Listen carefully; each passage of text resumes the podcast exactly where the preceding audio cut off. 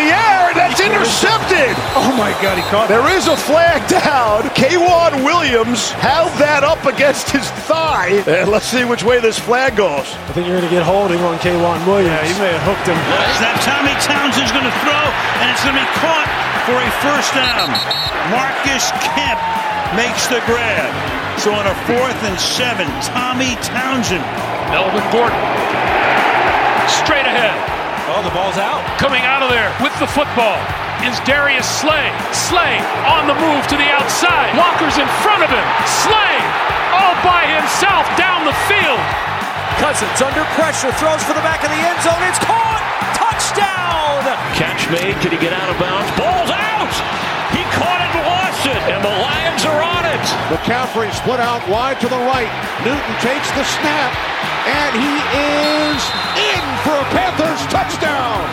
Agnew takes it, has some room to run. He's got great speed. Agnew down the sideline. Adios, Jamal Agnew.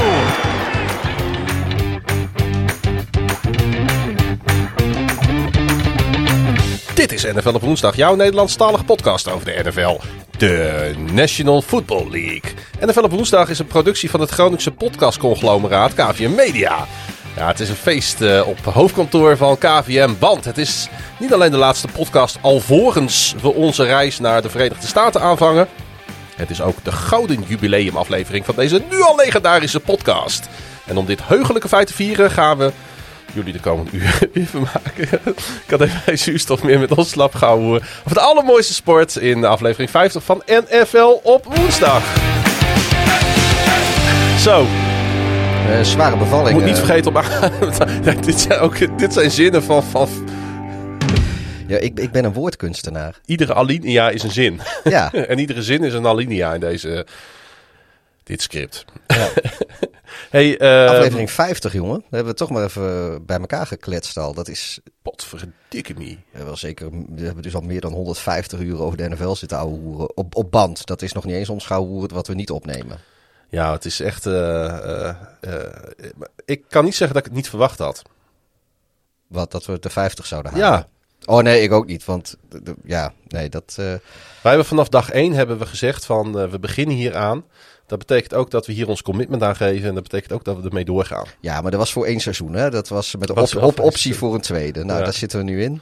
En we Ja. zien wel... eh, ik vond die off-season podcast. Ik luister af en toe nog wel stukjes terug. Die vond ik echt fantastisch. Want dat gaat helemaal nergens over. Nee, volgens mij hebben we er ook zoveel shit gespeculeerd waar niks van uitgekomen is. Dan is er weer een, een six-string running back. Die ergens op een verdwaald roster staat. Die een verkeersongeluk veroorzaakt. Dan gaan wij het daar 10 minuten lang over Ja.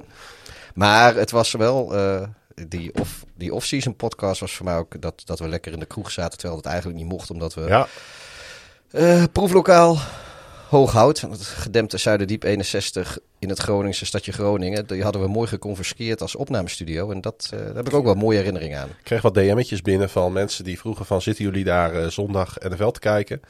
Eh, ik zei nou allereerst nee. Nee. Deze zondag niet, maar eh, nu natuurlijk de horeca om 8 uur dicht moet al helemaal niet meer. Maar als misschien in januari die horeca weer wat langer open mag... Ja, dan hoop ik dat, eh, dat we daar een paar mooie play-off avondjes kunnen organiseren... voor onze luisteraars die het leuk vinden om naar Groningen te komen. Of, of die er al wonen. Ja, ook ja, natuurlijk. ik, ik hoop het dat, dat dat dan kan. Ik, ja, en natuurlijk we zijn geen corona-podcast, maar ik moet zeggen dat ik er niet heel positief eh, tegenaan kijk dat, eh, dat we in januari... ik ook niet. eh, eh, maar goed, maak me vooral een beetje zorgen voor de Super Bowl. Want ja, dat is echt in Groningen echt een happening. Niet speciaal bij Proeflokaal Hooghout, maar wel op de grote markt in Groningen bij de Drie Gezusters. ja. Met En, cheerleaders en, ja, een, en, dat een, is- en, een, en een potje dronkenmansvoetbal van de Groningen Giants... die dan tussen de geparkeerde fietsen door... Die gaat tijdens de halftime show om half vier s'nachts staan die dan een balletje te gooien. Dat is echt, dat is wel, dat is is episch. cult. Het is Dat- En cult. Ja, ook dat is Groningen. Ja, dus eh, ik hoop echt dat we tegen die tijd er weer een beetje uit zijn. Het ziet er niet zo goed uit. Maar wat wel door lijkt te gaan, als wij tenminste allebei negatief testen wat positief is, Morgen. morgen, dat wordt echt spannend. Ja, op het moment dat eh, deze mensen deze al- podcast zitten- luisteren, dan zijn wij ongeveer getest. We En zitten alweer te snotteren allebei, dus... eh, Ja, het wordt echt, echt ik, ik kan er niks aan doen. Ik heb het ook in de Russo Radio, de andere podcast die ik doe, over basketbal, ehm, heb ik het benoemd. Ik lig er niet wakker van, maar het spookt toch de hele tijd door mijn hoofd van, ach, Stel je voor dat of ik of een van de andere reisgenoten eh, niet goed Ja. test. Oh, ik moet echt niet aan denken, Pieter. Laten we het ook maar niet al te veel over hebben. Want ik Niet merk jinxen, niet jinxen. dat het al een beetje een steen op mijn maag is. Maar eh, ja, we kunnen er niet omheen. We hebben de mensen daar ook nou wel een beetje meegenomen de afgelopen weken. We stappen vrijdag op het eh, vliegtuig naar de Windy City. Ja, Chicago, here we come. Dan gaat het gebeuren. En eh, ja, misschien wel leuk om even te delen wat er dan de eerste eh, eh, drie dagen op het programma staat. Want daar zit de sport, hè? Ja, zaterdag gaan we met een select gezelschap naar Northwestern tegen de Boilermakers. Dat is Purdue op, op het historische Wrigley Field. Die heel af en toe wordt daar nog eens een, een voetbalwedstrijd gespeeld. En deze zaterdag is dat dus het geval. En wij zijn erbij. Laatste Ja. keer was in 2010. Ik heb het even bekeken. Ja. Elf jaar geleden. Ze zouden vorig jaar eh, ook spelen, maar Ja, ja, nou ja, goed. corona. Ja. Ehm, ja, en nou ja, natuurlijk de, tot een jaar of vijftig geleden speelden de Chicago Bears daar natuurlijk gewoon hun thuiswedstrijden. En de, toen heel, De Cardinals ook de trouwens. Cardinals, Chicago Cardinals toen nog, die hebben daar ook hun, eh, hun thuiswedstrijden. nog een NFL-team wat daar speelde trouwens. Ja, die, de, ik weet al niet eens meer hoe dat, eh, hoe dat allemaal heette. Maar er heeft inderdaad nog een, nog een team gespeeld. Maar voordat, eh, voordat de Bears naar Soldier Field gingen, hebben ze, was Wrigley Field hun, eh, hun thuishaven. Ja, dat is natuurlijk wel bijzonder, want wij kennen het natuurlijk allemaal nu als het eh, legendarische Caps Stadium. Dat moeten de Hammond Pros zijn. Ja, dat, dat zijn van die teams uit de jaren zes- 20. Zes jaar lang. Ja, maar dat zijn van die teams uit de jaren 20 die ik allemaal niet meer uit mijn hoofd weet hoor. Dat noemde je in die tijd een traveling team. Oh. Die gingen een beetje van stad naar stad. Denk ik. En dat is een soort, als, een, als een soort kermis. Ehm, Of circus. ja, ze kwamen uit Ham ja, misschien. Ja, bijna. Ze kwamen uit Hammond, Indiana. Dus ze kwamen ook helemaal niet uit Illinois. Nou ja, goed, nu ligt... eh eens even kijken. Want ze hebben, eh, ze hebben namelijk ook als de Racing De Racine... Cardinals gespeeld. Als Dat de is- Detroit Heralds. Als de Rock Island Independence. Als de Minneapolis Mar Marines. Marines. Als Ja. de Cleveland Tigers. Als de Kenton Bulldogs. En als de Toledo Maroons. Ja, maar Hammond in Indiana, eh, dat ligt natuurlijk wel eh, in Lake County. Wat dus inhoudt dat het eh, tegen Chicago aan ligt, maar dan net in Indiana. Dus dat is Ja. wel...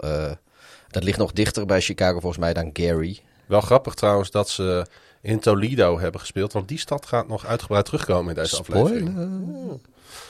Ehm, en zo duiken we alweer de krochten van het internet eh, in. Maar we hebben er zin aan. Het wordt spannend of we alle acht eh, testen op de goede wijze.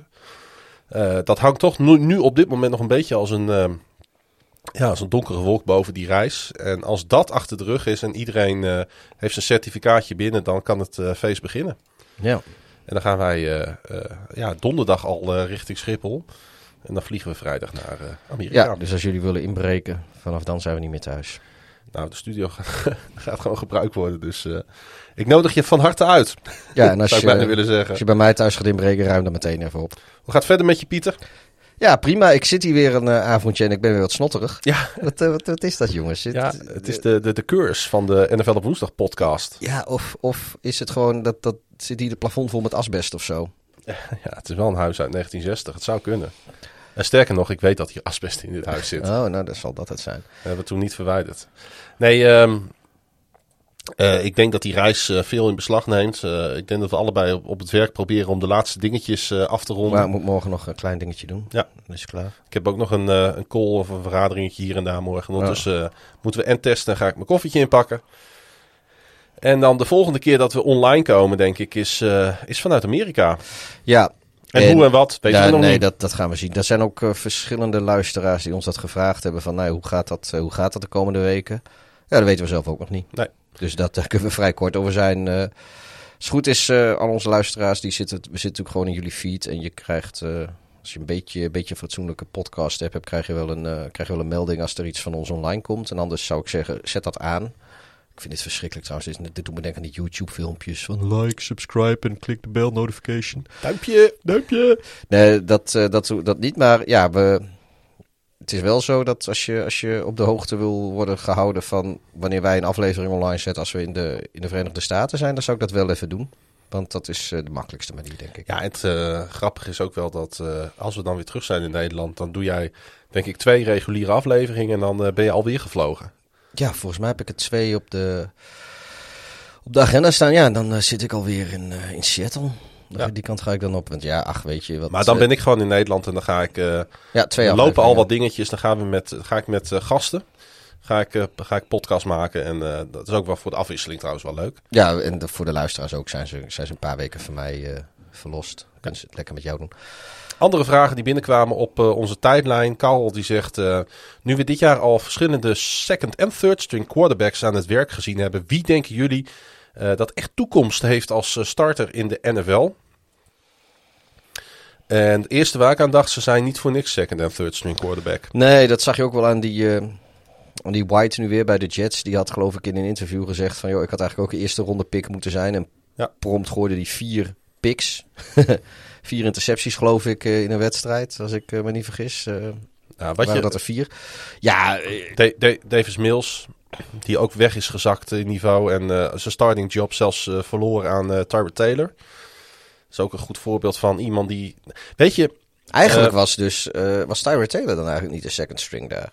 Of de third string, want ik neem aan dat natuurlijk- Deshaun Watson was natuurlijk was, de het- first ja, string. hij was natuurlijk nog geblesseerd. Ja. Daardoor kon hij niet spelen. Maar wat je ziet... ehm, en dan moet ik even nadenken welk punt ik wou maken.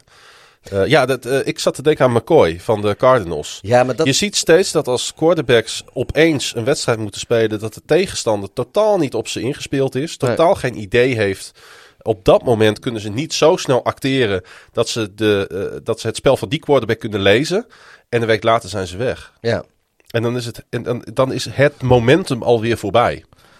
Zou je eigenlijk niet gewoon als team twee goede quarterbacks moeten hebben? En hoeven dan niet eens twee toppers te zijn en dan is dat maar gokken wel. en schokken, ja, precies. Nou ja. Ja, eh, de, de, Saints hebben dat natuurlijk een klein beetje gehad, hè? Die, eh, met, met een soort van eh, dual threat op quarterback. Ja, ja, nee, dat is En dat werkte wel tijdens dat seizoen.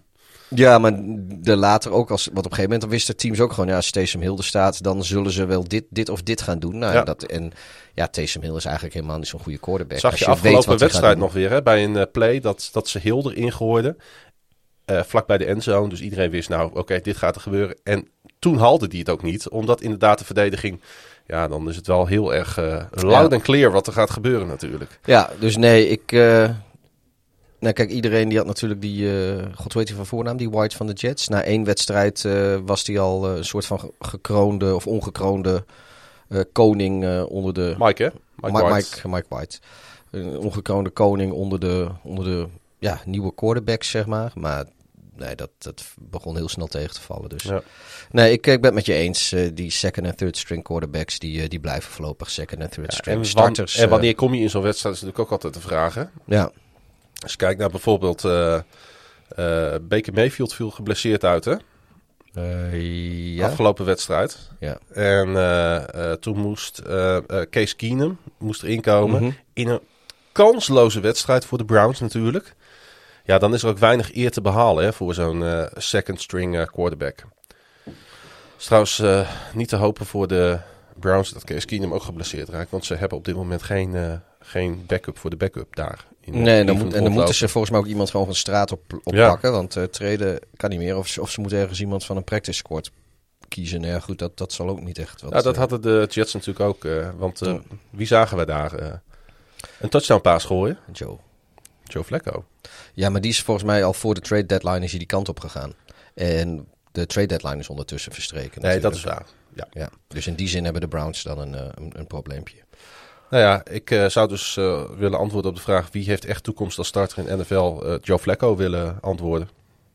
Oké. Ja. Marcel die zegt misschien heb ik iets gemist, maar komt Who's That Man weer terug? Zeer leuk onderdeel met Dito Tune. Ik kan, ik kan verklappen dat hij weer terugkomt deze aflevering. Deze aflevering is gewoon weer een Who's That Man. Spoiler alert. Frank die vraagt welk team heeft volgens jullie de meeste progressie gemaakt gedurende dit seizoen? Ehm, ja, ik heb daar eigenlijk wel een heel duidelijk antwoord op. Ik ook. En dat zijn de New England Patriots. Ja, oh, dat is niet mijn antwoord. Ik Oh. heb nog een. Ik heb de Tennessee Titans. Die eh, begonnen wat, eh, wat matig, maar die zijn nu aan een hele indrukwekkende reeks bezig. Van vijf wedstrijden op rij nu die ze winnen tegen eh, allemaal teams die vorig jaar nog in de playoffs stonden. Ja. Terwijl ze vroeg in het seizoen nog gewoon onder, of nou gewoon, nog onderuit gingen tegen de, de New York Jets. En ehm, ja, die, dat, dat is, vind ik uh, dat ze toch wel, uh, ook nu ze uh, nou, zonder Julio Jones spelen en Derrick Henry verloren hebben, waarvan iedereen zei van nou, dat, dat is de aanval. Ja. En die verdediging die iedereen geen ja. cent voor gaf eigenlijk, die gewoon best goed speelt. Dus het, ik, ik vind is... dat daar wel muziek in zit. in ah. Nashville. En jij de Pets lijkt Nou, ik vond de Titans absoluut gewoon terecht antwoord. Een klein beetje obvious, dus ik ja, dacht, nee, ik de, vind, de nou ja, de, Patriots, ja, de Patriots eh, zijn, zijn- Ja, nee, daar heb je, is, is op zich ook wel wat voor te zeggen. Ja. Eh, heel veel voor te zeggen, want ik denk dat er niet heel veel van verwacht werd. En eh, nou ja, goed, wat... En ik wou ondanks hun kansloze nederlaag vorige week toch ook de Dallas Cowboys benoemen. Die nou toch weer aardig rebounden deze week met die Ja. gigantische overwinning pak slaag voor de Atlanta Falcons. Was wel een eh, fijne wedstrijd om even weer de, de neus de goede kant op te krijgen Ja, natuurlijk. maar eh, tegen een Falcons team wat eigenlijk best wel meeviel de afgelopen periode. Dus ik vond het toch wel een knappe overwinning. eh. Ja, Nee, het, het is een beetje vragen naar de. Maar, de- naar- maar als je het dan ten opzichte van vorig seizoen neemt, ja, dan hebben de, de, de Patriots, die natuurlijk hartstikke Ja. mer waren met Cam Newton vorig jaar. De Titans inderdaad, die er wel bij zaten bij de favorieten vorig jaar, maar waarvan iedereen ook zag van die gaat niet redden. Die hebben een gigantische sprong gemaakt. Ja, Cowboys. Ja, nee, je hebt, ja, ik, ik, ik had de vraag, ik had hem denk ik wat anders geïnterpreteerd. Want ik had zeg maar in de loop van dit seizoen. Dus welk team is, is een beetje dit seizoen ingegroeid. Ook, en, hoor, Ja, ook. dus het is maar net een beetje... Dat Maar- geldt voor allebei de broeders die we genoemd hebben natuurlijk. Ja. Dus, eh, Robert die zegt geen enkel team weet wekelijks te overtuigen. De Bucks, de Bills, de Cardinals, de Ravens, de Rams, et cetera, hebben allemaal al één of meerdere pijnlijke verliespartijen gehad. Voor welk team zijn dit slechts incidenten in een mid-season dip? En voor welk team indicaties dat er iets mis zit? Vind ik een goede vraag. Ehm, eh, alleen heb ik eigenlijk bij geen van deze teams echt het gevoel dat er iets eh, fundamenteels mis zit. Nee, ik denk dat, eh, dat we toevallig zien we... Nou, ik weet niet of het toevallig is, maar we zien dit seizoen meer dan ooit... eh, eh, pariteit is, eh, is king in de, in de NFL. Ja. Eh, zo, zo ernstig als het dit seizoen is, zien we het eigenlijk niet vaak. Maar, Maakt het wel heel leuk om naar te kijken trouwens. Voor de, Ja. Het is ook, eh, het is ook toeval. Ja, weet je, ik geloof niet zo in die samensweringstheorieën. Maar eh, Oh. er wordt her en der wel, wel gefluisterd van het is toch toevallig dat dit soort rare dingen gebeuren op het moment dat de, de NFL officieel samenwerkt met een stuk of vijf partijen die hun brood verdienen met gokken. Eh, m- ja, weet je, dan koppelen ze dan ook meteen eh, die rare, dubieuze beslissingen in sommige, in sommige wedstrijden aan. Die, eh, die zorgen dat overs of unders net wel of net niet gehaald worden. En zo- weet je, ik geloof daar niet zo in. Ehm, ik geloof vooral in, eh, in, in dat, ja, dat de pariteit in de NFL gewoon een beetje king is. En dat, ja, weet je, de teams worden goede teams. Die worden op een gegeven moment ook found out. Dus daar gaan mensen ook wat tegen kunnen. Ja. En eh, misschien ook wel dat, dat, dat je nu wilt zien dat, dat ja, je zou ondertussen beter moeten weten. Maar dat eh, sommige goede teams misschien wel langs bepaalde tegenstanders kijken naar de volgende tegenstander. Ja, de Ravens hadden natuurlijk met hun Thursday Night Football bijvoorbeeld een korte eh, omslag na die wedstrijd tegen de Dolphins. ja. Waar ze misschien inderdaad een beetje dan... En natuurlijk waren ze al, zijn ze bang voor de Bears. Dus daar keken ze al naar. Die hele Dolphins hebben ze eigenlijk Nee, een maar beetje... weet je, ik, Nee, als nee. je al die teams stuk voor stuk eh, gaat analyseren... De Buccaneers hebben een geweldig team. Eh, iets minder fit dan vorig jaar, maar nog steeds een geweldig team. De Bills hebben het meest complete roster in de NFL... die ik sinds ik NFL kijk zo ongeveer gezien heb. Ja, als de, het de, de. Buc- Buccaneers ook, denk ik. Buccaneers ook inderdaad. Ook heel Eh, de, complete Card- roster. de Cardinals gaan nu echt last krijgen van het feit dat Kyler Murray niet speelt. Maar Ja. dat is logisch, want het is een generational talent die daar opgedoken is. Eh, de Ravens zijn altijd, al de afgelopen jaren, wat wisselvallig onder Lamar Jackson geweest. Die de ene wedstrijd de sterren van de hemel speelt en een andere week eh, eh, houdt zijn O-line het niet. En dan heeft de tegenstander opeens kans. Ja, ik heb, ik, soms heb ik wel eens het idee, niet qua baseline talent, want daar zitten we goed met de Ravens. Maar ik heb wel eens het idee dat, dat sommige wedstrijden, en, al, en dat is al een paar jaar zo, en dat heeft misschien ook wel een beetje te maken met het spel van, eh, van Jackson. Dat het wel een beetje van, van geluk afhankelijk is, of van, toeval soms. En dat het kwartje vaak wel net hun kant op valt. Eh, ja, weet je, dat gebeurt ook wel eens gewoon niet. Klopt. En eh, dan, maar ik, ja, dus kijk, Lamar Jackson is een hele goede quarterback, maar ja, soms is hij gewoon net wat, wat, wat slordig en ja, als, als het dingen dan niet klikken, dan valt het ook meteen uit elkaar. En dat, is- geldt, dat geldt voor al die teams Ja, eigenlijk. En het is ook zelden zo dat je dat bij de Ravens twee wedstrijden op rij ziet. Ja, precies. Dat gebeurt dan een keer, maar dan pakken ze opeens weer drie wedstrijden op rij en dan staan ze gewoon weer bij die top, weet je. Ja. Dus, eh, en de Rams hebben dat natuurlijk ook. Ja, Weet je, en, en ieder team kan als ze in een, divisie, in, in een divisiewedstrijd spelen, kunnen ze onderuit gaan. ja. Want eh, we moeten niet doen alsof de 49ers de afgelopen jaren het slecht doen tegen de Rams. Nee. Ja, dat zijn teams die, die kennen elkaar zo door en door, joh. De Rams trouwens een eh, bye week komende week. Eh, dat zou kunnen. Jij hebt, eh, jij hebt het programma voor eh, dit weekend er al een beetje bijgepakt, Ja, toch? en ik, eh, ik zie ze niet staan, dus ik ga even uit van wel dat dat, eh, dat, dat zo is. Of ik, of ik ben eh, gewoon even bijziend. Ja, kunnen ze trouwens ook wel even gebruiken, want eh, ja. Hey, ehm, eh, het zijn inderdaad pijnlijke verliespartijen voor, het, voor dat soort teams. De Buccaneers die dan verliezen bijvoorbeeld in Washington. Ja, dat kun je niet omheen. Dat is natuurlijk hartstikke pijnlijk. Ja, Van een team wat, eh, wat half uit elkaar ligt door blessures. En eh, niet thuis heeft gegeven tot nu toe dit jaar. Het is wel raar, hè? Af en toe, vind je niet? ja zit, nou ja, je kan het eigenlijk Het is, merken. niet, het is niet te voorspellen. Nou ja, dat, dat, dat- je merkt het eigenlijk inderdaad een beetje De Bills die in Jacksonville verliezen. De Bucks die in Washington verliezen. De, de, de, nou ja, als, als er één tegenstander is waar we historisch goed tegen zijn als Baltimore Ravens, dan zijn het de Miami Dolphins. Ja, Het is. eh, je, je, je- ik wrijf af en toe als ik wakker word. eh, en ik bekijk de uitslagen als ik de wedstrijden niet gezien heb. eh wrijf ik me even een paar keer in mijn ogen, want dan geloof ik het eigenlijk niet. ja ik vind het ook, ook de, de ehm, ja, hoe zeg je dat? De, de, de uit, kijk, dat, dat een goed team wel eens verliest, dat is niet zo'n ramp. Maar kijk, Maar ik vind twee, ook, twee scores verschil. eh, eh, 45-7 bij Patriots Browns is natuurlijk een belachelijke Ja, uitslag. maar ook. Baltimore Miami ook gewoon twee, twee scores verschil, Ja, 12 punten. 12 weet je? Dat, dat is gewoon echt heel veel. En eh, ja, kijk, dat je, dat je een keer eh, een close wedstrijd hebt en dat je zelf een beslissende field goal mist of, of de tegenstander maakt hem of wat dan ook, of een interceptie gooit, ik noem maar wat. Ja, dat, dat kan, maar het, het zijn ook echt van die inmaakpartijen af en toe, weet je. Dat, dat je ziet dat die underdogs, die winnen niet alleen, die, die winnen ook gewoon afgetekend. En Ja, dat, hoe de Broncos van de Cowboys wonnen vorige week bijvoorbeeld. maar ja, hoe ze nu zelf dan eigenlijk eh, eh, weer tegen Phil- Philadelphia niet zoveel kans hebben. Ja. En hoe Philadelphia het in eigen huis weggeeft en on the road eh, indruk maakt. Dat is ook bizar. Ja, ja. Nee, er zitten wat, wat rare zaken inderdaad. nou, wat rare zaken. Ja dat maakt het seizoen alleen maar leuker. maakt het inderdaad hartstikke leuk. Hey, wie zijn de most, most improved players tot nu toe? En eh, wie zijn zwaar ondermaats? is een vraag van eh, ZB op, eh, op Twitter.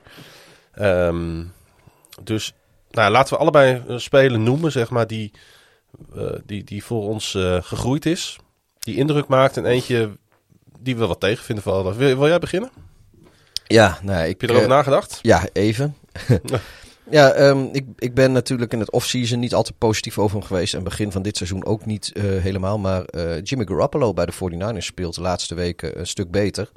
Tenminste, eh, ehm, de wedstrijd tegen de Rams natuurlijk. Ik heb hem op Soldier Field op, aan het werk gezien tegen, tegen de Bears.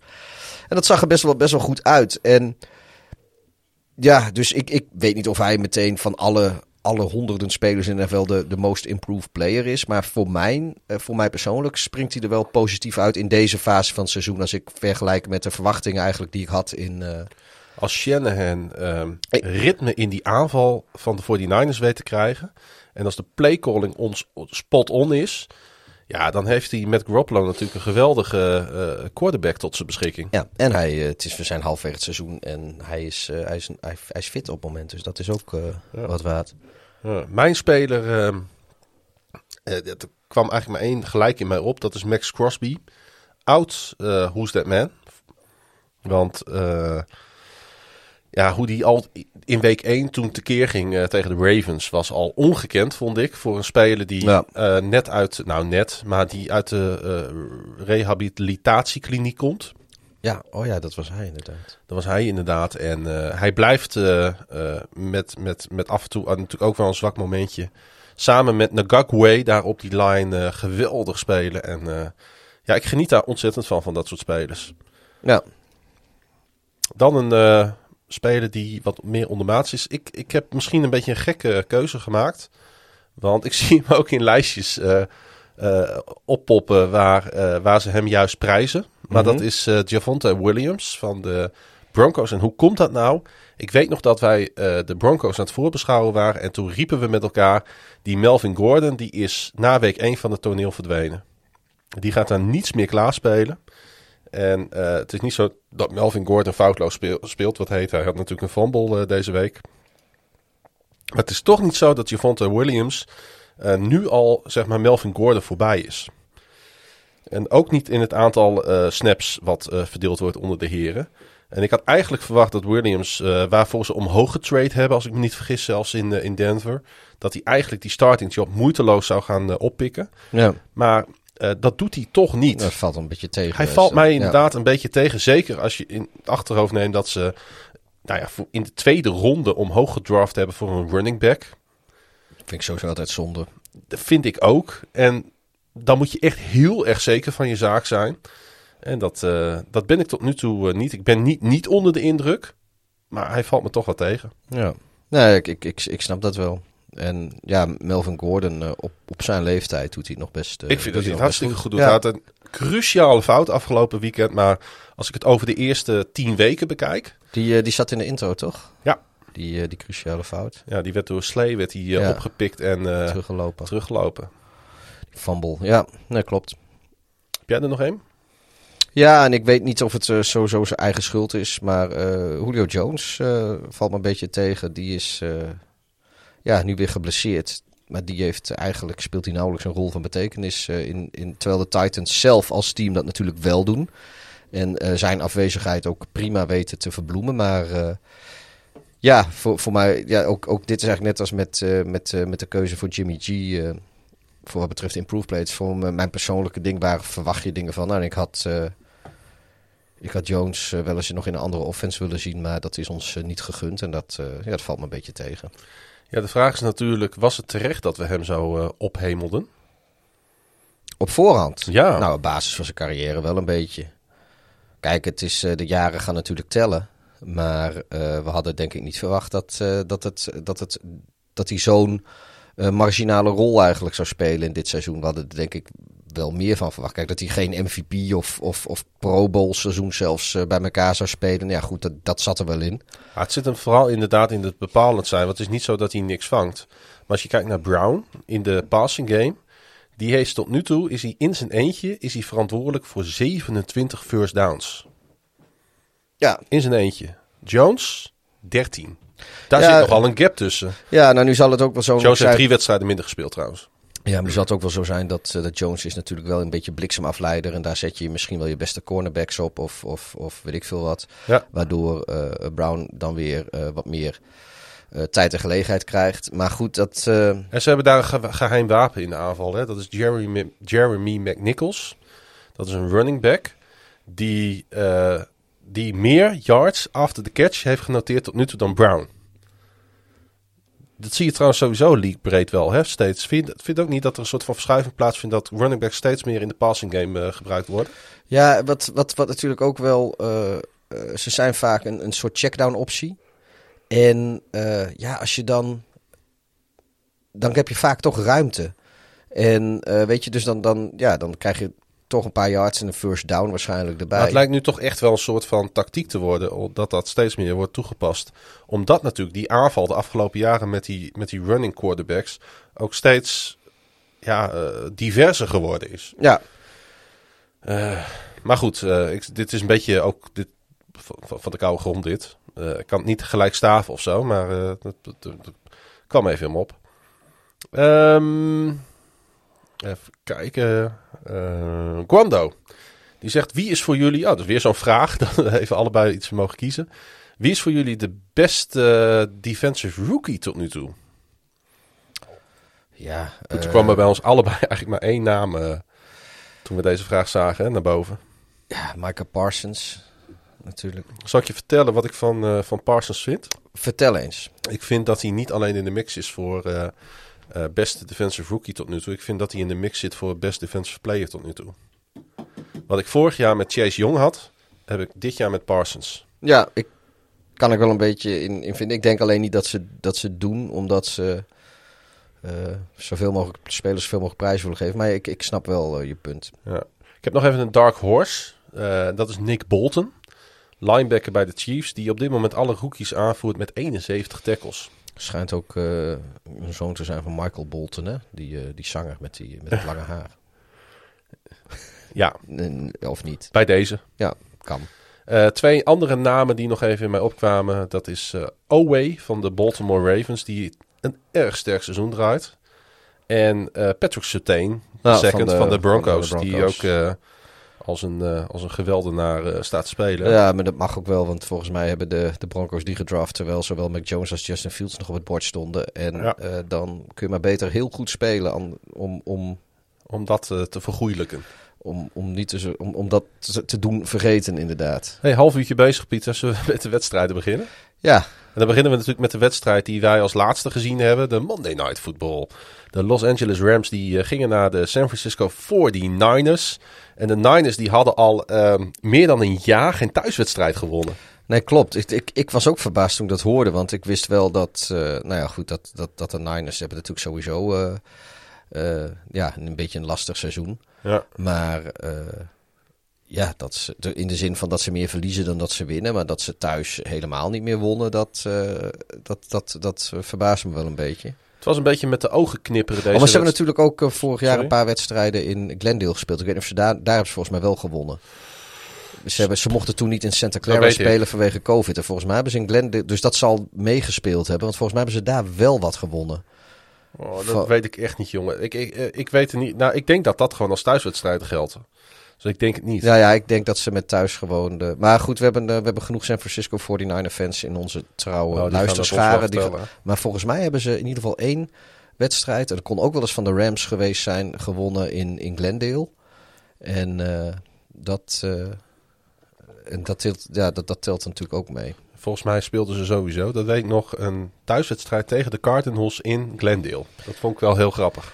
Ja, ik, hey, uh, het, wat ik eigenlijk wou zeggen is, uh, het was een beetje, ik was net klaar met de Russo Radio en toen zette ik deze wedstrijd uh, aan. Het was een beetje met mijn ogen knipperen en eigenlijk was de wedstrijd voorbij. Was het zo laat geworden bij de Russo ja, Radio? Het, het, is heel laat geworden vannacht.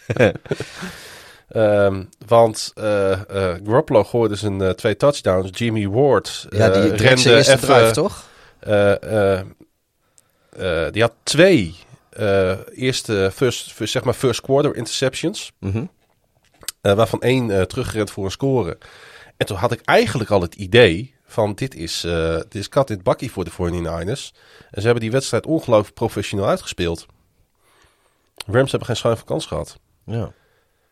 Um, dat is dan toch ook wel weer grappig om te zien. Hè? Dat die Rams die we in de eerste week absoluut allebei op het hoogste voetstuk plaatsten. Hoe moeilijk is het, Pieter, om, uh, om, het, om, om, om op een constant hoog niveau in de NFL te spelen? Nou, dit seizoen is het verschrikkelijk moeilijk. Want dat zien we dus, hebben we het net over gehad. Uh, alle, alle grote teams verliezen. Ja.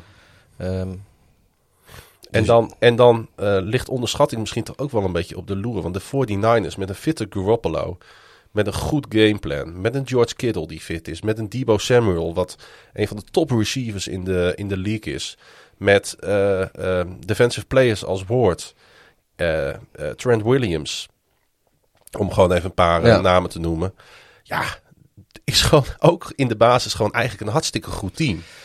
Ja, en en als, die, als dat klikt en als die fit zijn. Ja, en, en natuurlijk nu, nu Shanahan heeft. Je hebt het zelf gezien uh, met Chicago. Ja. Hoe goed ze kunnen zijn. Uh, maar en Shanahan heeft natuurlijk sowieso een heel goed record tegen McVay. Ik geloof hij 5-0. Uh, 5-0 inderdaad nu. Ja. Ik zit nog trouwens even te kijken, maar ze hebben het niet. State Farm Stadium is volgens mij waar de Cardinals spelen. Ja, en klopt. daar hebben ze wel gewonnen op 26 december. Maar dat was inderdaad een thuiswedstrijd van de Cardinals. En die andere wedstrijden die zij daar gespeeld hebben, ah. was tegen de Bills en tegen Washington voetbalteam. En die, die hebben allebei, allebei, hebben ze allebei verloren.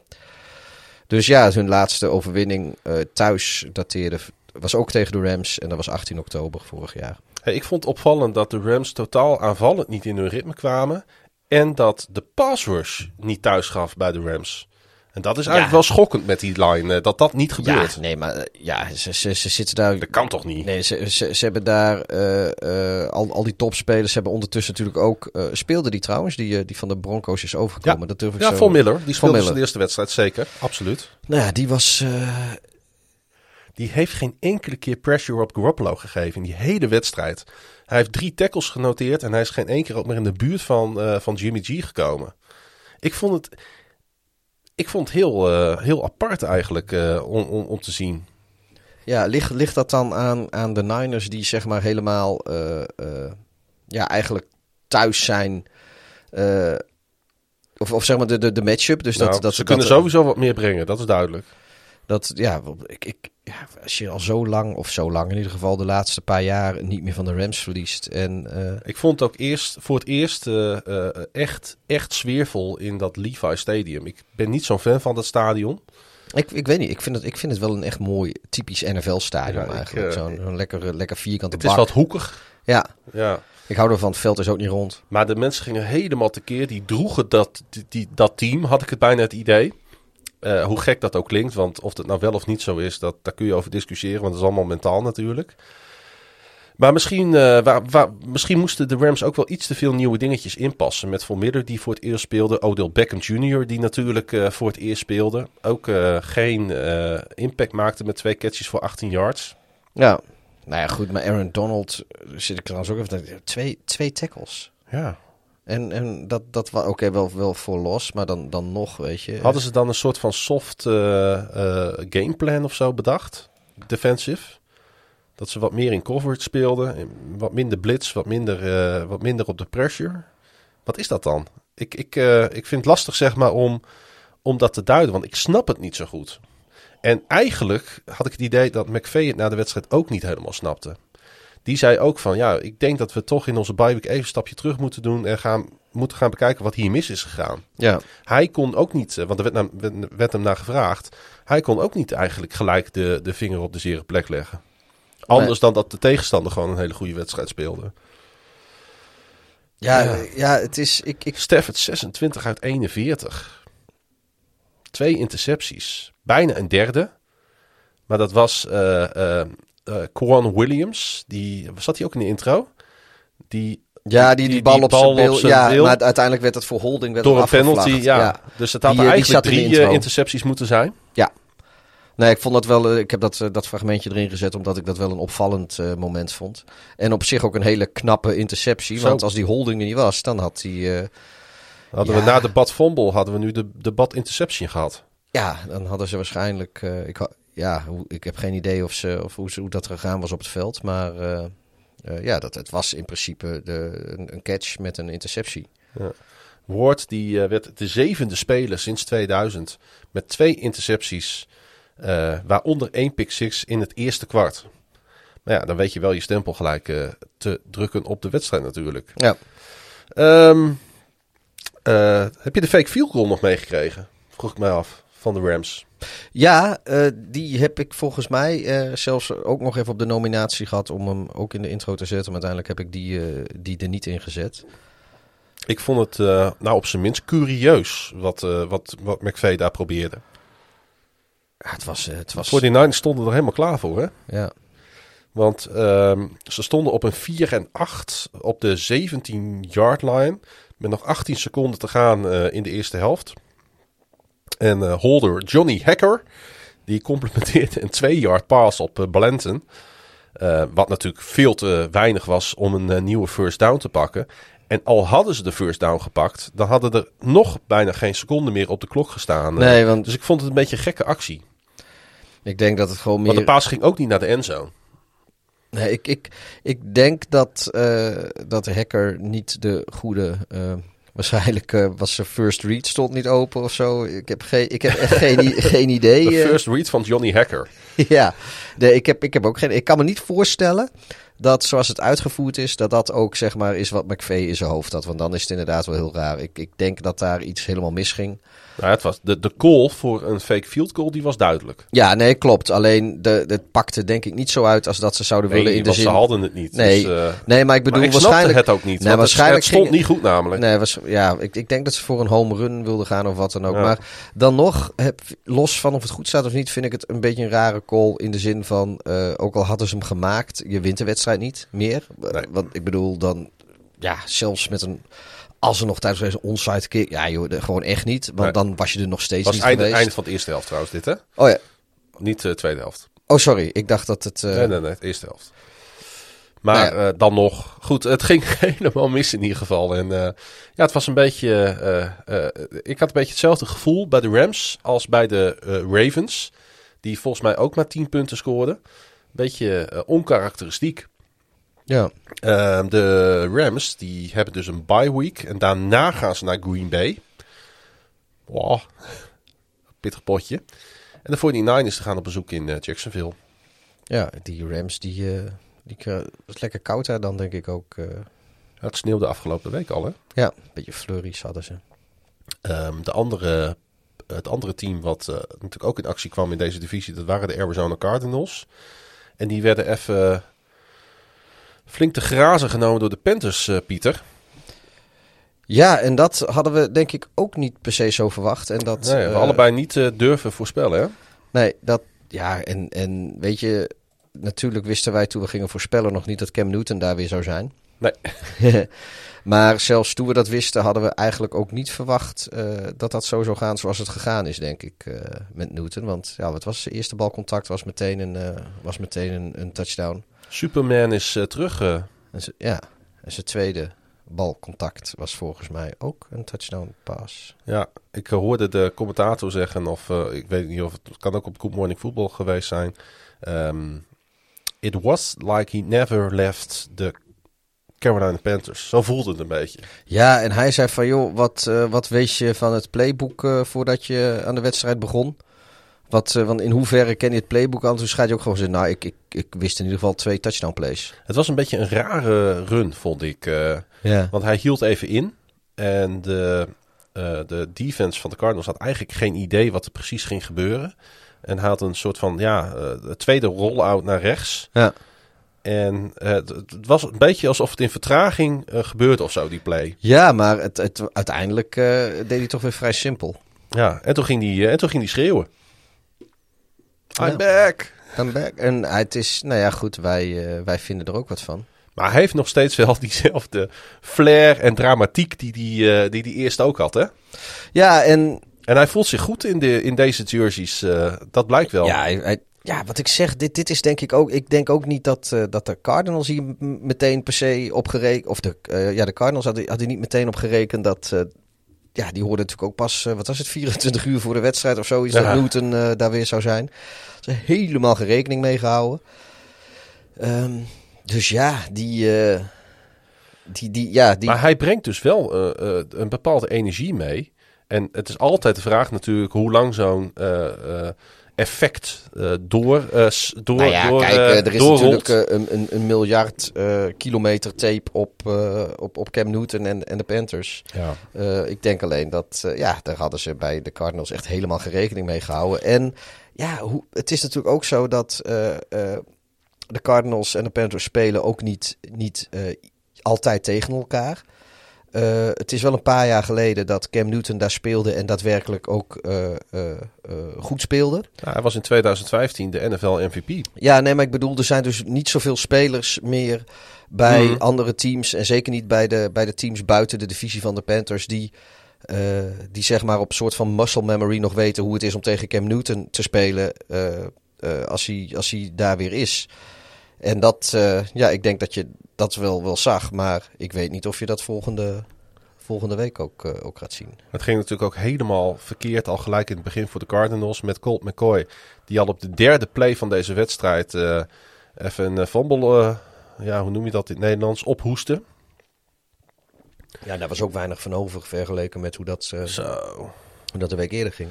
De Cardinals die moesten natuurlijk ook het doen zonder top receiver DeAndre Hopkins. Dat zat ook niet mee. Ehm, Maar dan nog 10 punten, touw 169 total yards. Dat was het wat de Cardinals hebben neergezet deze wedstrijd. Dat is trouwens wel bijna twee keer zoveel als wat, eh wat, Wat- wat Goff eh, in, in, Ja. in, in, in vijf kwart heeft neergezet. Maar als hoe kijk, eh, McCoy is dat een goede quarterback? Nee, is geen goede Nee. quarterback. Daarom is het ook een journeyman backup. Elf paasjes die hij aan liet komen deze wedstrijd. Dat was niet goed. Dat, dat is toch dat is een volkomen in één storting natuurlijk. Eh, aan de andere kant ging trouwens eh, wel veel goed voor eh, Walker. Die toch de grote meerderheid van de snaps voor zijn rekening nam. En die was gewoon even 22 uit 29. Ja, die, Nou ja, kijk, ook, ook maar 167 yards. Ik bedoel, dat zijn een beetje Bears-achtige cijfers. Uh, Bears Ja. quarterback-achtige cijfers. Ik ben dat wel gewend. Maar als dat telkens eh, big eh, junks zijn. Ja, ja, ja. Nee, kijk, eh, hij Chunks, zet... moet ik zeggen, ja, hij, hij, hij, zet, hij zette sowieso de ploeg twee keer op het randje van de endzone. Ja, en hij heeft natuurlijk Of, ja, weer een, een fitte McCaffrey tot zijn... we hebben het vorige keer al gezegd en Ja. daar draait het natuurlijk om. Hij had bijna 100 yards rennend en hij had 10 passes catching voor 66 yards. Ja, dat is... eh, die- wat kan die niet, hè? Die, Ja, eh, dus die, die, ja, die zit gewoon in zijn eentje. Heeft hij gewoon eh, 160 all-purpose yards. Ja. hey, maar zat... eh, volgens mij eh, gaan we er een beetje aan voorbij. Maar in deze wedstrijd hadden we denk ik ook de biertopper. eh. Hadden we de... Oh, die hadden we natuurlijk Ja, voor... eh, die, die- dat is uiteraard. Is als je eerste balcontact... eh, ja. dat krijg je dus als je geen script hebt. Ik, eh, het is gewoon een script. staat er gewoon in. Ja, dat staat erin. Maar verder hebben we een soort van scriptloos... eh, Ja, je moet wel gewoon kijken. Af en toe. Nou.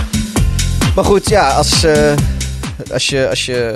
We hebben hem deze keer dus niet mooi aangekondigd. Maar dat, dat eh, kan niet altijd feest zijn. Maar ja, wat, eh, wat we net zeiden. Als je met je eerste twee balcontacten eigenlijk verantwoordelijk bent voor twee touchdowns. eh, in je eerste wedstrijd in een, eh, terug bij je oude team. Misschien zal Cam ook eh, tevreden naar zijn bankrekening hebben gekeken. Want hij gaat eh 10 miljoen dollar eh, verdienen. Dat is op zich een logisch bedrag. Maar daarvan is 4,5 miljoen gegarandeerd. Dus die is al bijgeschreven op zijn rekening. En eh, dan zijn er ook nog allemaal bonussen die hij kan verdienen. Nou ja, goed. wel lekker. geen medelijden met hem te hebben. Die jongeman heeft een, heeft een goede week. andere man van de wedstrijd die ik naast Cam Newton toch nog even eruit wil pikken. Ook zo'n speler waar ik, waar ik veel naar kijk en met plezier naar kijk. Dat is Hasten Reddick. Die eh, volgens mij weer een geweldige pot speelde. Eh, aangetrokken natuurlijk door de Panthers. En eh, ja, ik, ik ben groot fan van hem. Hij heeft al 9,5 seks heeft hij, staan dit seizoen. Ik heb zijn naam nog niet zo vaak genoemd. Dus ik denk laat ik hem ook nog even voor het voetlicht brengen. Ehm, volgende wedstrijden voor deze teams. Ja, wat zijn dat? De Panthers die hosten Washington. En de Cardinals die reizen af naar Seattle. Ja, dat is een interessante wedstrijd natuurlijk. eh, want Seattle, laten we die dan ook gelijk maar even pakken. Hebben we de hele divisie gehad. Eh, ja, die gingen, eh, ja, was kansloos. Kun je dat stellen? Mm, mm, Ik, ik, ja, ik denk toch niet helemaal zo kansloos als het lijkt. Maar uiteindelijk als je gewoon nul, eh, nul punten op het bord zet na vier kwarten voetbal... dan maak je weinig aanspraak op, op een overwinning. Ja, als ik me niet vergis was het Maar kansloos wil ik het niet helemaal noemen. Eerste keer dat eh, grote vriend eh, Russell Wilson eh, nul punten scoorde met zijn aanval. Ja, dat klopt. Dat was, dat was nog niet eerder gebeurd. Wat vond je van Aaron Rodgers terug onder center? En dan niet het feit dat hij er stond, maar van zijn spel? Nou ja, het was net alsof die eh, niet weg geweest is eigenlijk. Hè. Hoewel, het, het kwam wel een stroefjes op gang in de zin van... eh, 0-3 ruststand, hè? Ja, het, de eerste touchdown kwam pas in het vierde kwart. En eh, dus in die zin, eh, laten we het nou niet doen of het... En, en kijk, vandaar dat ik ook niet wil zeggen eh, dat je kansloos bent. Want als jij eh, tot aan het... eh, wat is het, vijf minuten in het vierde kwart zo'n beetje... eh, als je dan maar, maar drie punten achter staat... Ja, dan ben je niet kansloos. No- gewoon geen, in, de, in geen enkele wedstrijd. Het waren natuurlijk wel dure intercepties, want zowel Wilson als eh Rodgers gooiden allebei een interceptie in de endzone. Ja, en ik vind dit wel, eh, nu niet, niet eens zozeer omdat dit nou eh, Green Bay betrof, maar ik, ik vroeg me dit af. Ik had het er ook eerder vanavond even over met jou. Misschien dat de luisteraars het weten, want ik heb geen zin om het op te zoeken.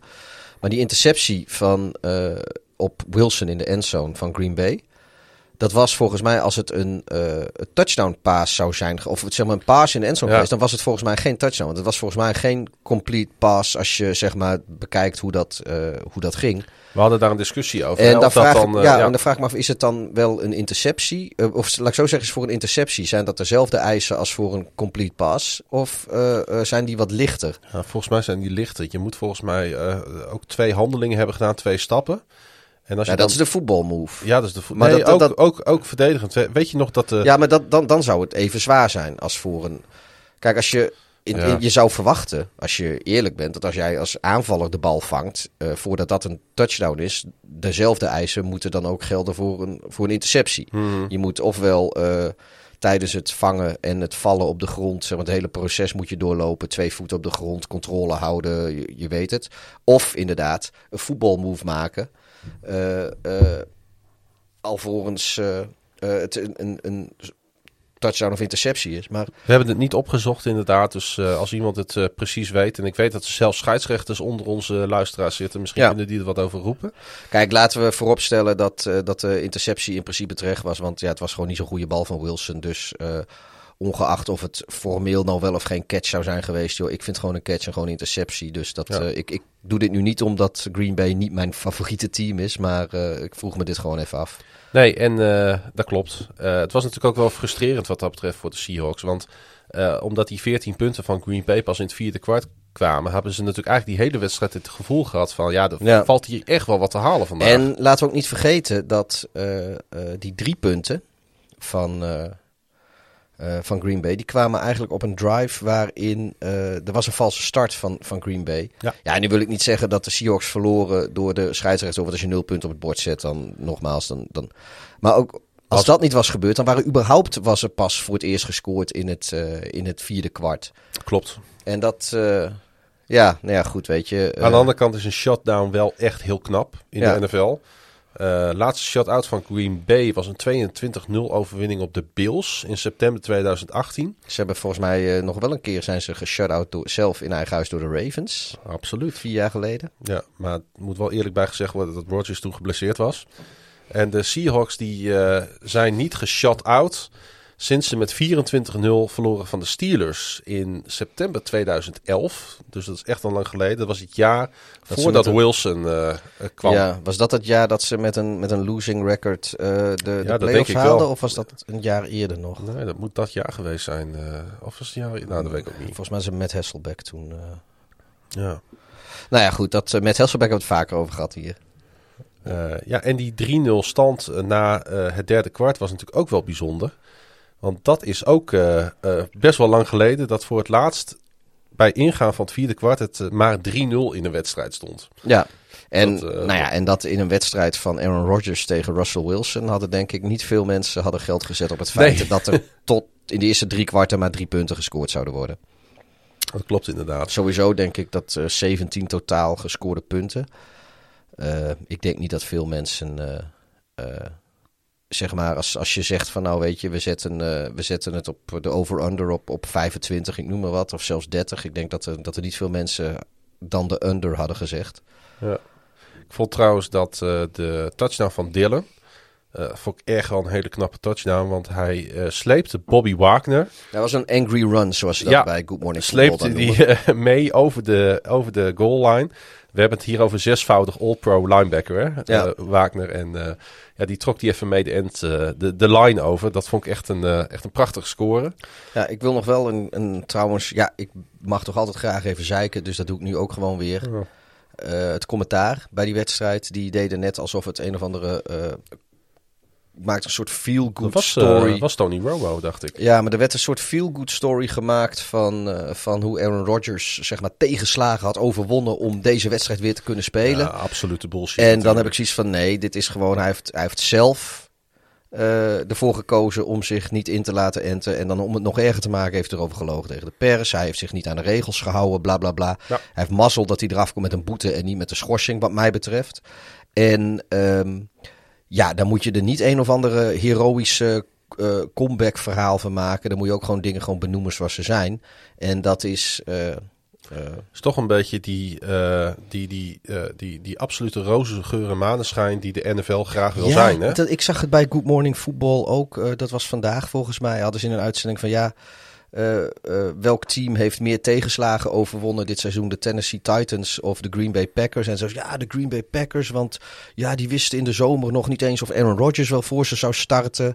En nu dat hele gedoe met COVID, dan denk ik, ja, als organisatie kun je dan wel zeggen dat je wat tegenslagen hebt overwonnen.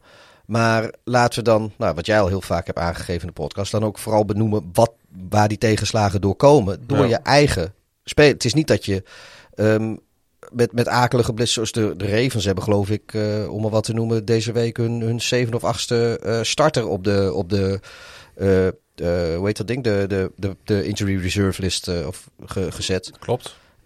Of, of weet, weet je, dat, dat soort dingen, daar kun je niet zoveel aan doen. Maar ja, weet je, ik, ik, ik, ik heb er een beetje moeite mee dat, dat ook dit wordt verkocht als het overwinnen van, van, van tegenslag. En eh, eh, dat daar iets heroïs van wordt gemaakt. Terwijl het eigenlijk gewoon eh, je eigen stomme schuld is. Ook als Green Bay Packers die zeg maar wisten van de vaccinatiestatus en daar uh, blijkbaar niet uh, het nodig vonden om tegen op te treden. Ik zou dan eerder bijvoorbeeld een team als de Jaguars daarvoor willen nomineren. Als je kijkt wat die voor shit allemaal hebben meegemaakt. Ja. Een coach die zich niet kan gedragen.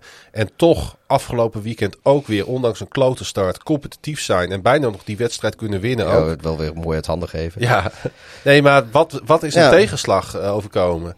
De, de, de, Jets die, die hun uh, franchise hopend, zeg maar, hun potentieel franchise quarterback geblesseerd zien uit. Nou ja, over, over tegenslagen overkomen gesproken. Ja. ja. ik spreek misschien een beetje voor een beurt, want ik kom straks wel. Maar de Lions, weet je, die, het, het, het, zit ze nooit mee. En toch iedere, ja, een aantal wedstrijden na. Maar in principe zijn ze iedere week competitief. En ondertussen nou ja, staan ze zo kansloos. Uh, en, en dan weer voor iedere yard tot, tot ver in de verlenging in dit geval gewoon knokken. Ploeteren in de modder. Ja, en, ja. en dan denk ik, ja, weet je, dat, dat zijn teams die echt actief bezig zijn om tegenslag te overwinnen. Uh, maar goed, dit is een beetje een zijpaadje die ik nu insla. Maar ik, ja, ik erg me aan dat soort dingen. En ja. natuurlijk gebeurt het bij Green Bay, waardoor ik extra getriggerd word. Maar, maar ja, ik, ik vind wel dat, dat uh, daar hou ik niet zo van, de Amerikaanse verslaggeving. Dat ze dit soort dingen... Uh, ook zo'n narratief geven van... Ja. nou, de tegenslag overwonnen en oi, oi, oi, wat... Uh... Als je 8-2 bent en 4-0 in thuiswedstrijden, wat weet je dan van tegenslagen? Ja, zo zou je het ook nog eens kunnen zien. Um, opvallend moment in deze wedstrijd. Uh, DK Metcalf, die, uh, die het zich even helemaal liet gaan. En heel apart, heb ik, ik weet niet of ik het goed heb gezien probeerde nog weer de wedstrijd in te komen. Ja, hij, ja daar, daar is wat discussie over. Want uh, in ieder geval voor de tv-kijkers, en daar was ik uh, er ook eentje van, um, was het niet duidelijk dat hij disqualified was. Hij kreeg wel een penalty, zeg maar. Weet je, dat wordt allemaal. Maar dat, normaal zeggen ze ook van ja, nummertje bla bla bla, disqualified. En dan moet je gewoon optieven. Rejected. En ja. uh, dat heb ik niet gehoord. Uh, en de, op tv was het ook niet hoorbaar. Dus het zou best kunnen dat, uh, dat hij dat ook niet gehoord heeft. Uh, aan de andere kant, ik heb begrepen dat mensen die naar het radio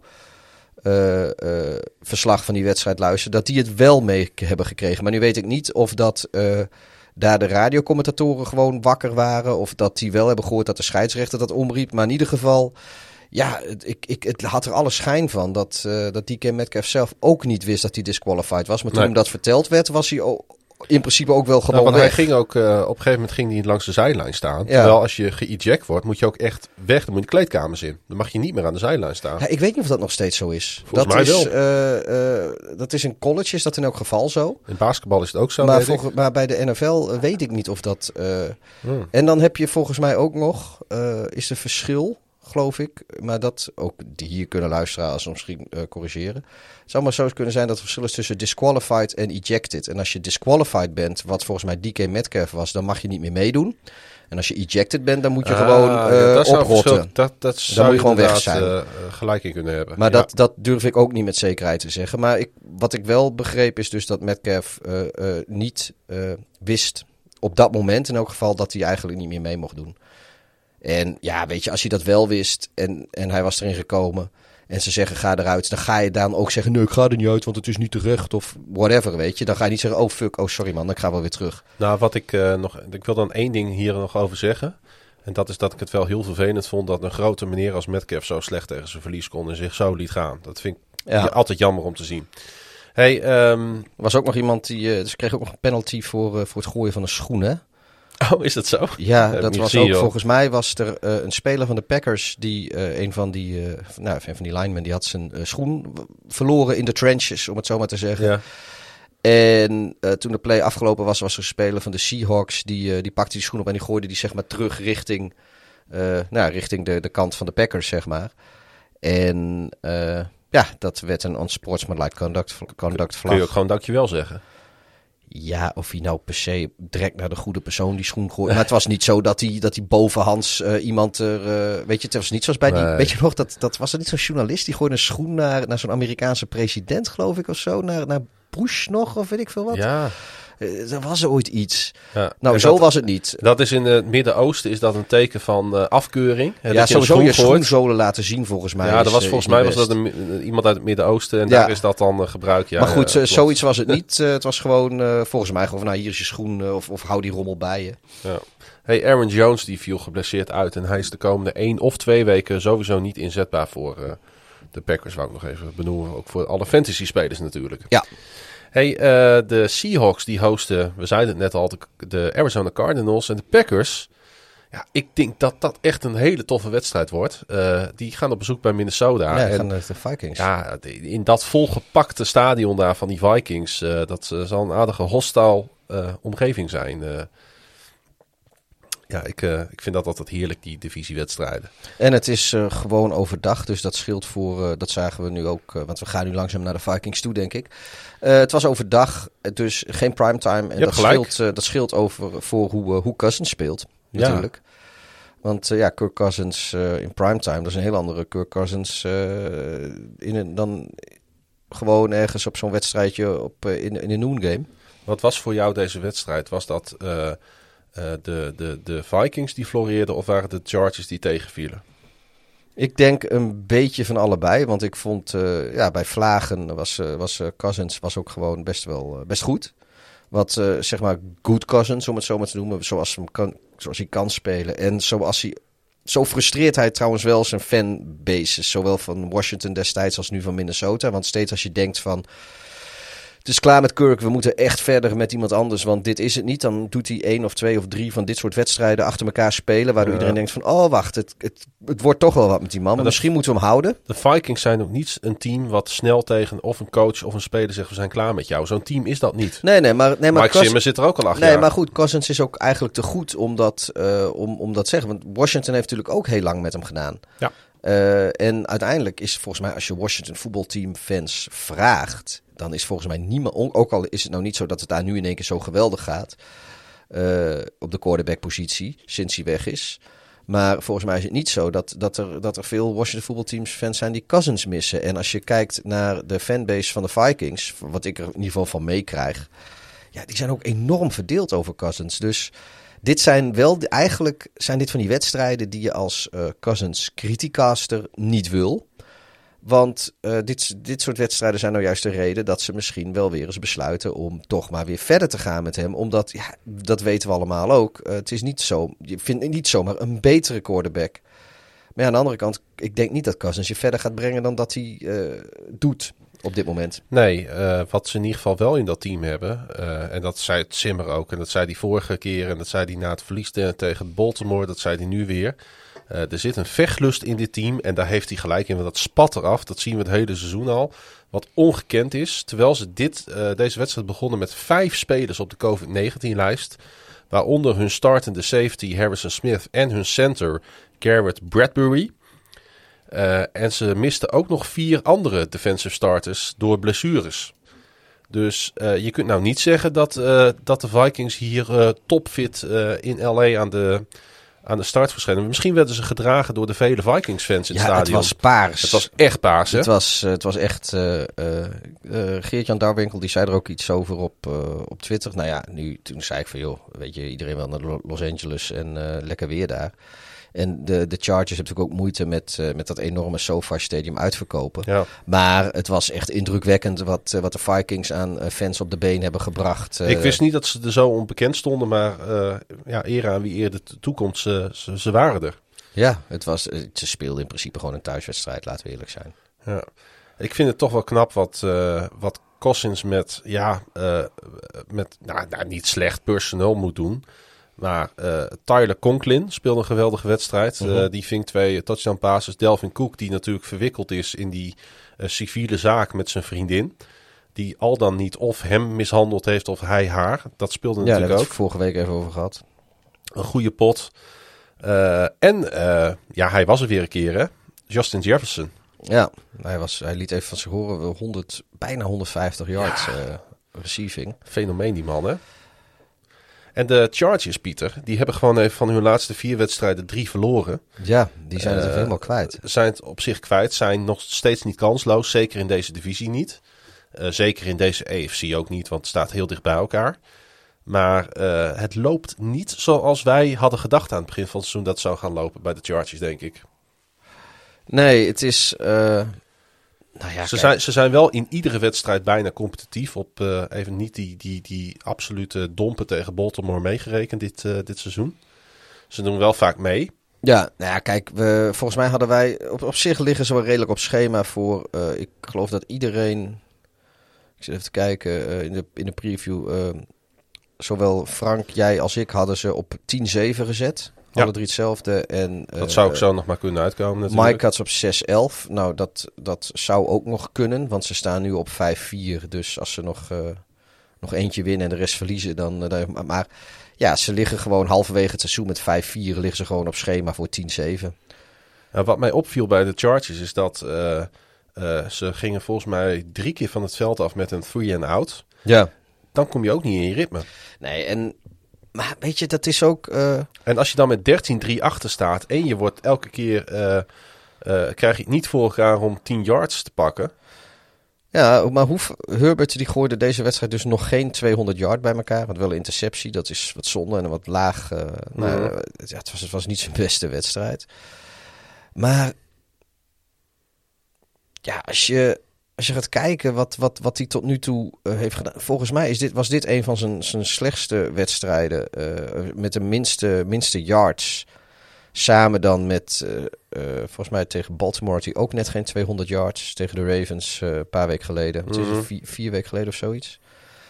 Um, maar ja, dat, dat, ja, nee, of, of ik weet niet of dat, dat per se door de, door de Vikings komt. Of dat, ik, ik denk het wel, ere wie ere toekomt natuurlijk. Maar ja, hij had gewoon even niet zo'n uh, zo'n zo'n zo'n zo'n hele denderende wedstrijd. Nou goed, dat kan. Aan de andere kant... Ik vind de Vikings ook gewoon wel echt een goede tegenstander. Want jij zei vorige week, en daar was ik het niet helemaal mee eens. Zeker niet toen ik dat achteraf hoorde. Jij zei, nou eigenlijk hebben de Ravens op iedere positie wel een betere speler dan de Vikings. Dat vond ik eigenlijk wat overdreven. En ik vind ook steeds meer dit seizoen dat ze laten zien dat ze, uh, dat ze echt, wel, uh, echt wel een goed team hebben gesmeed. Want wij hebben eigenlijk al twee jaar over de Vikings dat ze in een soft rebuild zitten. Dat ze niet echt top zijn, maar ze zijn ook niet echt flop. He, ze spelen een beetje uh, mee in die, in die middenmoot van wat de NFL is. Ja, maar zijn ze nou in één keer zijn ze playoff kandidaat? nee, nee toch? Ja, weet, weet ik niet. Ik bedoel... ze hebben in principe wel op een aantal bepaalde posities spelers die absoluut mee kunnen doen in de top van de NFL. Met Jefferson, met Adam Thielen, met, uh, met Cook. Delvin Cook, ja. Nee, dat, dat is ook wel maar goed. Als, weet je, als, dan andere spelers ook nog gaan opstaan... en ondanks dat ze uh, deze wedstrijd wel 10, 11 starters misten... door dan wel blessures, dan de COVID-19-lijst... en dan win je in LA van de Chargers. Ja, ik vind het toch heel knap. Ja, nou ja, goed, ze zijn, uh, ze zijn in, de, in de hunt. Ze staan uh, op de achtste plek in de NFC, dus dat is één plekje achter een playoff kandidaat. En dat zijn de Panthers op dit moment, die plek 7 bezet houden. Ja. ja, als je ziet dat zij op dit moment strijden, zeg maar, om uh, twee playoff plekken. New Orleans Saints, Carolina Panthers, Minnesota Vikings, San Francisco, ja, Atlanta, Philadelphia. En ja, weet je, dat, dan houdt het een beetje op. Dit zijn de teams met vier en vijf overwinningen. Ja, daar, daar in dat rijtje zijn ze niet per se kansloos. Nee. Voor, uh, voor een playoff plek. Maar ik denk niet dat het daarna nog uh, wat wordt. Op het moment dat, ze, dat de Rams en de Buccaneers en de Cowboys en de Cardinals en de Packers... die ervan uitgaan dat die tegen tijd dat postseason mm. is allemaal weer op oorlogsterkte zijn. Ik denk het ook niet per se. Maar ik wil ze eigenlijk uh, op dit moment gewoon wel iets meer credits geven dan uh, ze misschien ja. uh, league-wide krijgen. Nou ja, goed, ik, ik blijf erbij dat de Baltimore Ravens, nou ja, oké, iedere positie, zeker met een 53-mans roster, is misschien wat overdreven. Maar ik blijf erbij dat als de Baltimore Ravens gewoon naar hun kunnen spelen, dat is een topteam in de AFC, die moeten het niet op verlenging laten aankomen tegen een middenmotor uit de NFC. Dat, dat is denk ik wat ik heb je vooral bedoelde. Gelijk, en uh, ik chasseer natuurlijk een beetje, als ik dat wel vaker doe. Maar ja, de... Uh... Maar toch, hè, die NFC North teams en die AFC North teams hebben het altijd lastig tegen elkaar. Zo is het ook wel weer. Ja. hey, ik heb, uh, ik heb nog één dingetje uit deze wedstrijd. Twee eigenlijk. Allereerst Roundtree. Dat is een zesde ronde pick van de Chargers geweest in de NFL draft. Ja. Hij ehm, maakte een score, toen werd het 13-10. Toen dacht ik trouwens ook van, hé, hey, dit kan nog een wedstrijd worden. Uh, en toen liepen de Vikings toch weer weg. Maar hij uh, uh, maakte zijn allereerste touchdown. Hij divede in, zeg maar, voor de touchdown. En dat vierde hij met, met de Ray Lewis dance. Oh? Dat vond ik toch wel grappig om te zien. Had hij daar nog een speciale reden voor? Of? Uh, nee, volgens mij niet. Is dat uh, de Ray Lewis dance? Is, is, ja, die, is dat die, dat rare loopje als hij altijd als hij het veld als hij uit kwam? de tunnel kwam? Ja. ja. En uh, zo vierde hij zijn, zijn touchdown. Okay. dat wil ik toch even doen. En daarna ging, ging er ook altijd even in de, in de saus roeren, die Ray Lewis zo. ja. weet ik veel. Dat is alsof, ja, ja. Roundtree, onthoud die naam mensen. Zesde ronde pick. ik had nog nooit van hem gehoord. En uh, Eckler, uh, wou ik toch ook even pakken. Hij uh, had namelijk als running back zijn twintigste receiving score van zijn tot nu toe vijfjarige carrière. -huh. En dat maakte hem de jongste running back in, de, in, de huidige, in het huidige tijdperk, zeg maar sinds 1967, sinds, de, sinds het huidige draft tijdperk, die, dat, die dat heeft gedaan. Ja, ik geloof, wel dat, ja, uh, ik geloof wel dat hij, uh, dat hij wat drops had uh, deze wedstrijd. En dat, dat kwam ze ook wel duur te staan. Zeker. Dus dat... hij staat natuurlijk wel bekend als een van de beste catching running backs van de league. Maar als je er al in, als je als running back 20 receiving touchdowns hebt genoteerd in je toch nog relatief jonge carrière, jonge carrière ja. hij is nog maar 26 jaar. Ja, dan, dan zegt dat wel natuurlijk iets over zijn kwaliteit. Hè? En, de, en de dual threat die hij is voor zijn, ja. voor zijn unit. Fijne fantasy speler ook. Zo. De Chargers die hosten trouwens de Steelers uh, komende zondag. En de Vikings die gaan uh, de Packers op bezoek krijgen. Ja, dat wisten we al. Uh, hebben we net gezegd, ja. Uh, scrollen we even door in het script en dan komen we bij de andere broeder uit de NFC North, die de derde die speelde. Want de Bears hadden natuurlijk hun bye. Ja, wat een wedstrijd. Dat niveautje, Ja, maar heb je, heb je ervan kunnen genieten? Ja, weet je, zo'n foute Verstijn is op zich wel leuk. Maar op een gegeven moment wordt het wel een beetje cringe in de zin van hoe, hoe kan. Weet je, ik heb me wel ik heb me gewoon geërgerd aan Goff. Laten we, laten we gewoon eerlijk zijn. Die ja, man dat, die uh, heeft. Daar waar we het even over hebben. Die man die heeft uh, vier kwarten en een volledige overtime heeft hij uh, staan ballen. En die was 14 voor 25. Dat betekent dus dat hij naar 25 passplays gedaan heeft. Mm -hmm. Of heeft, ge heeft geprobeerd te maken. 114 yards. En dat is eigenlijk omdat er één uh, hele lange uh, bal was. Of een hele lange wil ik niet zeggen. Maar dat was after the catch. Het was echt, echt om te huilen zo slecht. Weet je, dan... dan ja, die overtime, wat daar allemaal gebeurde. Ja, maar hij, de hele wedstrijd ook al, weet je. Dat mm. hoe ver hij... Weet je, als, als hij dan dreigt onder druk te komen en hij zou misschien gesekt worden dat hij dan ook gewoon 15 yard achteruit rent en zich dan alsnog laat sekken. En dan denk ik, joh, ga gewoon op je knieën zitten als je er echt niet uitkomt. Of, of smijt die bal weg of wat dan ook. Maar, oi, oi, oi, dit, het, het, het, de, de tranen liepen me kruislings over de rug toen ik die golf aan het werk zag. Het was echt, echt een aanfluiting. Was het ook. En ondanks dat... Uh hoeven de Lions niet meer bang te zijn voor een 0-17 seizoen. Want ze zijn, uh, hun losing streak is over. Ja, ze kunnen nog steeds 16 wedstrijden in het seizoen verliezen trouwens. Dat kunnen ja. ze nog steeds evenaren. Maar uh, ik denk ergens toch dat, uh, dat men elkaar in het vliegtuig terug naar Detroit met een glimlach heeft aangekeken. Dat, dat in ieder geval dat ze niet verloren hebben. Ja, ja, ja. Sterker nog, ze hebben de hele maand november nog niet verloren. Nee, dat klopt inderdaad. Ze hadden vorige week een bye. Ja, ja die, dat, uh, die, die, die voelde ik aankomen. Die wist ik. Die, uh, nou, we zijn over de helft van november en de, de Lions hebben nog niet verloren. Wat dat betreft is dat een, uh, is dat een beetje een rare... Ja. En toch is het ook wel weer zo natuurlijk dat Dan Campbell nog steeds niet weet wat winnen is. Nee, nou ja, goed, de Browns spelen ze straks tegen. En daarna natuurlijk op Thanksgiving thuis tegen de Bears. Ja, Hey, de Lions kregen natuurlijk de kans om in overtime de wedstrijd te beslissen met een field goal. Dat ik denk, ik denk dat als de je. meest, meest beroerde field goals die ik ooit gezien heb. Als je een soort van instructievideo wil maken hoe je een field goal niet moet nemen, dan moet je denk ik deze online zetten. Ja, nu, nu moet ik eerlijk toegeven dat de, de omstandigheden niet per se heel makkelijk waren. Maar kom op man, Santoso, Ryan Santoso was het. Ehm, Ja. zelfs, zo, ik, ik, ja, ik weet uit mijn hoofd trouwens niet meer eh, hoe, hoe, ver, hoe ver die field goal was. Maar 48 yards, volgens mij. Ja, ja, nou, 48 yards. Ja, het was... eh, het leek niet eens op een kick. eh. nee, weet je, kijk, je, je mag de niet- bal had geen hoogte, de bal had geen diepte. Hij raakte hem helemaal verkeerd. Ja. Het is, hij werd ook niet aangeraakt. Hij, eh, hij raakte hem gewoon helemaal verkeerd. En misschien gleed hij wel weg, want dat veld op Heinz Field is natuurlijk ook gewoon een knollenveld.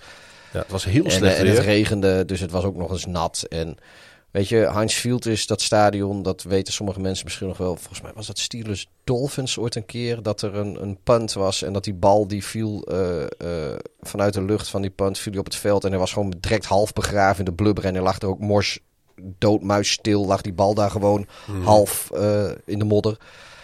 Ja, het, het is geen, eh, geen, geen stadion wat heel vriendelijk is voor zijn kikkers. Maar Natuurlijk ook wel heel veel pech, hè. Dat net nu de Lions met een field goal de wedstrijd kunnen beslissen. Austin Siebert is hun, eh, een, eh, hun eerste kikker. Nou, die was juist geblesseerd. ja, Dan moet je het met de backup kikker doen, wat niet echt een kikker is. Nee, precies. En dan is het ook nog eens in de regen op Ja. Heinz Field. Weet je, niet, niet, niet lekker thuis in je doom of, of in een iets betere omstandigheid. Wel zonde, hè? Ja. Hey, ehm, eh, de Steelers die moesten het natuurlijk doen zonder eh, Ben Roethlisberger. Laten we dat wel even benoemen. Ja, die had zich keurig netjes afgemeld vanwege covid-besmettingen. En, Daar vond ik wel wat van. Hoezo? Nou, ik vond het eigenlijk wel klasse. Ja, oh ja, oké. Ja, nee, dat wou ik ook. Ja. Ja. Ze keurig zichzelf, joh jongens, ik eh, kom niet vandaag. Ik ben in contact geweest met iemand. En Ja. het lijkt mij niet verstandig dat ik een helm opzet en ga spelen vandaag. Ja. Nou, dat, dat, dat, dat klinkt een beetje raar uit mijn mond. Maar het spreekt meer voor hem dan wat meneer Rodgers in, eh, in Green Bay heeft gedaan. Ja, ik heb, ik heb altijd al gezegd dat eh, de quarterback van, van mijn aartsrivaal... Dat dat, die, dat dat een grotere klootzak is dan de quarterback van jouw aartsrivaal. Dan moet ik wel zeggen, eh Roethlisberger heeft positief getest, hè? Ja, nee, maar Dat ook wel- dat heeft hij ook zelf gemaakt. Alles heeft Ja. hij, heeft alles zelf ge, ge- ge- ja, Hij heeft er trouwens geen enkele last van. Hij, eh, hij heeft gezegd, ik heb geen enkel eh, kuchje, geen enkele snotneus... in tegenstelling tot wat wij hebben. Ja, volgens mij is hij ook eh, gevaccineerd. Dus hij, Ja. eh, hij, is volgen, hij is straks, denk ik, als hij weer negatief test Hij is gewoon weer bij, ja. zeker. Eh, Mason Rudolph, ik heb hem een paar keer heb ik hem, nou, belachelijk gemaakt, gaat een beetje ver. Maar ik heb al een paar keer gezegd dat ik dat geen goede quarterback vind. Is het ook niet? En ik heb ook al een paar keer aangegeven waarom ik dat vind. Ehm, ehm, eh, hij heeft mij niet overtuigd deze wedstrijd weer. Hij beweegt niet lekker. Hij is niet snel. Hij is niet accuraat genoeg. Ik vond hem wel beter dan Goff.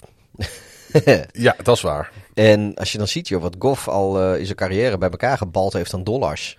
Maar de momenten dat hij zeg maar die wedstrijd voor ja, de dat Steelers kon Doet hij, winnen, niet, doet hij niet. heeft hij het niet gedaan. Eh, Nou ja, het- het- hij had een. Ik weet nog dat Ray Ray McLeod, vind ik trouwens een geweldige naam. Ray Ray McLeod stond op een gegeven moment in de derde kwart. van eh, Duncan McLeod from the Clan McLeod? is dat niet van, eh, van Highlander? Oh, yeah. There can be Oh, only yeah. one. Can... Ja, klopt. Here we are. Sorry. Ray Ray McLeod, die stond op een gegeven moment in het derde kwart. eh, ik heb dat wel eens. hè. Dan zit ik American voetbal te kijken en dan zie je een speler, omdat er vanuit een bepaald shot, volledig vrij staan in de endzone. En dat je wil roepen van, daar staat hij, daar moet die bal heen. Hij zag het totaal niet. En op, op het moment dat hij hem zag, was het te laat en er, eh, was het een underthrow. Ja. Ja, ik vond dat, dat dan ziet het er zo Ja. treurig uit, joh. De, de, weet je, dat is dan ook de. eh, Als je er zo slecht uitziet en tegen de Lions, wat eh, ja, in ieder geval record-wise eh, met afstand ondertussen het slechtste team in de league is, Ja. dan uh, ja, dat pleit niet voor je. Ze hebben bij de Steelers eigenlijk maar één consistent, consistent aanvallend wapen. Najee Harris. En dat is Najee Harris, die Ja. weer een 100-plus yard game had. Het is ongelooflijk wat hij als rookie laat zien. Dus dat was wel een rookie of the year kandidaat, lijkt me. Ja, maar dat hadden we ook al een keer benoemd trouwens. Ja. Uh, in deze maar dat, uh, blijft hij, podcast. Blijft hij, gewoon, uh, blijft hij gewoon doen. Het was de eerste tie in de NFL sinds uh, de Bengals en de Eagles in 2020. En uh, de vorige tie van Detroit was tegen de Cardinals in het seizoen 2019. Dat was in de season opener. En de laatste tie van Pittsburgh was in Cleveland. Ook de season opener, maar dan in 2018. Het is wel grappig. Hè? Dat dat ieder ja, seizoen ongeveer zie je dus een tie voorbij komen. Was uh, de laatste tie van de Steelers tegen de Browns was toen ook geen 16-16? Dat weet ik niet. Volgens mij was dat 16-16. Dat, zou, eh, dat zouden we moeten opzoeken. En uh, dat is zonde, want dan... Oh, dit is geen 2 voor 12. het was een absurde wedstrijd. Maar ik heb ervan van genoten. En aan de andere kant denk ik dat defensive end Cam Hayward... het na de wedstrijd het allerbeste verwoordde. Met de uitspraak... Ties suck. Ja, ze zeggen ook wel eens van... tie is like kissing your sister. Ja. Precies, dat. En, uh, nou, oh nee, het was, het was volgens mij 21-21 dan. Maar goed, dat, uh, dat doet er verder ook niet zoveel toe. De Lions die moeten naar Cleveland komende zondag. En uh, ik had al voorspeld dat, dat ze deze misschien gingen winnen in Pittsburgh. Maar laat het dan volgende week maar gebeuren. Ja, ze waren trouwens wel heel dichtbij. Die, want volgens mij oh. hadden allebei hadden we Detroit voorspeld. En zeker toen uh, Roethlisberger die mee zou doen, leek het, en het leek er ook gewoon lang in te zitten deze wedstrijd. Waarom? Zelfs toen, uh, toen, toen de Steelers nog fummelden diep in overtime. Ja, laten we die inderdaad nog heel even benoemen. Ja, die, zit, die zat trouwens ook in de intro. Maar want dan de kun, Lions mist, de, ja. de Steelers konden, konden, die stonden in principe in, in, in field goal range. range dus, dus geen garantie, zeker niet in dat weer. Maar die hadden een uh, prima papier eigenlijk om die wedstrijd in de laatste seconde nog te kunnen winnen. En dan en met acht seconden op de klok uh, fumble. Ik zit even na te denken wie dat ook weer was. Dat was niet Harris. Nee wie dat was bij, uh, bij Pittsburgh. dat weet ik niet meer uit mijn hoofd. Uh. Hij, dat moment zette in ieder geval nog wel in de intro. Oh, het was uh, die Pat uh, denk ik. Nu ik me zo terughaal. Die rookie tight end met die prachtige naam. met nog negen seconden op de klok. Ja, het was inderdaad Pat Frymouth. Ja. Beetje. Die ja, de bal verloor en weggaf aan de, aan de Lions in de blubber van, van Heinz Field. Ja. De Steelers die hebben een aantal pittige wedstrijden op programma staan, zag ik al. En uh, die spelen primetime tegen de Chargers komend weekend. Um, Cleveland Browns. Die gingen even onderuit. We noemden het al tegen de Patriots. 7-45. Ja, en dat, heeft niet, uh, dat komt niet omdat uh, Baker Mayfield nou geblesseerd raakte. Want het was, het was al vrij rap. Was het was, was duidelijk dat dit helemaal niks zou worden voor, voor de Browns. En ik zag in het script staan dat jij had neergezet dat dat jij vindt dat de Patriots sneaky heel goed aan het worden zijn. Heb ik dat in het script gezet? Ik weet wel niet meer wat het was. Ja, dan heb je in het script gezet, jongen. Oh ja, de Patriots worden ondertussen weer sneaky goed. Ja, nee, dat is wel zo. Die zijn, uh, nou ja, je hebt ze natuurlijk in het begin van, de, van deze mooie vijftigste NFL op woensdag al, uh, al genoemd als, als een van de teams die zich meeste progressie boeken. Zeker. Een maand geleden waren ze nog 2-4.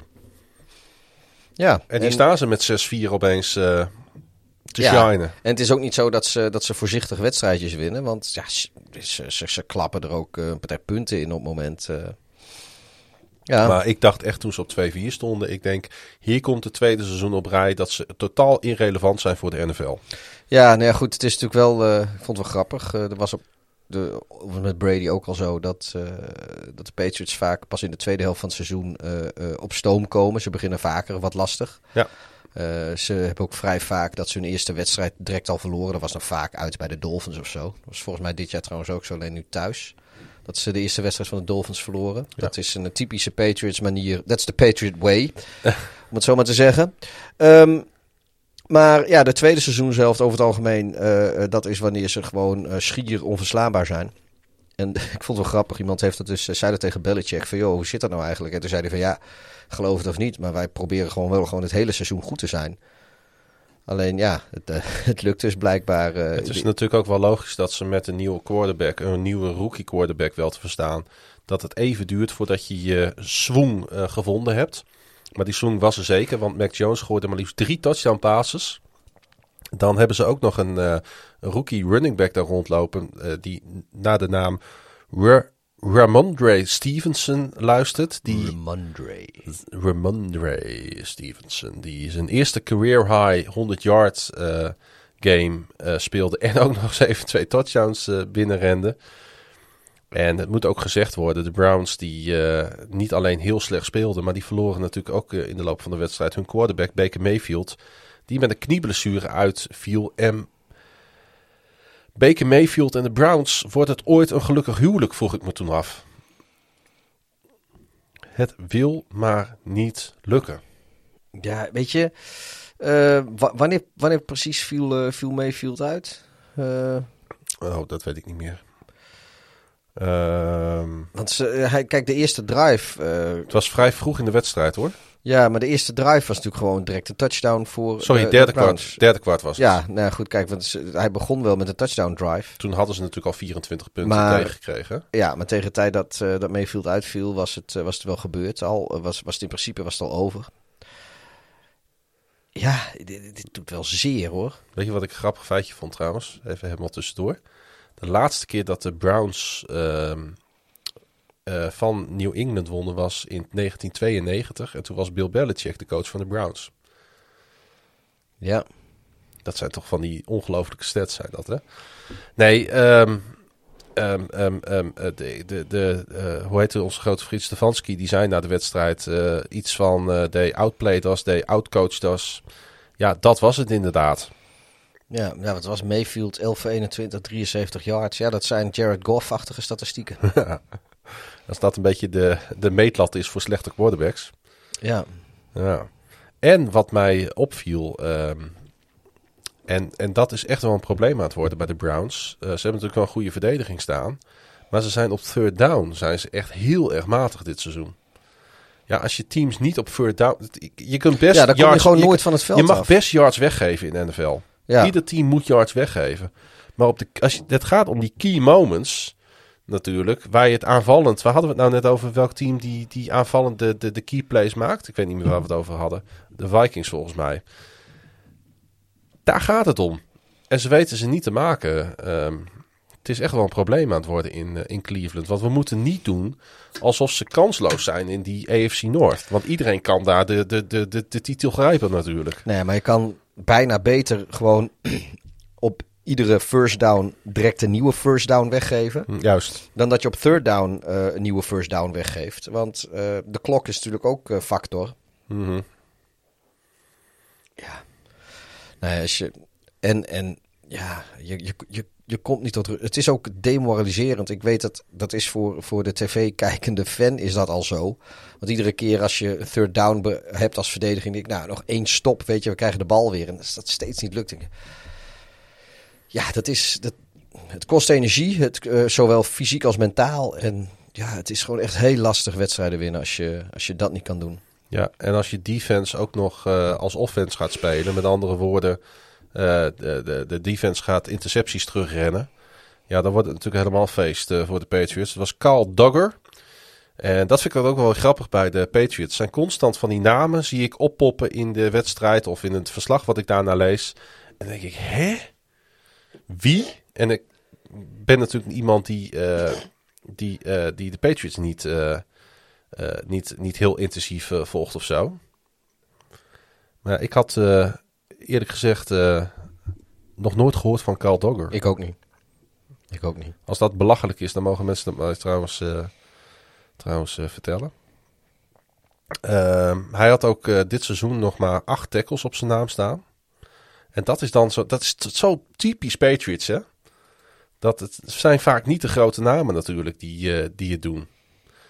En, eh, en eh, je had in de intro natuurlijk de touchdown gezet ehm, op. wie was dat ook alweer? Die zijn eerste touchdown voor de Patriots scoorde in zijn carrière. Myers. Ja, Jacoby, Jacoby Myers. Ja. Ja. Dat was ook wel verrassend, hè? Dat, is, dat dit pas de eerste, de eerste touchdown was. Ja. Nee, eh, Mac, eh, eigenlijk eh, ook de biertopper van de week, hè? Ja, die, die su- suggestie werd dus ook aangedragen. Ik had trouwens, eh hoe eerlijk zijn, had, had ik eigenlijk onszelf als biertopper van de week, omdat het de vijftigste aflevering is. Maar dat is uiteindelijk niet geworden. Ehm, maar ja, Mac, Mac Jones, die... Hij is zelfs de eerste rookie in franchise history met drie of meer passing touchdowns en geen enkele interceptie in één wedstrijd. Dat is nog nooit eerder voorgekomen bij de Patriots. In een rookie seizoen, hè? Nee, maar goed, dat, op, ja, weet je, dat, als jij eh, ehm, Tom Brady eh 20 jaar als quarterback hebt gehad, dat is zo'n beetje de helft van de tijd eh, dat de Patriots bestaan in die vorm. Ja, dan heb je ook relatief weinig rookies eh, gehad natuurlijk. Er zijn niet zoveel rookie seizoenen geweest de laatste jaren in New England. Nee, eh, ik, de laatste keer ook dat een eh, quarterback überhaupt, een rookie quarterback, zoveel touchdowns scoorde. was Drew Bledsoe. Drew Bledsoe. Of die In, heeft ook nog, ja. In week 18 van het 1993 seizoen. Ja, Nou ja, het geeft wel wel aan wat een dynasty is dat geworden. ja. hey, knappe overwinning. En ik denk dat we rekening moeten gaan houden met de Patriots. En ik zeg niet dat we dat niet al deden per se of zo. Maar eh, Mike Fight krijgt toch een beetje gelijk hè, met zijn voorspelling. Ja, nou ja, ondertussen staan de Patriots, die staan gewoon eh, eh, al boven de Chargers. En die staan op, gewoon op een, een, een zesde seed. Voor wat dus ja, wel redelijk veilig, zeg maar. In ieder geval volle wedstrijd voorsprong. De concurrentie voor een wildcard plek. Ja. Dus we zijn nog maar op de helft. Maar ja, we kennen een beetje de Patriots. En Gaan ze Atlanta vermorzelen komende donderdagnacht? ja, dit is wel het seizoen trouwens dat Atlanta dit dan in één keer weer wint. Want niemand verwacht het. Dat, dat is wel typisch dit seizoen. Maar eigenlijk heb ik, nee, ik heb daar niet echt vertrouwen in. Ehm, ja, Frank en, eh, en, en Mike, die hadden allebei de, de Patriots op 10-7 voor dit seizoen. Eh, jij op 8-9, ik op 9-8. Ja. Eh, ja, als het, als het zo doorgaat, dan zou het maar zo eens zo kunnen zijn dat die 10-7 dat dat wat, eh, dat dat wat eh, conservatief is eh, geschat. Ja. Die 8-9 van jou en die 9-8 van mij, ik denk niet dat dat nog in zit. Dat, daar gaan ze wel overheen. Ze zetten in ieder geval wel echt statement wins neer. De wedstrijden die ze winnen zijn allemaal statements tot nu toe. Ja. Hey, ehm, de Browns die hosten dus Detroit. Ook echt nu op dat moment, op het moment hoe het nu gaat, zeg maar. Vragen ze natuurlijk ook of Baker Mayfield kan spelen. Een Lake Erie. Bowl. eh, Ja, interessante pot eh, natuurlijk. eh, zeker voor de andere teams in de AFC North. Want dan komen we uit bij de Baltimore Ravens. ja, hoe hebben die het gedaan? Die verloren met 10-22 van, van de Dolphins. Ook niet best. Nee. Het was Thursday Night Football, dat is alweer lang geleden. Ja, daarom wil ik er eigenlijk niet al te veel meer over zeggen. Ja, nee, ja. Ja, ik, Ik heb deze wedstrijd eh, niet gekeken, moet ik eh, eerlijk zeggen. Tenminste niet live. voor de helft, een beetje half slapend, eh, half wakker wordend. Ja, ik heb eigenlijk maar één, ehm, één verklaring hiervoor. En dat is dat de, de korte omslag naar de Thursday Night Football... en het niet helemaal goed kunnen voorbereiden op deze tegenstander... een beetje bij ingeschoten is. Ik zou anders niet kunnen verklaren waarom je op deze wijze van de, van de Miami Dolphins moet verliezen. Ja, nee, ja, ze hadden natuurlijk eh, eh, die, die cover zero eh, Ja. en dan bl- blitsen op, Precies. op, op vriend Lamar Jackson. En ja, Maar goed, daar heeft Lamar Jackson wel eens vaker mee te maken gehad. En dan weet hij toch de bal ergens te krijgen. Of door een roll-out. Of, eh, of, of, of ja maar dit, dit- dit- ze deed nu wel heel, heel structureel. En dan op, op deze manier, ja, weet je, als je... Maar dit was wel echt een ondergrens hoor. Het was niet alleen maar over een tegenstander of naast, eh, hoe noem je dat, langs een tegenstander heen kijken. De, de Ravens hadden, hadden voor deze wedstrijd een streak van 51 reguliere seizoenswedstrijden waarin ze tenminste 14 punten scoorden. De tweede eh, langste streak, zo'n streak tenminste, in NFL history. En dat het enige team wat, wat, eh, wat een betere run had, dat waren de Patriots met, eh, met eh, Brady tussen 2009 en 2013. Hadden ze, maar dit, ze hadden, als ik me niet vergis, hadden ze de week hiervoor als een bye week, toch? De Ravens? Nee, dat tegen de Vikings gespeeld. Oh ja, wanneer is de bye week dan? Of is Die hadden dit- ze daarvoor. Oh, daarvoor al. Ja. Oké. Ik, Maar de, de Ravens die 10 punten op het bord weten te zetten, dat is dus in, in, in eh 51 wedstrijden niet voorgekomen. Ja, eh, dit, is, dit was echt. En het was ook. eh, het was niet. eh, not even close, zeg maar. Het was gewoon heel slecht. Eh, Justin Tucker, die natuurlijk een field goal miste. Dat ook wel exemplarisch voor zo'n wedstrijd. Ja, nou ja, goed, zet er niet zo heel veel zoden aan de dijk in de zin van, van dat je hem anders dan. Kijk, als je 21, 22 verliest, is het, is het, is het duur. Ja. Maar daar verlies je deze keer die wedstrijd niet op. Maar ja, het is vooral het laatste, het laatste kwart eigenlijk. Hè, waar je, Ja, de Dolphins verrasten natuurlijk wel met, eh met Tua, die er weer in kwam. Ja. Voor Brissett, die trouwens helemaal niet zo heel slecht speelde. Maar ik denk dat de Dolphins na rust toch echt wel doorkregen van... hé, hey, wij kunnen hier gewoon vandaag thuis van de Ravens winnen. Eh, we gaan er alles aan doen om die wedstrijd ook te winnen. En eh, dat deden ze. ja. Met, eh, met 16 punten maar liefst in het vierde kwart, de Dolphins. ja, en. Ja, ja, het leek echt heel lang leek het zo'n wedstrijd te worden van, eh, weet je, die wil vaker. Het heeft heel lang heeft het eh, 3-6 uiteindelijk gestaan. Uh, en weet je, zo'n zo, nou, zo'n wedstrijd die speelt Baltimore speelt dat wel eens. Uh, dat komt wel vaker voor in de, voor mijn gevoel vaker in de AFC dan in de Mhm. NFC. Weet je, Mhm. Jacksonville is ook zo'n team die dat wel eens heeft. Tennessee doet daar wel eens aan mee. Uh, de Texans doen er wel eens aan mee. Ja, San Diego mocht dat in het verleden ook graag doen. Ja, Baltimore deed, Ja. doet er wel eens aan mee.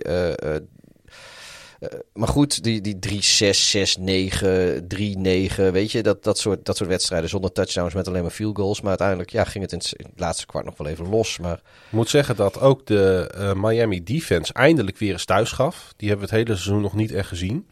Met een geweldige play bijvoorbeeld van Howard op eh, Sammy Watkins. Een strip die de bal wegstripte bij hem. Ehm, eh, en eh, hij pakte ook de voetbal op en hij scoorde de punten voor Miami. ja, Dus als, ja, als die verdediging in Miami natuurlijk een beetje gaat meewerken. En Tura die komt weer een beetje in zijn ritme. Ja, dan moeten we ook natuurlijk. We gaan de Dolphins natuurlijk niet terugzien in de playoffs dit jaar. wordt heel lastig. Dat wordt heel lastig. Maar eh, zij kunnen echt wel beter dan dat we de afgelopen. Dan dat we tot nu toe dit seizoen natuurlijk hebben gezien van de Dolphins. Ja, Want die zijn ook een paar keer natuurlijk verschrikkelijk door hun, eh, door hun ondergrens eh, gegaan. Ja. Ja, aan de andere kant weet je, ja, ik, ik, het, ik, het is niet realistisch, maar eh, ze liggen maar twee wedstrijden achter op de zevende seed. En het is halverwege het seizoen. Kijk, het is niet onoverkomelijk. Dus alleen heel veel andere teams zitten er ook tussen. Ja. Ehm, die, waar ze, die zevende seed is, is dus vijf overwinningen. En ze hebben er zelf maar drie. Maar dat gaat tot en met twaalf door. Dus er zijn 1, 2, 3, 4, 5, zes teams met, eh, met vijf overwinningen. Dus het wordt wel heel lastig. Maar het is ook niet realistisch. Want ze gaan ook niet, eh, niet meer ongeslagen of zo vanaf, vanaf nu. Nee. Maar ehm, Ja, en wat de Ravens betreft. ehm, eh, het is zelden zo dat de Ravens een streak neerzetten. zeker niet nu ze gewoon redelijk fit zijn op dit moment. Ehm, ik verwacht wel weer dat de Ravens hier gewoon uit, eh, uit op kunnen krabbelen. En gewoon de komende weken goede wedstrijden kunnen neerzetten. En ik hoop het ook. Want de komende twee wedstrijden van de Ravens die ga ik gewoon zien natuurlijk. In Chicago en in eh, Baltimore. Ja, en het is natuurlijk voor de, voor de Bears is het wel jammer dat... eh, ten eerste hebben de Ravens een, een lange week naar deze wedstrijd toe, omdat ze Thursday Night gespeeld hebben. Die hebben jullie ook. Ja, de maar eh, jullie zijn eh, winnen altijd uit de bye. En de, Ja. Matt Nagy zijn de Bears volgens mij eh 1-3 of zo uit de bye week, als ik me niet vergis. Klopt. Ehm, maar ja, ook omdat ze, dat ze verloren hebben, weet je. Dat doet over het algemeen bij Baltimore, doet, die, die verliezen eigenlijk nooit twee keer op rij. Dus die, die zullen terug willen komen. Ja, we gaan het zien. Aan de andere kant, ja, die tweede helft in Pittsburgh, die, die geeft de burger wel een, wel een beetje moed. Mhm. Ja, we gaan het allemaal meemaken Ja. volgende week. Ik moet heel eerlijk zeggen. Ik ben Komende week Ik ben ik ook een beetje lui. Dat komt ook omdat ik er niet zoveel tijd voor heb. Ik had ook niet zo heel veel zin om te gaan kijken waar deze nederlaag van de Ravens nou vandaan kwam. En ik vond ook gewoon dat we hier even de eh, absolute compliment aan de Dolphins moeten geven. Die het gewoon echt heel erg goed gedaan hebben deze wedstrijd. En een eh, winning eh, strategy hadden. En dat was trouwens ook wat John Harbaugh toegaf na de wedstrijd. Die zei van ja, dit sloeg nergens op. Dit moet beter. Ja. Ehm, ik heb, eh, dat is eh, typische Harbo-uitspraak die ik hem vaker heb horen zeggen. Dan zegt ja, het begint bij mij. Ik, eh, ik, ben, ik word betaald door de Ravens al heel lang en heel erg goed om, om deze jongens voor te bereiden op wedstrijden. En ik heb het gewoon niet goed gedaan. Realistisch als hij altijd is. Ehm, de Buffalo Bills. Want die speelden natuurlijk ook ja. tegen de Jets. 45-17. Ja, de Jets hadden geen schijn van kansen. ja, de Jets is eh, trouwens, daar gaan de Dolphins volgende week tegen. Hadden we dat eh, Oh, sorry. Ja, dat, eh, dat de Ravens naar Chicago gaan, dat, dat weet de Ja. luisteraar wel. Maar de Dolphins die gaan dus naar New York, of eigenlijk naar East Rutherford, New Jersey, om tegen de Jets te spelen. Dus die kunnen zomaar eens nog een overwinning pakken als, als ze de een beetje, een beetje fatsoenlijk spelen. En dan, ach, dan, dan straalt het zonnetje nog meer dan Ja. dat hij normaal al doet in Miami. Wij zeiden al dat, ehm, dat als de Bills toch eh, willen laten zien dat ze wel degelijk eh, mee kunnen doen in de top van de AFC, dan moeten ze hier toch eigenlijk eh, een, een soort van statement win neerzetten. Ondanks dat het tegen de Jets is en dat deden ze. Ja, dat, daar was weinig op af te dingen. Nou ja, helemaal niks zelfs. En wat, wat we ook inderdaad zagen, is dat eh, ehm, Mike White toch niet zo heel goed is. Eh, Nee. Vier keer eh, werd hij maar liefst geïntercept door de defense van de Bills. Ja, maar ik bedoel, eh 44 pogingen, 24 completions. Dat is ook de helft ongeveer van zijn ballen komt maar aan. Ja. Ja, daar ga je het gewoon echt niet mee redden in de NFL. Je moet echt wel, als je wat wil, dan moet je echt op, op 65% of zo gaan zitten. En eigenlijk moet je, moet je boven de 70 uitkomen. Als je, als je überhaupt kans wil maken. En als je tegen een team als de Bills speelt, nou dan mag het nogal verder omhoog. Wel tof dat ehm, alle vijf de starters in de secondary van de Bills... die hadden een turnover op hun naam staan. En lekker hè? Hè, eh, Johnson, White, eh, Poyer, die hadden allemaal een pick. En eh, ehm, eh, Mika Hyde, die had een geforceerde fumble en recovery. Dus iedereen in de, op de secondary, die kon een feestje vieren daar. Ja, dit was natuurlijk een, een, een, een, een fest voor de, voor de Bills om... ja, eh, dit, is een- dit, dit was natuurlijk de goede tegenstander op het goede moment. Maar dan moet je het wel doen natuurlijk. Ja, maar het, weet je, dit is, dit is gewoon ook zo'n heerlijke wedstrijd om, eh, om eventjes weer, eh, weer erin te komen. Want eh, ja, is volgende week natuurlijk tegen de Colts. En dan moeten ze eh, waarschijnlijk wat voller aan de bak dan dat ze tegen de Jets eh, deze keer hebben gedaan. Ja. En ja, dus, dus in die zin eh, is, ja, dit, dit, zijn, dit zijn de wedstrijden waar je een beetje vertrouwen tankt. Waarin wat, weer, ja, wat, wat dingen weer terugkomen eh, qua automatismes en gevoelens die misschien een beetje ver- verloren was. Want ja, weet je, het, het, verder was het eh, voor de neutrale kijker eh, niet echt een hele interessante wedstrijd. Want van de 17 punten die de Jets op bord gezet was, was allemaal in garbage time. Ik denk als de Bills serieus geprobeerd hadden, dan, dan waren de, de Jets nooit verder gekomen dan drie punten. Wat ik, ehm, wat ik wel grappig vond om te zien is dat de Bills gewoon door bleven gaan. Die hebben geen moment eigenlijk eh, echt de voet van het eh, gaspedaal Ja, afgehaald. alleen verdedigend op een gegeven moment gingen ze dus bend, don't break een beetje spelen. Een beetje, waardoor Joe Flacco een, een, een touchdown pass kon gooien. Ja, want niet trouwens omdat White gebenched werd, ehm, omdat, omdat, omdat hij heel slecht speelde. Want hij wou hem eigenlijk laten staan, maar hij, met een knieblessure was hij even aan de kant. Ja, en toen dacht Saleh van, nou laat ik dan gewoon maar Flacco erin zetten en deze jongen tegen zichzelf in bescherming nemen. Deze, is wel, knie- eh, deze is- knieblessure komt op het goede moment misschien wel. weet je, er zit zo'n eh, zo'n White die speelt dan zijn debuutwedstrijd, speelt hij de Sterren van de Hemel. Ja. En sindsdien heeft hij twee wedstrijden gespeeld waarin hij twee keer geblesseerd is geraakt. Eh, ik geloof zes intercepties of zo in totaal heeft gegooid in twee wedstrijden.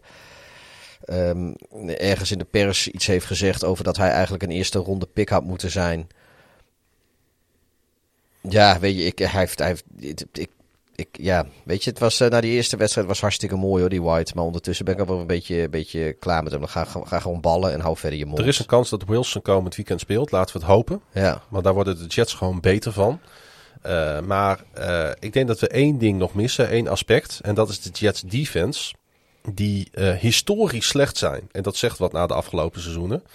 De afgelopen vier wedstrijden hebben de, Jets, heeft de Jets defense 175 punten weggegeven. ja, dat is meer dan, eh, de, wat is het, de 2000 Ravens in een heel seizoen. In een heel seizoen. Ja. En dat is een beetje oneerlijk om het daarmee te vergelijken. Maar dat we weten dat de Jets offense dat dat een unit in opbouw is, dat weten we allemaal.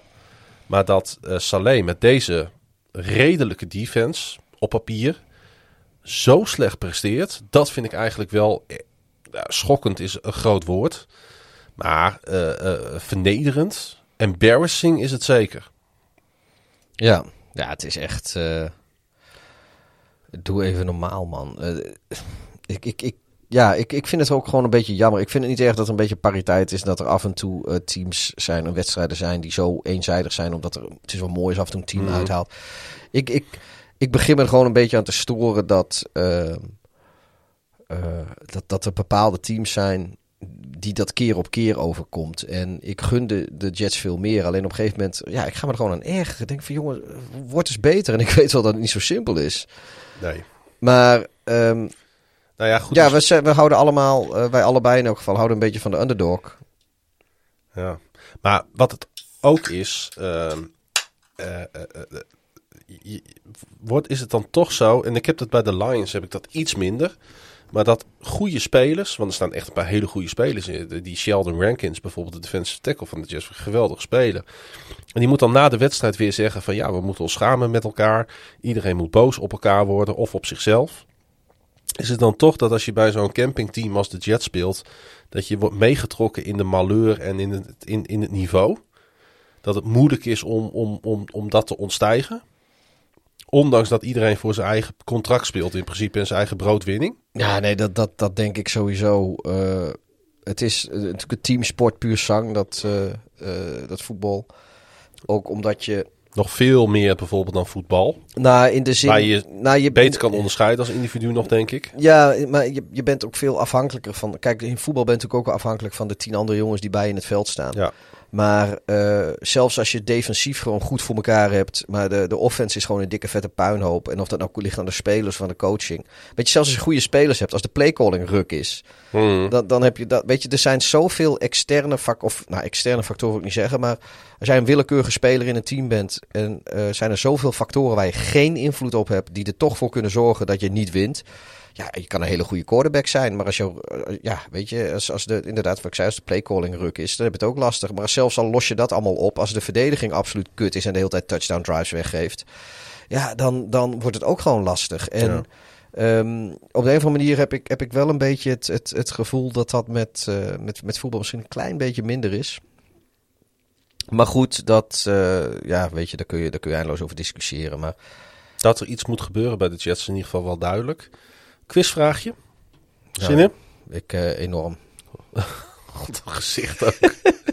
Hoeveelste touchdown pass van eh, Joe Flacco was dit, denk jij? Zijn carrière. De 250ste, 350ste, 200ste, 250ste. Nou, eh, eh, je zit eh, heel, heel warm.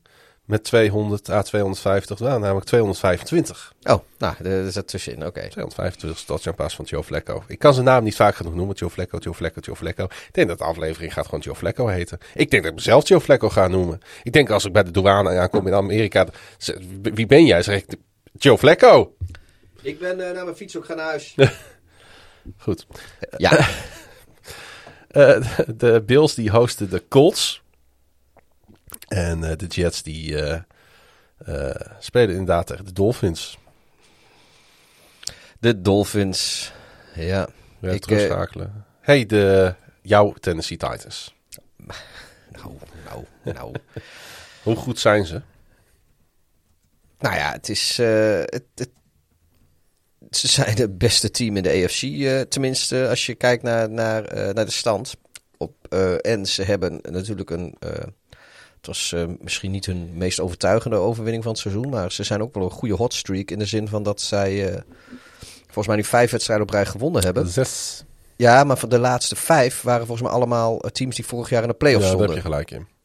Ze hebben er zes op rij gewonnen, maar de laatste vijf is, is wat het indrukwekkend maakt. Ze hebben de NFL beste winning streak nu ook te pakken in de NFL. Er is geen team die een, een, een, een langere winning streak heeft neergezet dan de Titans. Ja. Nou ja, en, en ja, nogmaals, kijk, het is. eh, kijk, ze hadden het in theorie hadden ze in die vijf wedstrijden hadden ze bijvoorbeeld twee keer eh, de Jaguars en, en twee keer de Texans kunnen hebben. Ze hadden één keer de Jaguars zaten erin. Maar ze hebben dus eh, ja, de laatste vijf: Bills, Chiefs, Colts, Rams, Saints. Ik bedoel, dat is echt geen simpel rijtje. Zeker niet. En ja, en de- dan de Jaguars ook natuurlijk. Als, maar Ik eh, begreep dat Ryan Tannehill erg last van zijn buik had toen hij eh, wakker werd. Schijnt hij een, een stomachbug, hoe noem je dat in het Nederlands? Ja, die had gewoon een beetje de dunne. Hij had gewoon last ma- een, een racekak. Hij huilde bruine tranen. Nee, ehm ja, stomachbug. Ja, wat maar god, een buikgriepje noemen we dat. ook, Buikgriep. Buikgriepje. Daar was ik inderdaad naar op Ja. zoek. Oh, dus niet naar de bruine tranen. En ondanks, eh, ondanks dat eh, zag hij er weer op en top uit, hè? Ja, en nou ja, zonder Jones, zonder, eh, zonder Derrick Henry doen ze het weer. En ga je dan afvragen, is Derrick Henry dan wel zo goed? ja, ik vind nog steeds van wel hoor. Maar eh, ook dat was iets, dat zag ik ergens langskomen in de NFL-media... die natuurlijk vergeven is van, van hot takes, lauwe takes en, en ronduit domme takes. Kijk, ik wil niks afdoen verder trouwens hoor, van deze overwinning van de Titans. Maar ik moet wel zeggen dat het verlies van James Winston voor de Saints... dat gaat ze nu echt wel pijn doen de komende, de komende periode. Want ze zijn zonder Winston zijn ze echt een veel minder team. Nou ja, de Winston is de enige uh, fatsoenlijke quarterback die ze, die, ze, die ze daar hadden natuurlijk. Ja, Philip Rivers is er geloof ik nog steeds niet bij. Dat zegt, dat zegt ook al wat, dat ja, hij dat maar, is. Nee, maar met, met, met de scheme die, die, die, die, ze, die Peyton, die Sean Peyton daaruit wil voeren. Ja. En ze kwamen ook op zich met een goed plan deze wedstrijd. Want het was wel een, een, een, een, Ze hebben echt hard ervoor geknokt, de Saints. Ze zijn ook heel dichtbij gekomen. Het kwam natuurlijk op een uh, two-point conversion mist, ja, uh, uiteindelijk aan. Ja, verlenging had het anders maar zo eens kunnen worden. Ja.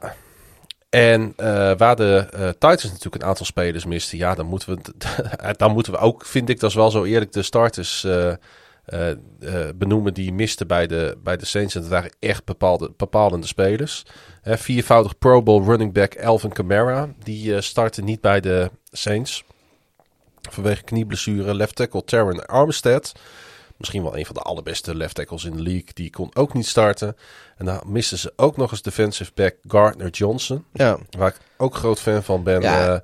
Ja, dan wordt het wel lastig. Ja, maar uiteindelijk, eh, ze waren echt heel dichtbij. Want het is gewoon een, een gemiste PAT eigenlijk waar ze die wedstrijd op verliezen. Want als die gewoon gemaakt wordt, dan maak je in het vierde kwart ook de PAT. En dan staat het gewoon 23-23. Uh, eh, en dan ga je verlengen. Maar nu, omdat ze eerder in de wedstrijd de PAT gemist hadden, moesten de Saints... Uh, ze waren wel ongelukkig hè, bij die two-point conversion. ja, maar ze, ze, werden toe gedwongen. Kijk, wat ik zeg, als, als die PAT niet mist, dan, dan maak je hem daar ook gewoon en dan, dan verleng je. Maar als je dan die two-point conversion moet maken en je wordt geflagd voor een full start, waardoor je wordt teruggezet naar de 7-yard line. Ja, dan maak je jezelf natuurlijk ook wel verrekte lastig. Uh, ja, Adam, Adam Troutman, de, de tight end, werd geflagd. En hij is. Uh, uh, je hebt, ieder team heeft wel. Iedere, iedere fanbase heeft misschien wel een speler waar je een beetje de pick op hebt. Als je begrijpt wat ik bedoel. dat hebben de Saints fans hebben dat met deze Troutman. Die ik trouwens aan het begin van het seizoen getipt had als mogelijke breakout speler. Want ik was best wel onder de indruk van hem in het eerste seizoen. Uh, ja, dit, dit, dit, dit zijn. Jij, jij kent dat, ik ken dat als je als fan voor de televisie zit te kijken. En je moet die twee punten pakken om gelijk te komen. Aan het eind van de wedstrijd. En je krijgt op die play een vlek tegen. Dan wil je alles in je huis kort en klein schoppen. Ja, er is niks zo frustrerend inderdaad dan op die manier eigenlijk gewoon uit de.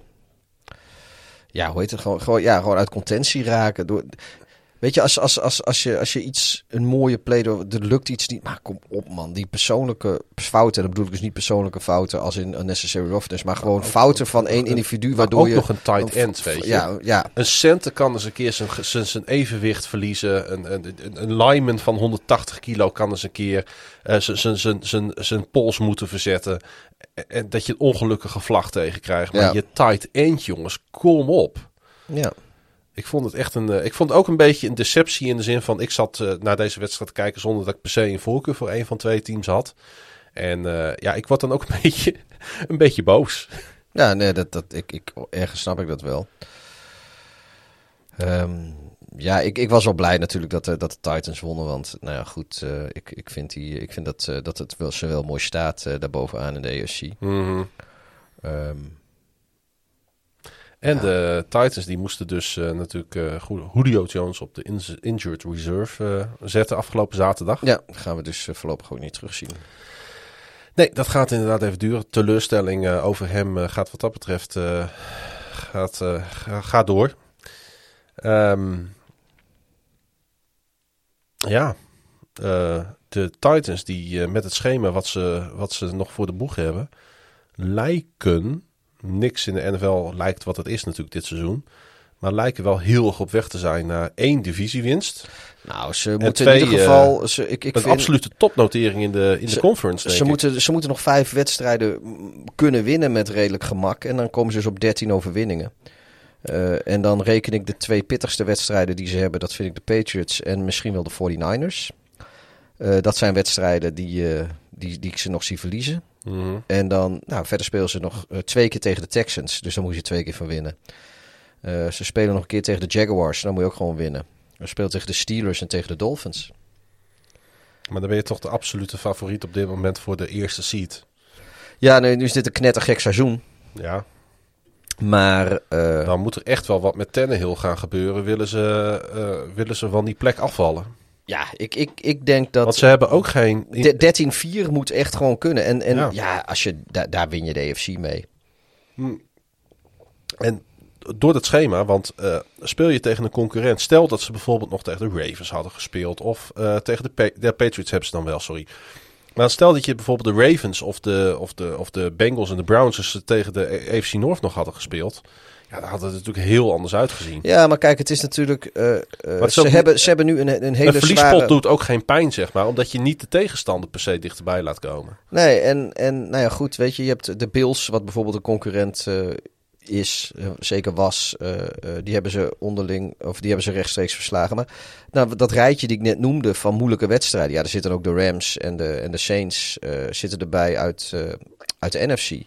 Maar weet je, normaal in dat rijtje van vijf verlies je er één, misschien wel twee even. En nou ja, dat maakt dan niet zoveel uit, omdat je daarna op papier een veel makkelijker schema krijgt. Maar ze hebben die allemaal gewonnen. En het is zo'n seizoen, en ik weet, dit is een beetje goedkoper om dit te, te benoemen. Het zit allemaal een beetje mee. Hè, eh, Tannehill die gooit een interceptie in de endzone. Wat gebeurt er? Die wordt teruggehaald omdat er een Worthing de, de passer call wordt gegeven. Hij fumbled een Een beetje snap. makkelijker call, moet ik eerlijk zeggen. Ik was de, ik, ik, Ja, ik vond hem ook makkelijk. Daarom eh, benoem ik hem Ja. ook. Eh, hij fumbled een, een, een bal. Wordt gerecoverd door Brown. Beetje gelukkig. Weet je, dat zit dan allemaal mee Ja. in zo'n wedstrijd. En als het dan uiteindelijk 21-23 wordt... Ja, dan heb je ook wel een klein beetje het geluk aan je zijde. Los van het feit dat het gewoon tegen een prima Saints team... met een ontzettend, goede defense nog steeds best wel een knappe overwinning was. ja, nu moet ik wel zeggen trouwens dat als stel dat die two-point conversion van de Saints gelukt was, had ik het allemaal nog moeten zien. Want, Had ik het ook nog eh, moeten zien, Want ja. de Titans had ik wel het idee, die liep een beetje op een tandvlees. En eh, eh, ik vraag me af of die het eh, wel gered hadden in een eventuele Eh, verlenging. Saints speelt gewoon na rust beter. ja, Zo is het ook inderdaad. Hey, ehm, de Saints die eh, spelen in Philadelphia komende zondag. En de Titans die hosten divisiegenoot Houston Texans. Ook komende zondag natuurlijk. Eh, even kijken hoor. nou, een divisiepotje in de, in de Ja. AFC eh, South. De Chiefs en de Raiders. Ik had eh, gehoopt eh, dat Oh, deze wedstrijd volgens, wat mij, spannender volgens mij ga je... Slaan sla-? Ja, we- ik zit ik mooi te vertellen over de, Oh, sorry, je hebt over de. AFC South en dat ze daar een, een divisie eh onderrondje hadden. En dan begin jij over de, de AFC West. Dat was namelijk ook een divisie onder ons. Ja. Hey, eh, dat werd eh, ook iets spannender nog op het eind dan de Colts hadden gehoopt, denk ik. Ja, Jacksonville Jaguars, Indianapolis Colts hebben het over inderdaad voor de oplettende luisteraar. Ehm, ja, Jacksonville kon terugkomen. Maar zoals we van ze gewend zijn. Ja, Colts die hebben, die, die scoorden 17 punten in het eerste kwart. Eh, sterker nog, 20 punten van hun 23 voor rust. En eh, ja, hoe is het nou toch mogelijk dat je tegen deze Jaguars nog zo spannend weer laat worden? Is dat dan toch verslapping? Ja, eh, ja ik denk dat, dat je op een gegeven moment denk je als, als Indianapolis misschien toch wel een beetje van... Nou, dit, weet je, leuk dat jullie er ook waren, Jacksonville. Maar deze zit in het zakje en wij gaan... wij, wij kijken alvast wat verder. Mhm. Ja, en in Jacksonville hebben ze niet zoveel te verliezen. Nee. Dus die, eh, die gaan gewoon door. Ja, en dan kom je inderdaad eh, nog best dichtbij even.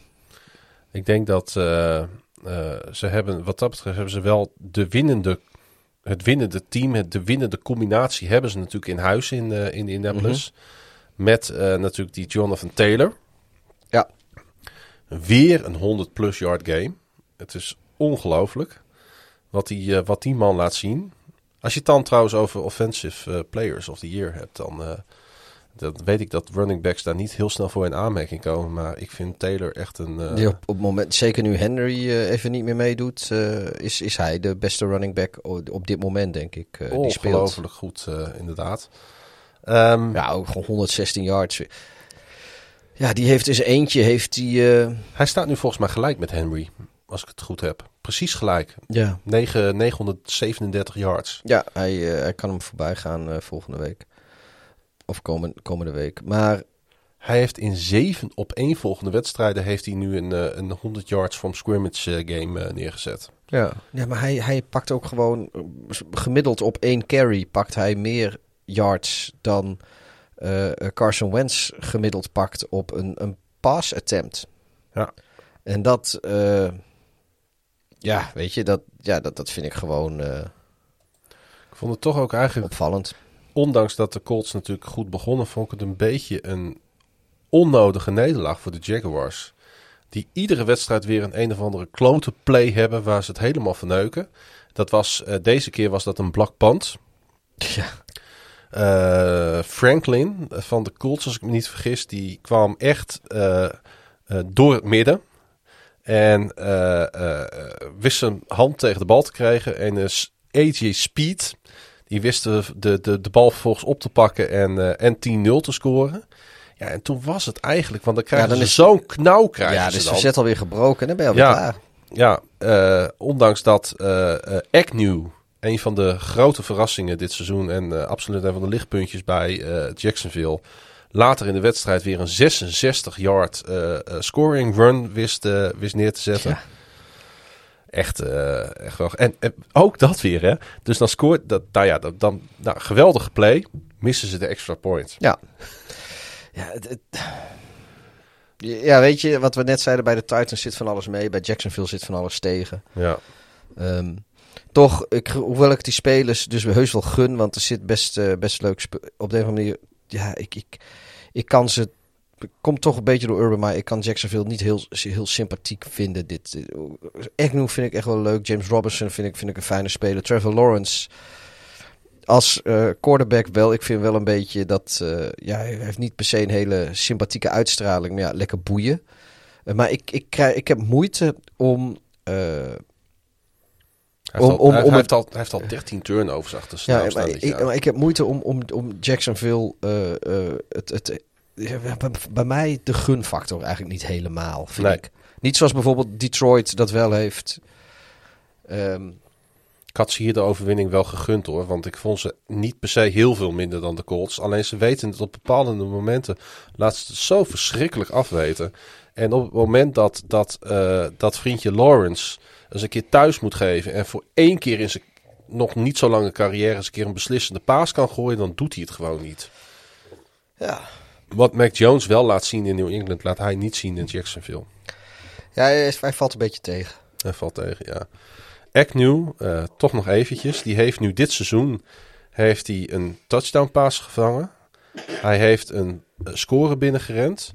Hij heeft een kick-off gereturned voor een score. Hij heeft een missed field goal voor een touchdown. Heeft hij, uh, heeft hij ook nog uh, binnengerend. Heeft hij allemaal al op zijn naam staan. Ja, hij moet eigenlijk nog een poosje de rest van het seizoen af en toe even cornerback spelen. Misschien dat hij er nog een pick six ja. heeft. En dan heb je volgens mij zo'n beetje alle, alle touchdowns gescoord die je scoren kan. Het is gewoon een leuke speler om uh, in de gaten te houden. Uh, de Jaguars die hosten San Francisco en de Colts die gaan naar Buffalo. Ja, nou en dan nu komen we wel bij de Kansas City Chiefs die de Las Vegas Raiders op gingen zoeken. Ja, we schieten op met de wedstrijden. de Chiefs die ja, jij uh, voorspelde het al hè, vorige week. Jij zei Klaas. Het is, het is lang genoeg geduurd met, met dat dipje daar in, ja. in Kansas City. Ik weet niet of ik het zo letterlijk zei, maar ik had, ja, weet je. Mahomes en, en Andy Reid en gewoon de Chiefs in het algemeen, die zijn gewoon te goed om zo lang, een heel seizoen zo matig te zijn. Nou ja, dat. dus in, in, die zin is het een veilige bet om steeds Chiefs te betten. En. dat is waar nou ja, dat, ja, en het was niet close ook, hè? Het was wel een palindroom, deze uitslag. Ik weet niet hoe vaak dat gebeurt in de NFL. Ja, dat vind je natuurlijk weer interessant. Ja, dat is, ja 41, 14, ja. Maar Holmes gooide even vijf uh, touchdown passes. Daar kun je toch uh, helemaal niks van zeggen, hè? Ja, is hij terug? Ja, je merkt mijn twijfel. Ja, je kan zeggen één wedstrijd is... Nou, in zekere zin wel. Uh, omdat één, de divisie weer, uh, weer voor hun is, zeg maar. Uh, want volgens mij hebben ze de eerste plek weer overgenomen. Ik heb de stand zo niet voor me staan. Dan moet ik even kijken voor je. Maar ze staan op 6-4, dus dat moet bijna wel. Uh, en de Raiders staan op 5-4, dus dat moet. Ja, zitten de, zitten de Chargers er niet nog boven? Nee, want die staan op 4-5 volgens mij. Maar de Chargers een tweede met 5-4 en 6-4. Ja, de Chiefs staan weer bovenaan. Ja. Het is de orde, orde, is hersteld. Ja, iets sneller dan wij denk ik verwacht ja, hadden. Chiefs, Chargers, Raiders, Broncos. Dat is de volgorde nu in de AFC West. En dat is denk ik een beetje wat wij allemaal dachten dat het zou worden. Ja. Ja, oké, het seizoen is nog niet voorbij, mensen, dus het kan nog veranderen. En het was, uh, en dat uh, moet wel heel fijn voor de Chiefs voelen. Het was eigenlijk de defense van de Chiefs. Even los van het feit dat Mahomes natuurlijk goed stond te ballen. Maar de meeste scores die kwamen een beetje in garbage time. Het was natuurlijk de defense die de Raiders in de eerste helft op 82 yards hield. Um, het minste aantal yards in een thuiswedstrijd voor de Raiders in de afgelopen acht jaar. Ze gingen 1 uit 9 voor third downs. Uh, dus de, de Chiefs oomden, om dat woord maar weer eens te gebruiken, de, de, Chiefs, uh, de Raiders volledig, hè? Ja, dit, ja, e-, eigenlijk speelden de, de, de Raiders nu een wedstrijd zoals je eigenlijk al, al weken na alle ellende die ze gehad hebben. Met, met John Gruden, de coach die wegging. Met, met Henry Rocks. Met, met Henry Rocks en zijn, zijn verschrikkelijke uh, ongeluk. En, dan, um, en, en alles wat daar omheen hing. Al dat gedoe. Um, ja, eindelijk speelde de. Of nou, eindelijk. Het is niet dat ik er, dat ik er naar uit zat te kijken. Maar ja, ze, ze speelden nu een keer zoals we eigenlijk al, al, al weken hadden gedacht. Dat ze, dat ze een keer voor de dag zouden moeten komen. Logischerwijs. Maar ook andersom hadden we denk ik ook wel verwacht dat de Chiefs weer eens een keer een statement overwinning neer zouden zetten. Ja, ja oh, dat sowieso. Weet dus, je, dat, waar, ja. dus je verwacht van alle twee verwacht je van de Raiders gaan weer een keer keihard onderuit en de Chiefs gaan weer een keer het is uithalen. Ook, het is dat trouwens kan ook, bijna niet Ja, maar het is ook wel een beetje typisch. Uh, zoals, want Derek Carr speelt natuurlijk ook niet per se heel geweldig, vond ik, deze, deze wedstrijd. Nee. Um, dat is natuurlijk ook zo. Op moment, iedere keer als, want we hebben hem afgelopen podcast hebben we een paar keer uh, redelijk de hemel ingeprezen. Uh, iedere keer als dat gebeurt, als, als je denkt van nou, die Carr is een goede quarterback dan, dan doet hij dit weer, weet je. Dan zijn er weer dit soort, uh, dit soort wedstrijden. En dat is denk ik wel het verschil tussen een goede quarterback of, of een echte top quarterback.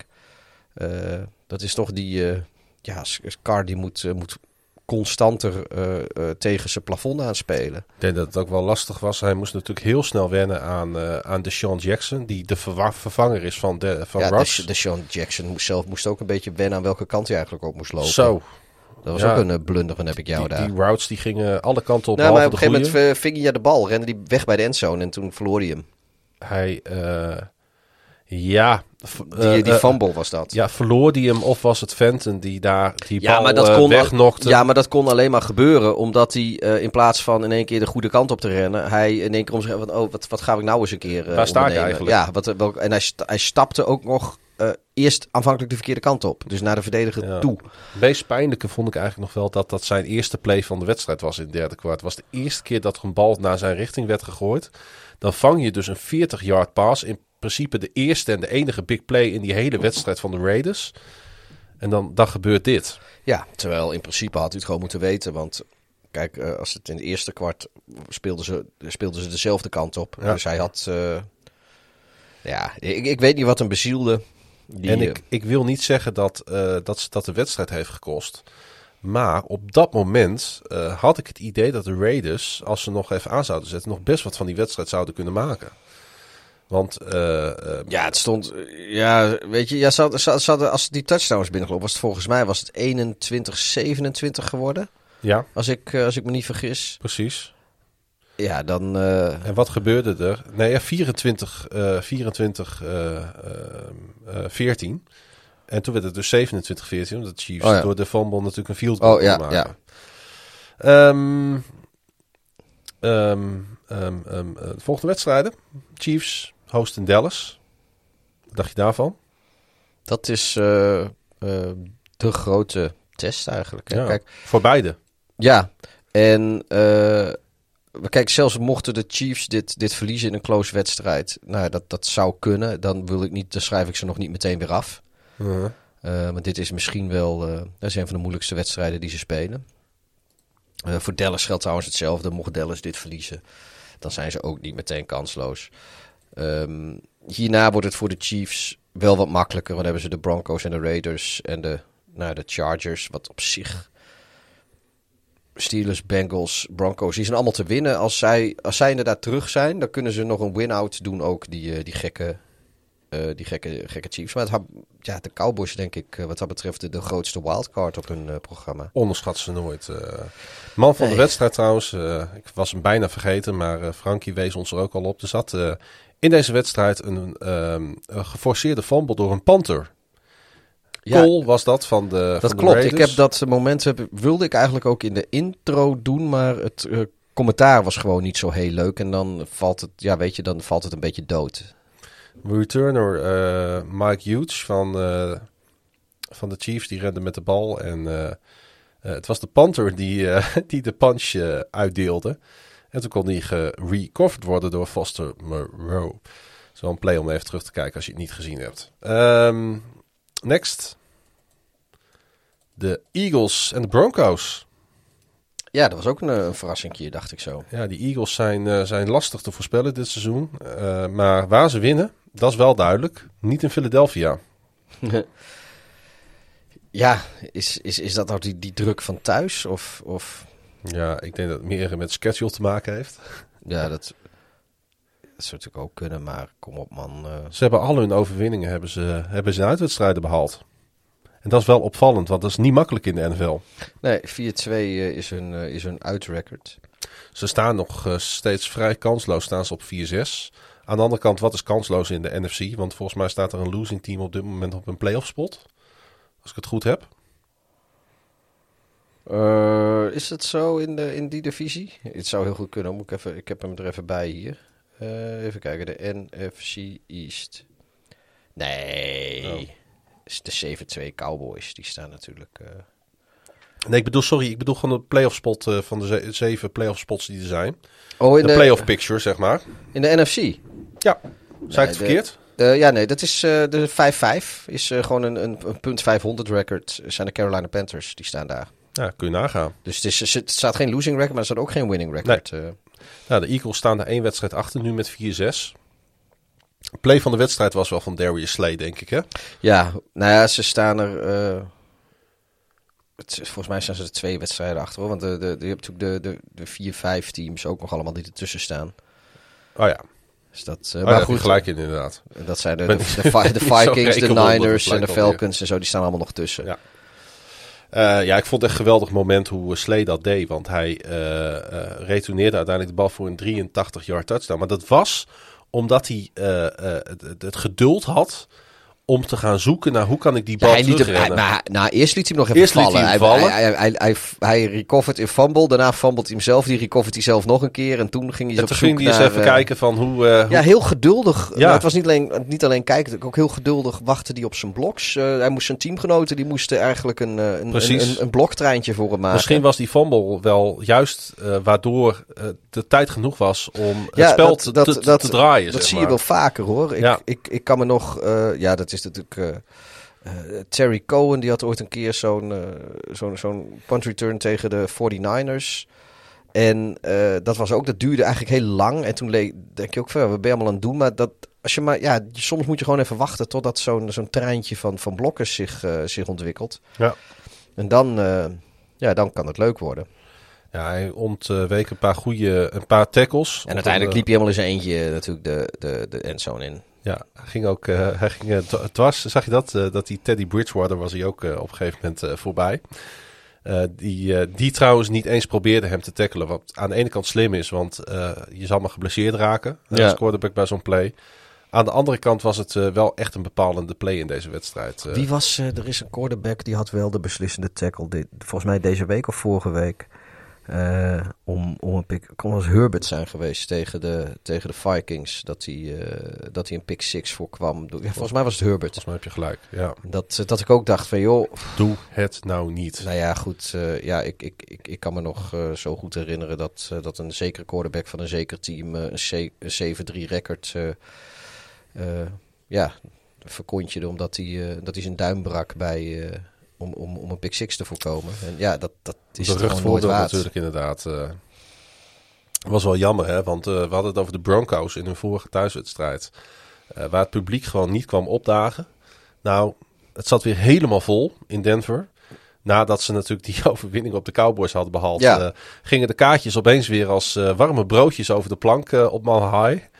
Ja, en dan verlies je met 30-13 van de Philadelphia Eagles in eigen huis. Ook de Broncos is geen pijl om op te trekken. Het is zo'n raar seizoen, dit seizoen. Ik, eh,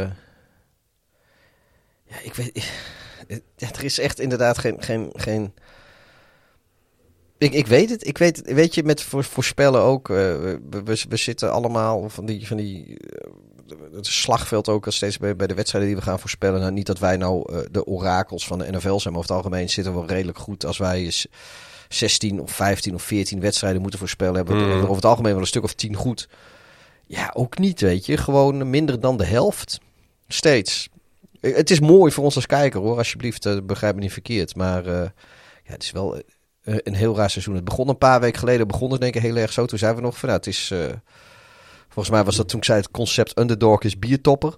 Ja. Maar ondertussen zijn we volgens mij, is dit de derde week sinds...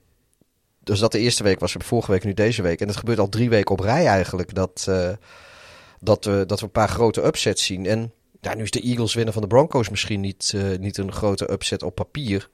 Want het is een ja, een 5-5 team die, uh, of, of, op dat moment nog een 5, uh, een 4-5 team op dat moment.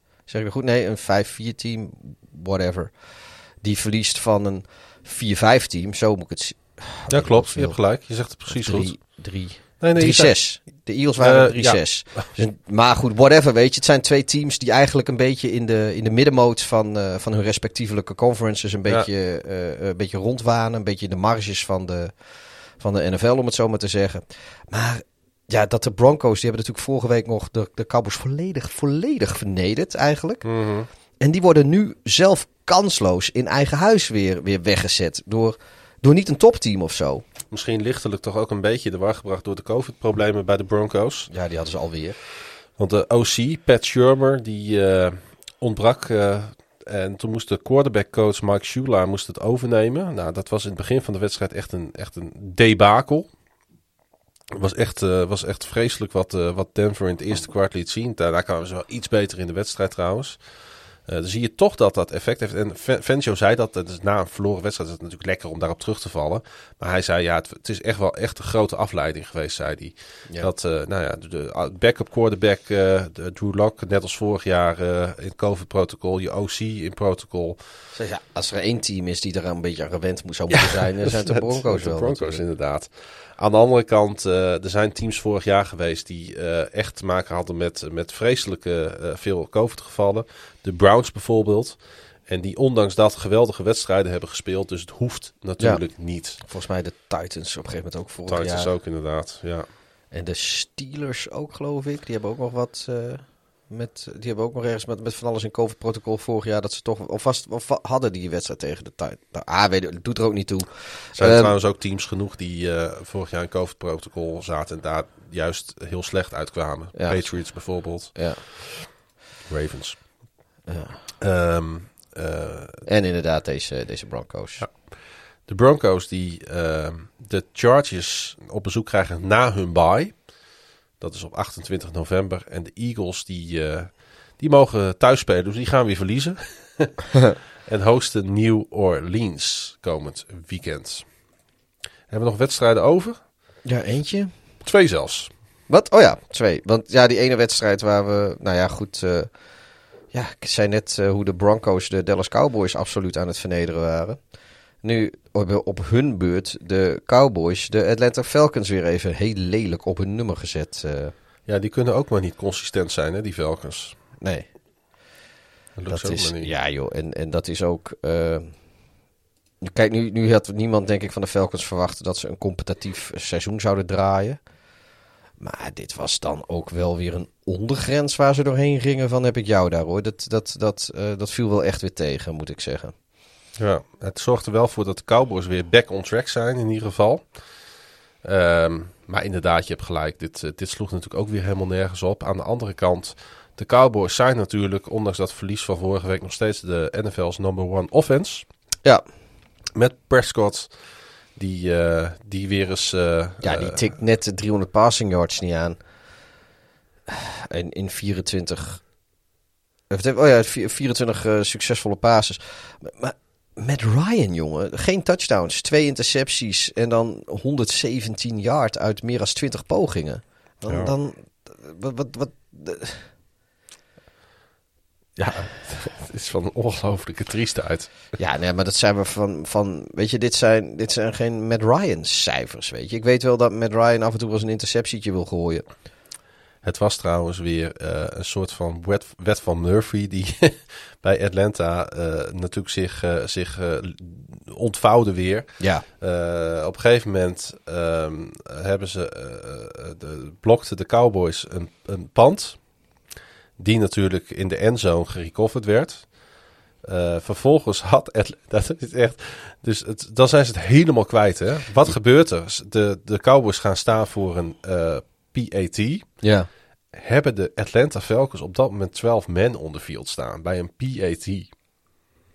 Wat doen de Cowboys? Die denken, ja, fuck it, nu ligt de bal op de 1 yard lijn. Gaan we ook voor die two-point conversion. Nou ja, dat lukte natuurlijk Elliott wel om, eh, om die Ja. binnen te rennen. Maar kom op man, dat tweede kwart gewoon 29 punten.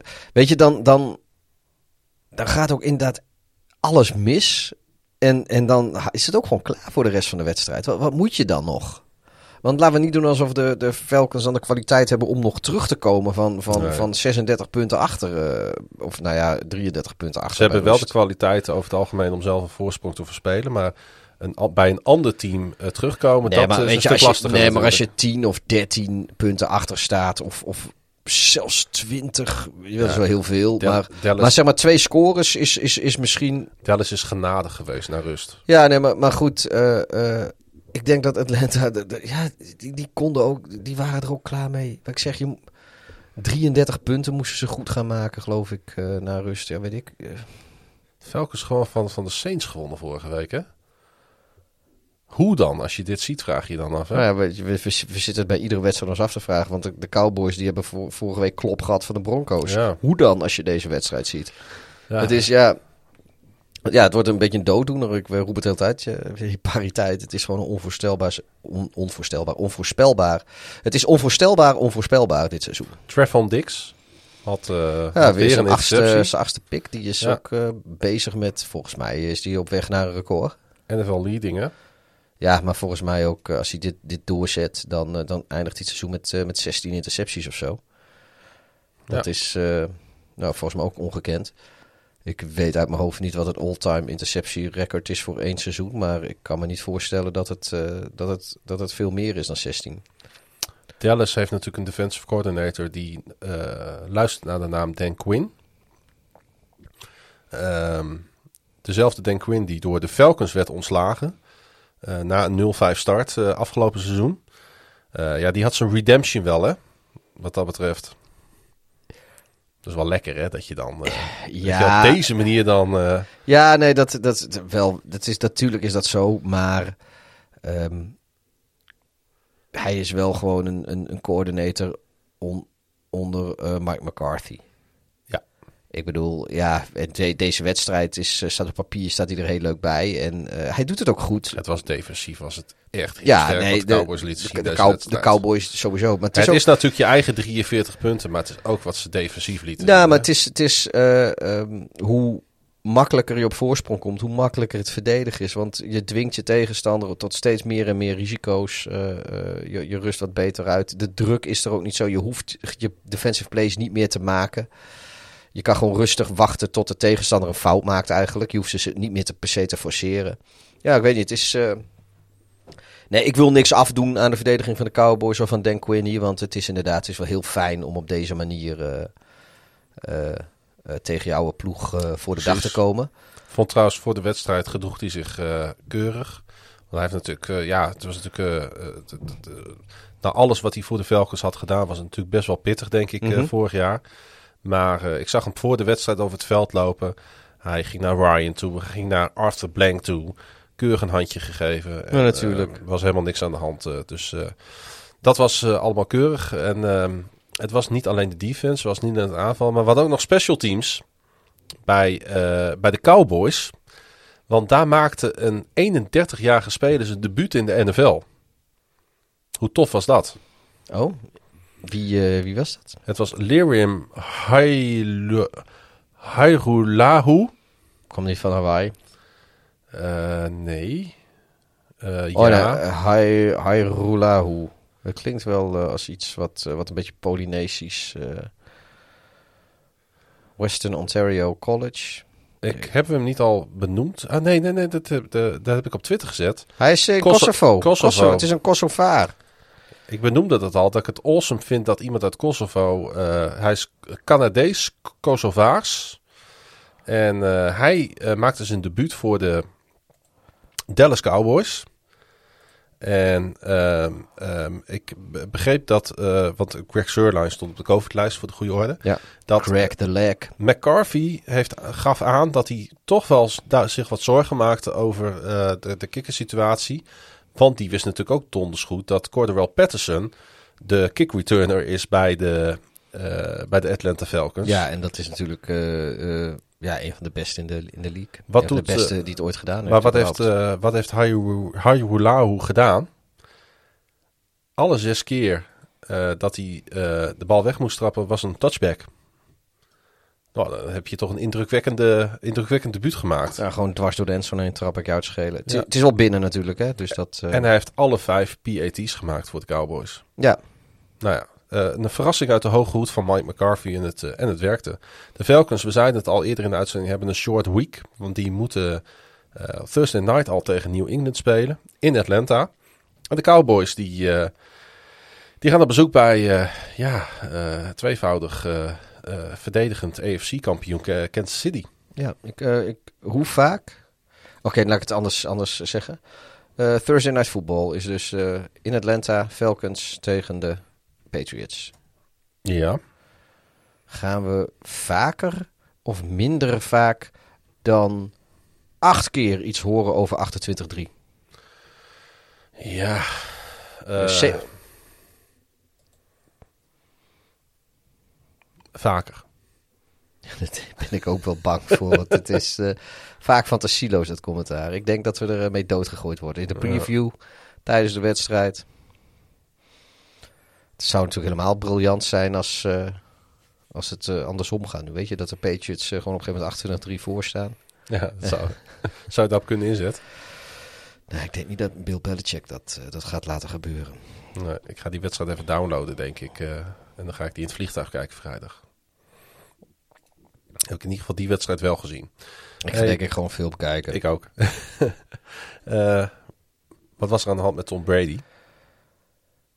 In Washington. niet zoveel. In, eh, niet zoveel. in Landover, kan ik beter zeggen. ik maak me daar niet veel zorgen over. Hij was wel, eh, zelf was hij zwaar teleurgesteld. Ik snap wel dat hij teleurgesteld is dat hij verliest. Ja. Eh, misschien was het wel een van zijn eh, mindere eh, eh, career games. Even los van zijn, misschien zijn allereerste paar seizoenen.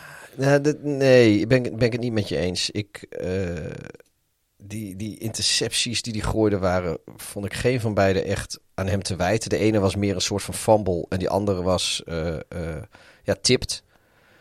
Ehm, dus ja, nee, het, het, Van zijn eerste zes passes waren twee een interceptie. Ja, Dat maar, je- dat, dat- nee, maar dat waren papieren intercepties in de zin van dat een van die intercepties was, was gewoon een, een, een paas die, die verder goed was, maar eh, eh, voordat het hele proces gecomplete was, eh, kwam die bal er weer uit. Het, was geen fumble, maar het was dus een interceptie. Maar Mhm. het was eigenlijk aan de receiver. Daar kon Tom Brady niet zoveel aan doen. Weet je, dat, die, die paasde die bal gewoon goed. En die andere eh, interceptie, ja, die werd eh, aangeraakt, geloof ik, voordat hij eh, ook door, een, door de, de receiver, voordat hij geïntercept werd, als ik met goed voor de geest haal. Dus ja, het zijn twee picks en ze staan op konto van Tom Brady. En dat, dat heeft wel degelijk invloed op hoe die eh gegrade wordt voor deze wedstrijd. Maar ja, ik vind niet dat je nou net moet doen alsof Tom Brady twee intercepties gooide. Zo van in zijn eerste paar pasen. Zo van nou, die, hij stond zeg maar maar half slapend daar te quarterbacken of zo. Dat, Nee. dat was niet zo. dat is op zich waar. Eh, wat we wel kunnen constateren, je hebt eh, zeker een punt hoor, is natuurlijk dat de Buccaneers die vorig eh, jaar wedstrijd op wedstrijd op wedstrijd gewoon topfit bleven en maar geen blessures met blessures te maken kregen. die hebben dit seizoen, wat- dat kon natuurlijk ook niet goed gaan. Nee, Maar dat, is, nu- dat, is, dat maar- is gewoon niet sustainable. Maar nu beginnen ze toch echt bij bosjes om te vallen daar bij Tampa Bay. Ja. Want Ik zag Vita V, eh, de nose tackle, eh, geweldig speler. Die werd met een behoorlijke blessure van het veld gereden. Ja, dat, dat, dat gaat toch pijn doen. En je, de, daar begon trouwens de- iedereen ook over na de wedstrijd hoor. Dat ze zeiden van ja, we beginnen toch nu echt spelers te missen die we vorig jaar wel hadden. Ja. Ja, nee, ik, dat, dat, speelt mee. Uh, ik, ik wil vooral wel. Uh, Aan de andere kant trouwens ook, hè?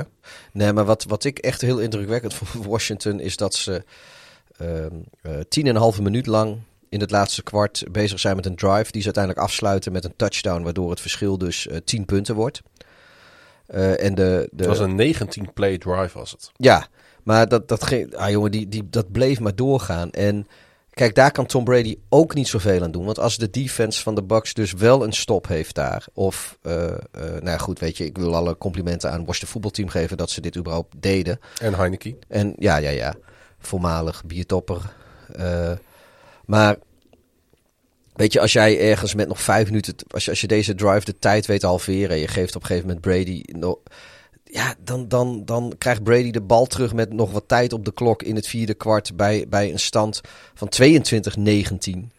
Ja joh, dan moet, moet ik het nog zien. Maar het feit dat ze uh, uh, gewoon ja, de, de, de Brady de bal niet meer gunnen, mm -hmm. dat, dat zorgt ervoor dat Washington wint. En alle props voor Washington nogmaals.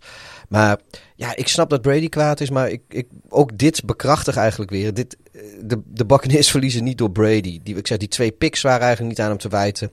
En het feit dat, uh, ja, de, ze hebben wel de bal even gehad in het vierde kwart. Nou ja, goed, toen heeft hij ook meteen een, uh, een touchdown pass gegooid, 40 yard, op Mike Evans. Mm -hmm.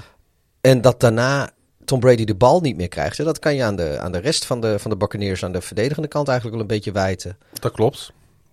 Maar nogmaals, ik wil, ben vooral onder de indruk van Washington. Het was een schitterende upset dit. Uh... Die uh, natuurlijk uh, ook de ene na de spelen, andere spelen dit seizoen al zagen wegvallen. Dan ook nog eens de regerend NFL Defensive Rookie of the Year Chase Young. Die, um, ja, die in de eerste helft... zien. nee, in de eerste helft al met een rechte knieblessure uitviel. Um, wat ik mooi vond, is dat hij tijdens halftime een speech heeft gegeven aan zijn teamspelers. En de tweede helft, en dat vond ik toch wel een heel treurig gezicht, stond hij met krukken uh, toe te kijken vanaf de zijlijn. Ja. En dat is waar we Chase Young niet willen zien. Het is een beetje zoals we Louis van Gaal uh, bij het Nederlands elftal nou, dat vanavond. Vond, dat, vond, uh, dat deed mij ergens, niet dat ik daar emotioneel van wat, maar ik merkte wel dat dat beeld iets met Ja. mij deed. Ja, nou ja, weet je, Chase Young die had natuurlijk vorig jaar een schitterende, schitterend seizoen. Uh, we, we waren het er wel een beetje over eens dat die Washington defense en Chase Young ons dit, dit seizoen een beetje tegenvielen. Nou, nu, uh, nu doet die defense, die is uh, knap bezig. Want die hebben natuurlijk de hele eerste helft eigenlijk hebben ze geen touchdown weggegeven aan Tom Brady en de, Mm -hmm. en de, en de Buccaneers. Um, ja, en, en dan, dan dit, weet je, is gewoon, dit wil je niet zien. Ja, en uh, de, de uh, voetbalteam uh, rookt natuurlijk bloed. Want Riverboat Ron deed eindelijk weer zijn naam eer aan door op een uh, 4 en 1 uh, niet vanaf de 1 yard line niet voor de field goal te gaan, maar voor de score. En toen stonden er trouwens, dat was met nog een halve minuut te gaan. En ja, wie moet je dan de bal geven? Antonio Gibson natuurlijk. Die zijn tweede touchdown run van de dag ja. neerzette. Ja, ik, ik vond het wel echt heel mooi, want daardoor uh, werd het uh, ja, gewoon een two-score game. Het en was onoverbrugbaar natuurlijk. Ja. Dan, dan kan zelfs Tom Brady niks meer. Maar het was een klein risico. Aan de andere kant, ik vond het ook wel mooi dat, uh, dat, dat nou weet je, ook al mislukt het. Nou goed, dan, dan wordt het in één keer serieus een heel andere wedstrijd. Maar um, volgens mij was het, wat was het, 3, 23, 23, 19 was het, als, als het zeg maar niet mislukt was... Of mm -hmm. niet gelukt was. Ja. Dus ja, dan was het uh, met, een, uh, met, een, met een field goal was het... Uh, ja. Weet je, het was sowieso een touchdown hadden ze moeten maken. En dat zat er deze wedstrijd al gevoelsmatig ook niet in. Nee, ja, maar dus het is eigenlijk een, het was niet eens een, echt een gok. Want als ze, als ze misten, zeg maar als die touchdown er niet gekomen was, dan was het gat volgens mij vier punten geweest. Mm -hmm. En als de field goal er was geweest, was het gat zeven punten geweest. Dus uh, hoe dan ook uh, hadden ze met een touchdown de, de Buccaneers moeten kunnen verlengen of, of, of, of alsnog... Uh, ja, dus het, ik, ik weet het was niet een hele ingewikkelde gok, laat ik het zo zeggen. Ik denk dat de Buccaneers vooral moeten hopen dat ze weer een beetje fitter worden. Ze moesten het natuurlijk zonder Antonio Brown doen, de wide receivers. Moesten het zonder Rob Gronkowski doen die natuurlijk met een ribblessure zit. En in de warming-up viel uh, cornerback Richard Sherman ook nog eens uit. Die kon niet spelen. Uh, ja, dan missen daar wel wat grote namen. En dat uh, begint ook daar gewoon een beetje pijn te doen. Ja, de, nou ja ze, mo ze, mogen tegen de Giants, dus... Ja, maar ze hebben nu twee wedstrijden op rij verloren natuurlijk, de Buccaneers. Um, ik moet het nog maar zien ja. tegen die Giants op primetime op Monday Night Football. En de Washington voetbalteam die gaan op bezoek bij de Carolina Panthers. Carolina Panthers. en, dat, en, dat, betekent natuurlijk dat Ron Rivera uh, terugkeert. Uh, en uh, Cam Newton daar zijn eerste thuiswedstrijd speelt. Ja. Goed. dat wordt een, een hele ouderwets weerzien met allemaal illustere namen uit het verleden. Het. Dus even het goede knopje vinden. Maar hij is terug van weg geweest. Dat hoor ik ook vaker. Mijn hemel. We zijn ons wel door deze uitzending heen aan het slepen. Ik weet niet of het ook zo klinkt. Vast wel. Ja, ik denk het ook.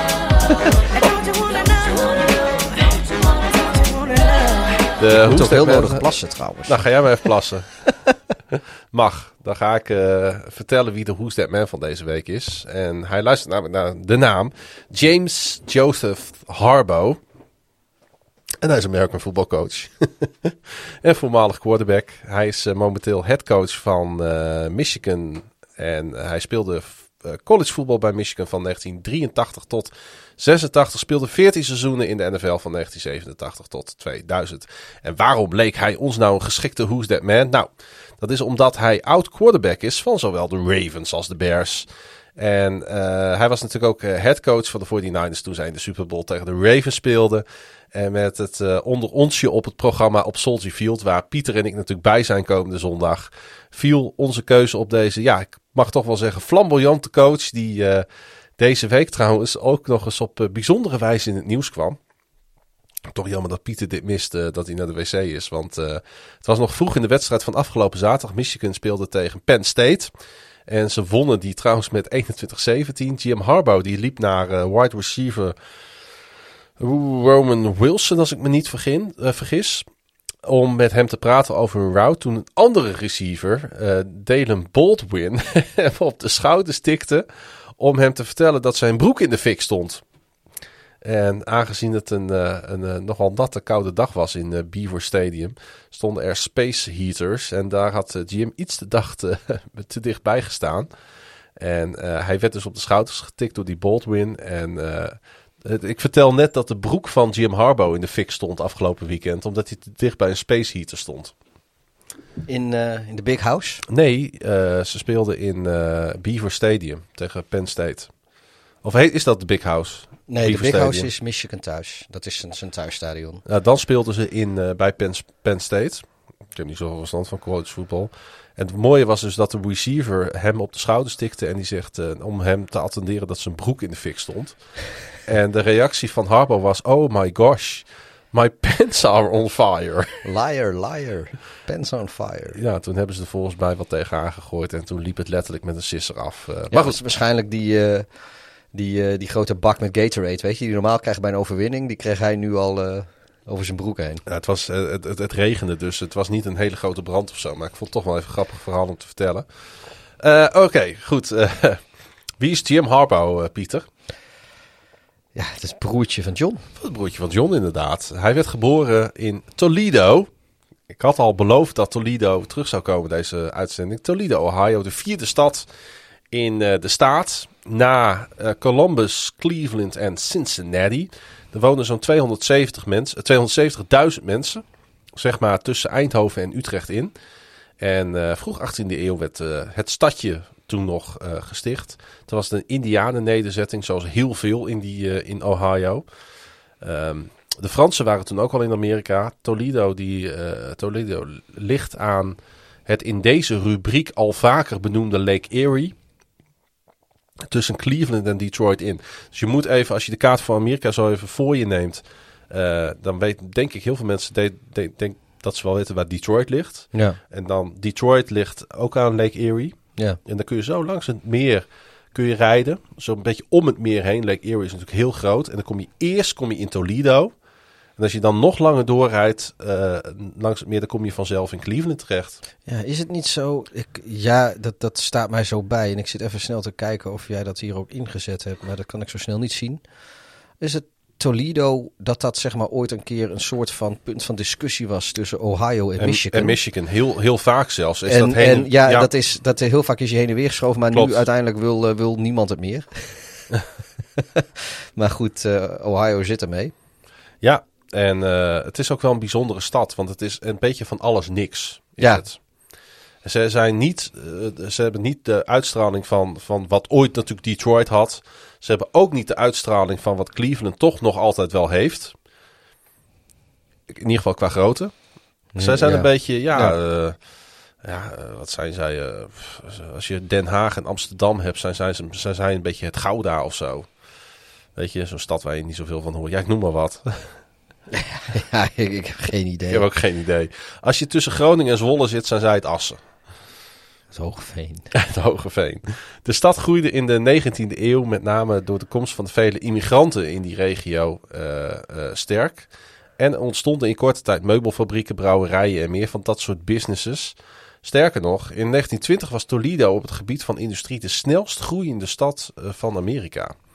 Maar hun groei werd ook hun ondergang omdat natuurlijk in de jaren 30, uh, nog een tien jaar later, de Great Depression uitbrak in Amerika. Uh, en de industrie werd in de Great Depression natuurlijk hard geraakt, waardoor Toledo op zijn gat kwam te liggen. Na de oorlog trok overal de industrie in Amerika weer aan. Dat waren natuurlijk de, de, de, de florerende jaren 50 en 60 in Amerika. Um, en toen werd het een toevluchtsoord voor Afro-Amerikanen. In een toch lastige tijd. Net als op veel andere plekken in de Verenigde Staten kende ook Toledo de discriminerende praktijk van redlining. Ik had eigenlijk nog niet van het woord gehoord voordat ik hiermee bezig was. Maar dat speelde heel erg in uh, Toledo. Afro-Amerikanen werden als een financieel risico gezien, kregen geen kredieten, geen gezondheidszorg in ja, bepaalde delen van de stad. Mochten ze eigenlijk niet eens komen. Ja. En zo ontstonden natuurlijk, uh, ja, die, de, tot op de dag van vandaag heeft Amerika daar uh, tussen aanhalingstekens toch wel last van, de witte en de zwarte wijken. Wat je natuurlijk in heel veel steden hebt gezien, met name in die regio waar die redlining dus heel erg werd toegepast. Uh, in, in, ik denk dat Detroit daar ook een, een goed voorbeeld van is. Ja. In de loop van de jaren ging de stad er, uh, er niet op vooruit. En dat is eigenlijk een understatement. Net als veel andere steden in de regio, zoals Detroit en Cleveland, was in de jaren 80 het centrum van de stad een gevaarlijke en desolate plek. Uh, ik, ja, wat je natuurlijk. Ja, je hebt natuurlijk heel veel van die steden in de Verenigde Staten waar downtown, waar gewoon niet gewoond werd, omdat je had die urban sprawl, dus iedereen die ging naar de buitenwijken. Ja. En uh, downtown werd eigenlijk alleen maar gewerkt. Er waren kantoren en, en, en soms zelfs ook gewoon fabrieken in, in sommige steden. Ja, en als het dan slecht gaat met de economie en die kantoren die trekken er weg, ja, dan, dan sowieso, als, zelfs als de kantoren bezet zijn, is het na sluitingstijd en in de weekenden is het er al rustig en gevaarlijk. En dat trekt natuurlijk gespuis aan. Ja. En uh, ja, als, maar als dan ook nog het economisch slechter gaat met, met een stad of met een streek en de bedrijvigheid trekt weg uit de binnenstad, ja, dan, dan wordt dat een beetje uitgestorven. Detroit is er ook een heel mooi voorbeeld van. Iedereen kent die beelden wel uit de jaren 80, 90 uit dit soort Amerikaanse steden. Ja, dat is echt, het waren echt rovershollen werden dat, hè? Ja, maar goed, de, bijvoorbeeld in Chicago was dat ook zo. Voor, voor, ja, het valt nu allemaal wel mee. Maar ja. er is een hele tijd geweest dat de binnenstad van Chicago, de Loop, dat was ja, zo, zo als het niet tijdens kantooruren, dag overdag was, dan kwam je daar liever niet. Want ja, er waren niet zoveel mensen op straat. Er was niet zo heel veel te doen. Dus eigenlijk die laatste twintig jaar van de vorige ja. eeuw zag je dat uh, overal op, uh, op, uh, opduiken. Ja, kijk, dat, New York is wat dat betreft altijd een beetje een uitzondering geweest. Dat er in Manhattan ja. eigenlijk altijd wel gewoond werd. En dat er delen wel van Manhattan waren waar er niet zoveel werd gewoond. Maar genoeg om, um, ja... Ja, wat je dan uh, ziet in Toledo en ook in heel veel andere steden. En uh, Detroit zie je daar ook al uh, vleugjes van terug. Um, is dat, dat nu die binnensteden helemaal aan het verhipsteren zijn. Want ik heb even op YouTube een kleine documentaire gekeken over Toledo. Oude gebouwen worden daar opgeknapt. Inwoners zetten met urban gardening projecten op. Vervallen gebouwen worden restaurants en galerieën. En Toledo schijnt in rap tempo op dit moment te verhippen. Te verjuppen. En dat is natuurlijk wel zo in, die, eh, in dat soort steden.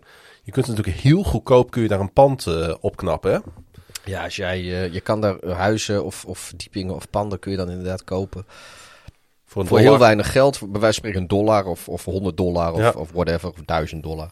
En dan is vaak de voorwaarde wel dat je het binnen, eh, binnen 12 of 24 of 18 maanden of zoiets, dat je het, eh, dat je het hebt opgeknapt.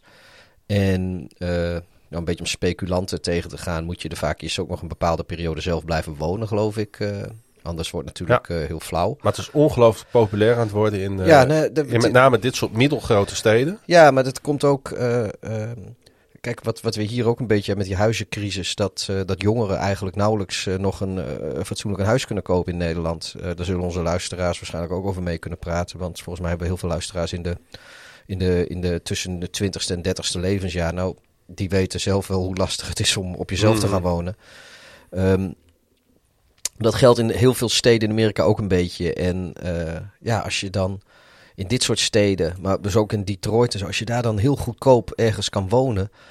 En de werkgelegenheid die volgt dan ook vaak weer wel, weet je. Want als, als daar dan gewoon heel veel beroepsbevolking zit, ja, dan, dan en vaak zie je dan creatieve start-ups en, en, en allemaal van dat soort bedrijven. En natuurlijk ook heel veel, eh, ja, heel veel in de, in de tech en de IT, want dat zijn ook heel veel banen die je van afstand kan doen. Dus je hoeft niet per se in Silicon Valley te wonen om eh, programmeur te zijn, om maar wat te noemen. Als jij, dat kun je ook thuis, als je maar internet hebt en een Ja, laptop. En het heeft natuurlijk een aanzuigende werking. Want Ja. die mensen die moeten wel naar de stad komen. Dus wat gaat er dan ontstaan? Horeca. Ja, die moet, ze moeten eten, drinken, Ze moeten eten, ze drinken. kopen dingen. Ja, En absoluut. eh, het is zelfs goed, eh, weet je, zeker als ze in de binnenstad gaan wonen, waar, ja, dat, dat is, ik weet niet of dat voor Toledo ook gaat, maar het is ook goed voor de ontwikkeling van bijvoorbeeld openbaar vervoer, omdat je eh, heel veel mensen Zeker. in de binnenstad hebt die daar misschien, eh, weet je, je ziet in één keer, dat, dat zie je in, in Detroit en in Chicago wat minder, maar Detroit hebben ze heel veel gezien, die, die, die rare elektrische scootertjes die je tegenwoordig hier ook wel ziet. Hmm. Eh, daar, die hele binnenstad was ermee bezaaid. Want ja,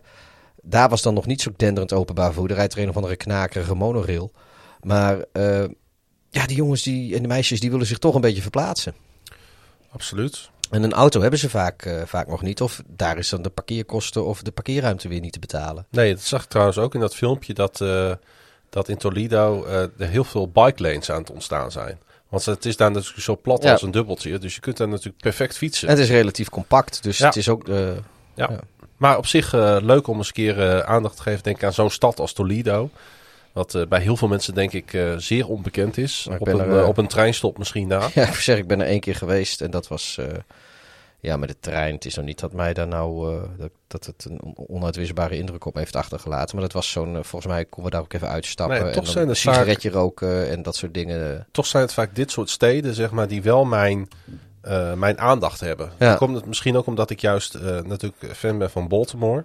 En ook van de stad Baltimore. Dat, dat dit soort steden heel erg kunnen verrassen. Omdat mensen het ook echt heel tof vinden. Dat als je kenbaar maakt van ja, ik kom hier eigenlijk niet vandaan. eh, wat kan ik hier eigenlijk doen? Dat mensen heel erg enthousiast over hun stad worden. Ja. Eh, terug naar Jim. Ja, Hij werd in 1963 geboren. En in 1964 kreeg zijn vader Jack, die ook geboren is in Ohio, zijn eerste serieuze baan als headcoach bij een high school in de buurt van Toledo. Later zou hij, en dan heb ik dus over het vader Jack, furoren maken bij grote teams als Iowa, Michigan, Stanford, Western Michigan, Western Kentucky en San Diego. Nooit was hij coach in de NFL. Uh, maar uh, het betekende wel dat de familie vaak verhuisde. Jim ging naar high school in Ann Arbor, Michigan. Zeer bekend denk ik bij de meeste volgers van de NFL en college voetbal. dat is inderdaad waar de big house is. En uh, Palo Alto in California, terwijl zijn vader op dat moment assistentcoach was bij Michigan en Stanford. Stanford natuurlijk in, uh, in Californië. In 1982 studeerde Jim af op uh, Palo Alto. Dat was dus zijn high school. En hij keerde toen weer terug naar Ann Arbor om drie jaar lang de quarterback te zijn van de Wolverines. De Wolverines. Als vijfdejaars senior leidde hij Michigan in 1986 naar de 1987 Rose Bowl. En was hij kans hebben voor de Heisman Trophy. Uiteindelijk eindigde hij als derde. Maar hij studeerde dus af bij uh, Palo Alto. En toen dacht ik van, hé, hey, Palo Alto, die hebben we nog niet eerder uh, in uh, deze toch wel legendarische rubriek te pakken gehad. Dus laat ik eens even kijken naar wat voor high school dat is. En dan kijken we natuurlijk altijd even naar de notale, notabele alumni. Ik ken Palo Alto alleen maar van de firewalls. Dat is een merk firewall. Die gebruiken wij op ons werk. Oh, nou ja, goed. uh, Zal ook wel daar vandaan komen. Het Het is zal een Silicon Valley zijn, Palo precies. Het is, een, de, het, is een, eh, het is ook gewoon een plaats. ja, dat Palo Alto. Ehm, ik eh, kwam tegen alumni van deze high school. eh Devante Adams, de wide receiver van de Packers natuurlijk. Mhm. Lisa Brennan Jobs, de dochter van Steve Jobs. Ah. Over tech gesproken. Ja, die, eh, die Steve Jobs die schijnt ook wel wat mee gedaan te hebben. En eh, eh, wat te denken van James Franco. Hey, dat is die acteur die speelde in onder andere eh, eh, die maffia-serie New Jersey, eh The Sopranos. Heeft hij volgens mij gespeeld, heeft hij een rolletje in gehad. Maar we- Ja, maar hij is bekend van de Spider-Man-trilogie. Oh, hij was de zoon van Norman Osborn, de Green Goblin. Hij was bla bla bla Osborn, Jack Osborn of zo, weet ik veel. Osborn, Zou kunnen. vriendje van, van Peter Parker. Ik ken hem ook uit Eat, Pray, Love, de film. Zat hij wel in de Sopranos dan? Weet ik niet, joh. Of ben ik nu weer in de war met iemand anders? Ik denk het wel. Anders had ik het vast, eh, vast geweten, want de Sopranos eh, vind ik ook een toffe serie. We gaan gewoon eens even kijken. Waar, eh, James Franco? ja, ik zit even op zijn, IMDb-pagina. Oh, Dan pakken we er gewoon even Was bij. ik me, joh. Ik er even, even wat bij. Oh, hey, jongens, we gaan heel ver terug. Denk het niet, hè? Ik weet, de Sopranos was 99 begon. Nee, daar heeft hij inderdaad niet in gezeten. Harry Osborn was het trouwens. In ieder geval de zoon Oh, van ja. Norman Osborn. Dat had ik dan wel weer goed. Ja, nou ja, ik kan ook niet alles weten, jongens. Eh, ga jij maar weer verder, want eh Waar die, ook maak er een puin op. waar die ook bekend van is trouwens, James eh, Franco, is zijn rol als James Dean. In een biografische film over diens leven. Want hij lijkt namelijk ongelooflijk veel op, op James Dean. Als je zijn foto bekijkt, dan, dan zie je de gelijkenissen wel. En ehm, hij ging dus naar Michigan. Ja, over Michigan. Ja, dat is natuurlijk een gigantisch eh, college in Amerika. Een van de grootste colleges in het land. Waar, eh, Arbor. president eh, Gerald Ford afstudeerde, onder andere. Michigan, ik zat even te kijken, hè. Michigan als, als university heeft 34 Pulitzer Prize winnaars voortgebracht en 9 Nobelwinnaars. Wanneer hebben ze voor het laatst van Ohio State gewonnen? Want dat is een aardsrivaal. Geen idee. Volgens mij heeft die hele Harbo daar nog nooit van gewonnen. Met, Ja, hij is eigenlijk niet, zo, niet eens zo super succesvol als coach daar, hè? Nou ja, in ieder geval, hij wint niet van Ohio State. Nee. En dat is wel wat dat telt. Het is daar zelfs zo dat ik weet dat bij Ohio State op de campus is het zo dat als ze tegen de week dat ze tegen Michigan spelen, dan volgens mij heb ik het vaker verteld in de podcast, dan worden op alle bordjes en eh, weg, bewegwijzeringen en alles op de campus waar het een, een M in zit, wordt de M afgeplakt. Klopt. De letter M wordt overal afgeplakt. Ja. Oh, vind ik, het is zo, zo kinderachtig dat ik het gewoon schitterend vind. Ja.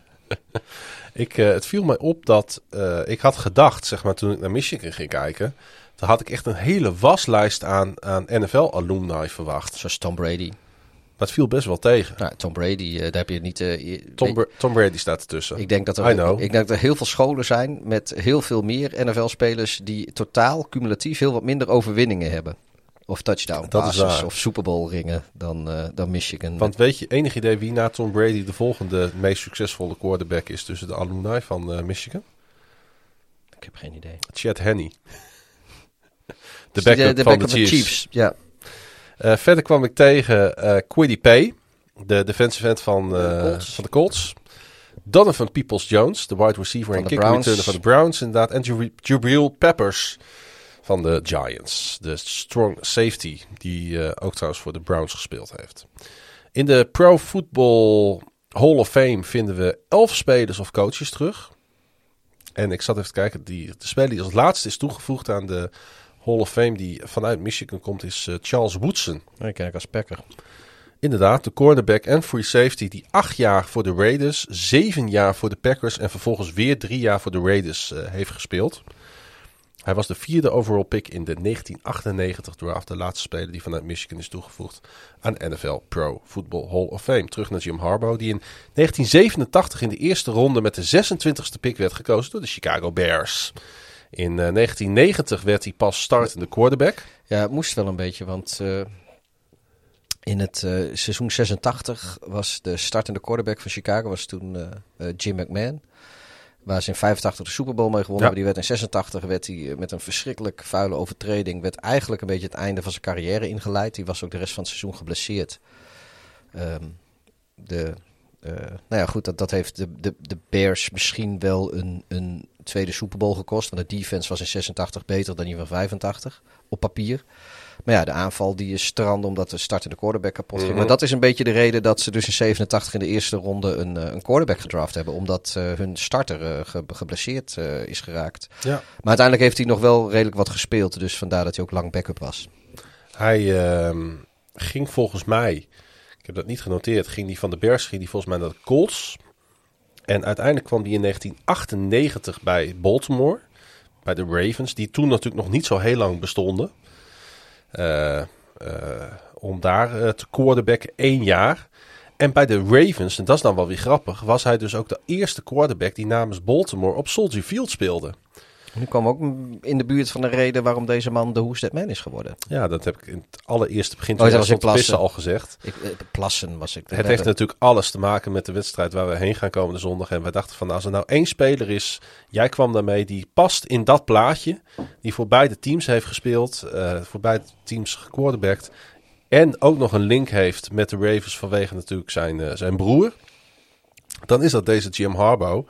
Die dus uh, in 1998 de quarterback van de Ravens was. Het werd 3-24 in het voordeel van de Bears. Dus het was een kansloze nederlaag in een van, uh, ja, een van die weinige losing seasons van de Ravens in hun uh, franchise bestaan. Nou, sterker nog, um, de eerste touchdown van de Ravens op Soldier Field hebben wij volgens mij allebei gezien. Dat was die wedstrijd. Dat is de laatste keer dat ze op Soldier Field speelden. Ja. Volgens mij hebben ze ja, nu 3-24. Volgens mij hebben ze nog een keer twee field goals gemaakt. En pas de laatste keer met Joe Flacco. Joe Flacco zal de eerste touchdown namens Ravens op Soldier Field gegooid dat, hebben. Uh, dat, dat moet als, wel. als het niet Ray Rice was met twee rushing touchdowns. Trouwens, het was kloten weer. En volgens mij was Ray Rice toen nog vol, uh, vol bezig uh, ja. met running back of jullie. Dus kunnen ook rushing touchdowns geweest zijn. Dat weet ik niet meer uit mijn hoofd. Maar goed, dat, uh, we hebben allebei die wedstrijd gekeken. Dus dat waren denk ik de eerste touchdowns namens Baltimore. Ja. En wat ik dan wel weer grappig vond, als je naar zo'n wedstrijd zit te kijken uit 1998. De enige score voor de Ravens kwam op naam van placekicker Matt Stover. Dus ook de eerste score van de Ravens uh, ooit, Matt Stover. En uh, mocht ik nou toevallig net met um, deze Matt Stover een keer geluncht hebben. Wat, wat at je? Uh, dat weet ik nog. Cordon ja, bleu. Want, ja, normaal ben je niet zo van het eten, maar dit, dit het ben je was, niet vergeten. het was kip cordon bleu met gorgonzola. Oeh, dat, dat werd geserveerd in, de, in de kantine van de Ravens. En wat at met Stover? Een salade. Blijft ook een atleet, hè? Ja, Hoe ah, hij zag er echt...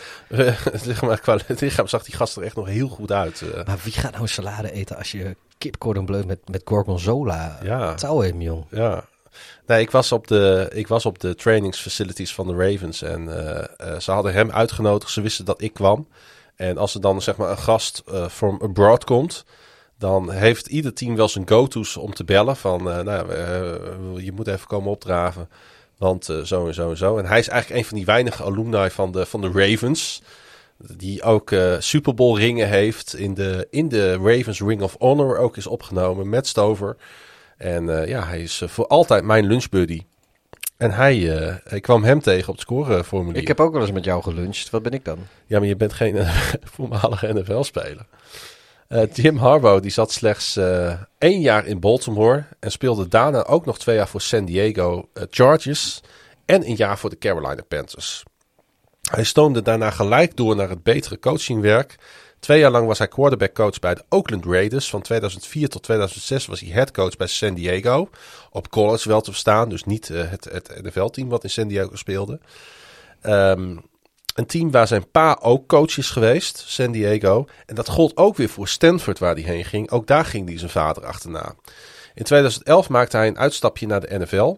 En werd hij head coach bij de San Francisco 49ers. En dat was eigenlijk best wel succesvol. Want in zijn eerste drie seizoenen leidde hij de Niners naar de NFC Championship Game. Wow, ja. dat zijn prestaties van formaat. Uh, uh, want uh, dat was in die periode dat daarvoor San Francisco acht jaar lang eigenlijk knijtertje slecht was, hè? Ja, hij, hij kwam na Singletary of voor Singletary? Voor, nee, Singletary kwam naar hem volgens mij. Ja. Weet maar dat ik was niet. ook heel Zit slecht. te twijfelen. Of was hij voorzinger? Maar in ieder geval, het was... eh, dat was weer zo, weet je, dat, dat was in een tijd dat de NFC West, die we al jarenlang een beetje de NFC Best noemen, omdat met de Rams en de Seahawks en de, de Niners en, en nu weer de Cardinals altijd goede teams in zitten.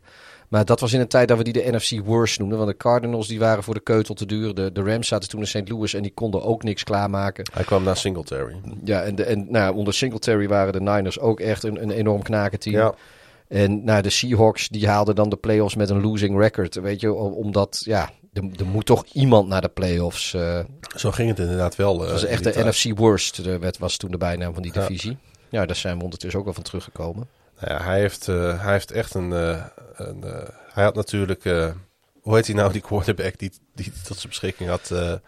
Kaepernick. Tot Ja, zijn, eerst eh, Alex Smith. En, eerst eh, en toen, daarna eh, en, en toen Colin Kaepernick, toen Smith een keer geblesseerd raakte. En toen was het al vrij rap, mocht Smith naar de Kansas City Chiefs vertrekken. Ja. En werd Kaepernick, die bleef daar.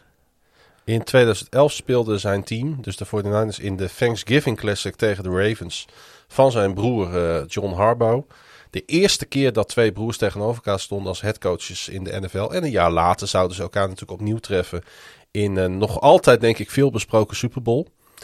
Ik heb het er eigenlijk nooit meer over. maar dat was die waar het licht uitviel. Juist, in eh, New Orleans was dat. eh.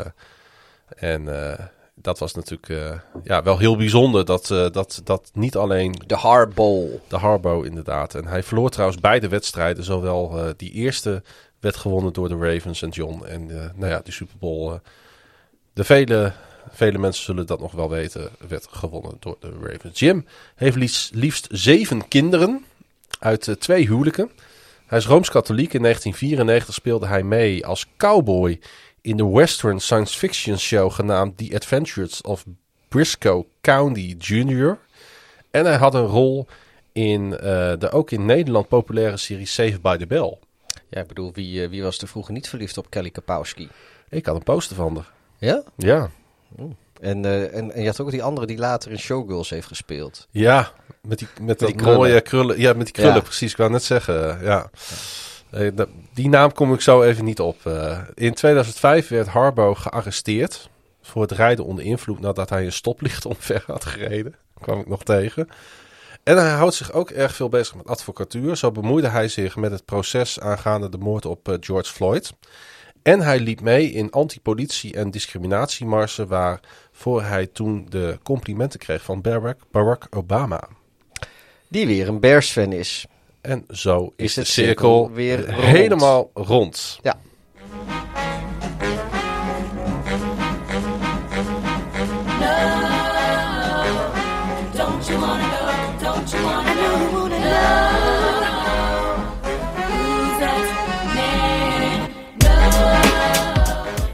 Jim Harbaugh, voormalig quarterback van zowel de Chicago Bears als de Baltimore Ravens, is de Who's That Man van deze vijftigste aflevering van NFL op woensdag, Pieter.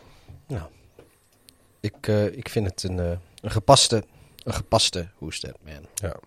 Het is trouwens eh, daarover gesproken. Hij is, weet je, hij kan ook een ongelooflijke klootzak zijn, hè, Jim Harbaugh. Hij kan tekeer gaan eh Ja. de zijlijn. Daar staat hij ook bekend om. Dan weet- gaat hij gooien met headsets. En, ja, eh, weet je nog dat, ik weet niet of ze dat nog steeds, maar je had van die, van die, of die filmpjes op YouTube, dat ze dan eh, foute lip-syncs gingen doen op Ja. beelden uit. Daar was toen hij voor, bij de 49ers een coach was, was hij er altijd een hele trouw slachtoffer tussen aanhalingstekens van. Want zijn mimiek en zijn gebaren, dat was altijd...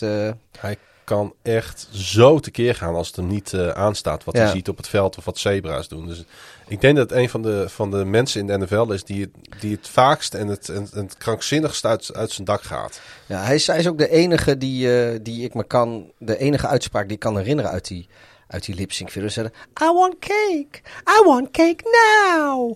Dat, op de een of andere manier associeer ik dat met, met hem, alleen het waren nooit zijn woorden. Het was, eh, ik weet niet hoe dat heet, bla bla bla lip sync van, de, van de NFL. Ja, dat ik ook niet meer. Maar goed, het was eh, hartstikke leuk man. Komt nog even breaking news binnen trouwens. Had je bij moet zijn. Oh, ja- oh ja? Ja, de Ravens hebben uh, Levi en Bell gereleased. De running back. Nou ja, dat, eh, dat kon ze zomaar eens die wedstrijd in Chicago gaan kosten.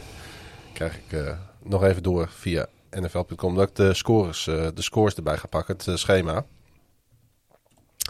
Joey Bosa op de COVID-lijst trouwens. Zie ik ook binnenkomen. We moeten toch echt nu die, eh, die breaking news button eh, moeten we gaan. Oh, een eh, jingle. ja. Breaking news, news, news. Goed, de voorspellingen. Hoe zijn ze afgelopen aflevering verlopen voor jou en mij? Nou, voor mij niet zo goed. Voor jou een stuk beter. Is het mijn derde eh, streak, de, de streak van drie wins op rij voor mij? Ja, Eindscoren. Acht goede voor jou, slechts vijf voor Heb mij. je echt maar vijf goede wedstrijden Ik heb voorspeld? vijf. Dat is, Oh, dat is echt wel volgens mijn allebei diepte- een soort van dieptepunt, denk Het is, ik. ja, volgens mij heb jij nog nooit zo weinig goed gehad. Nee. Maar het is, eh, dit is eh, voor mij volgens mij sowieso dieptepunt in mijn eh, toch, ja, toch al niet meer zo korte voorspelcarrière. Goed. Laten we gelijk gaan voorspellen dan voor, voor de komende speelronde. Waarin, wanneer- wij natuurlijk in Amerika zitten. Mhm. Dus even de vraag hoeveel we van die wedstrijden kunnen zien natuurlijk. Omdat we de hele dag in touw zijn. Ja, ik heb, eh, ik heb de mijne allemaal al ingevuld. Zijn, ik heb eh, eentje voor jou ingevuld. Zijn, eh, eh, dat noemen we ook altijd even, twee teams die een bye hebben komend weekend zijn de Broncos en de Rams. Goed. Eh, jij hebt ze al ingevuld? Mijne zijn al ingevuld en ik heb eentje voor jou ingevuld. De Ravens. Ja. Nou, mag jij eh, de andere teams nu gaan, eh, de andere wedstrijden gaan oplepelen en dan ga ik zeggen wat ik ervan vind. Eh, New England at Atlanta. New England. Ja, die heb ik dus ook. Dat was denk ik niet zo'n verrassing. Eh, Indianapolis at Buffalo. Colts op bezoek bij de Bills. Buffalo. Die heb ik ook staan, is ook niet. Nou, dan hebben we eh, Baltimore op bezoek bij Chicago. Baltimore. Ik heb Chicago. Daar zit het toch echt aan te komen, Pietietje. Eh, Detroit at Cleveland. The Battle of Lake Erie. Detroit. Ja, die heb ik ook eens staan. Ja. De winnaar mag eh, Toledo hebben. Ja. Hey, dat is een goeie. Ehm, Houston gaat op bezoek bij de Tennessee Titans. Titans. Heb ik ook. Tot nu toe is het allemaal niet heel spannend. Kunnen we niks Eh, aan doen. De Minnesota Vikings ontvangen divisierivaal Green Bay Packers. De Vikings. Met Q Aaron Rodgers. Vikings. Ik heb eh, Green Bay. Oké. Ehm, Heftig. Miami ontvangt de nieuw. Nee, sorry. Miami gaat op bezoek bij de New York Jets. Jets. J-E-T-S. Ik heb eh, de Miami Dolphins. Die gaan gewoon voor een, voor een, voor een nieuwe overwinning hier. Ehm, de Philadelphia Eagles ontvangen de New Orleans Saints. Ik heb Philly. Eh, ik ook. Ik vind als jij zo lang twijfelt, vertel ik gewoon wat ik alvast heb. Eh, de Washington voetbalteam die gaan naar Charlotte om eh, Cam Newton en de Carolina Panthers met een bezoekje te vereren. Panthers. Die heb ik daar ook. Met Cam Newton heb ik wel wat, wat meer vertrouwen in. Ja. De San Francisco 49ers die lekker naar Florida gaan om de Jacksonville Jaguars, eh, denk ik, van een pak slaag te voorzien. Het is altijd een lastige wedstrijd eh, gezien het tijdsverschil. Want dat betekent, eh, hoe vroeg moeten de mensen dan opstaan in San Francisco? Dus, als ze helemaal daar spelen. Ah, joh, die paar uurtjes. 9 of 10 uur 's ochtends, denk ik. 10 uur 's ochtends, hè, vaak. Ja. Is dat? Ja, het is 10 uur 's ochtends. Ehm nou ja, ontbijtwedstrijd. Ja. Eh Oké, 49ers.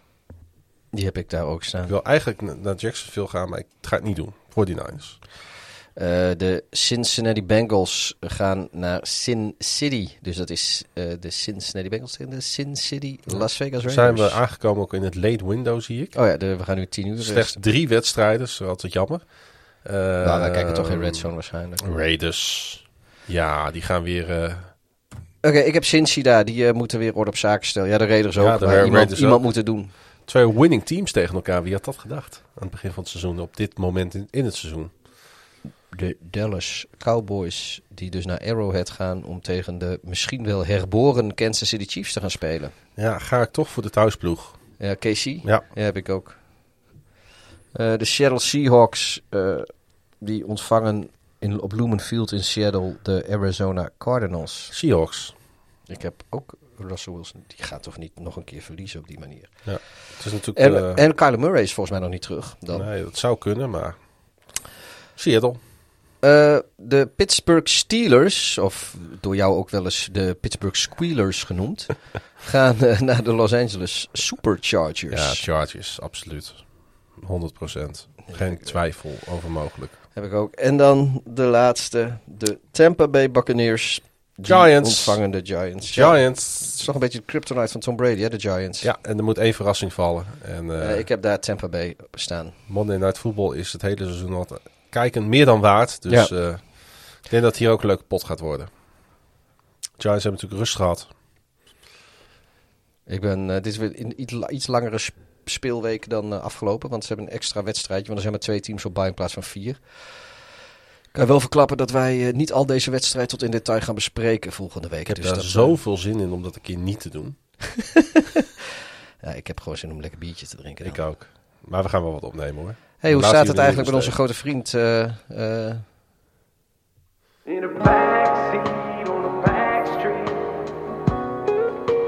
Het is wel een hele goede intro. Wordt met de week beter. ja. het wordt tijd dat er wat meer van hem komt, joh. I was hoping I could catch her on her way to school. Eens even kijken. Is er nou echt nog steeds niks, eh, niks meer van hem uitgekomen? cool. Moet je hem op de Spotify's kijken. I'm right behind her in a hallway. Damn, I'm enjoying a view. Maar heel knap als mensen nu nog blijven luisteren trouwens. Ja, Ja, die zitten te wachten op de aftiteling trading natuurlijk. ja wie, eh, wie wil het niet weten? Er is nog steeds niks meer dan de twee nummers. Wat is die andere ook alweer?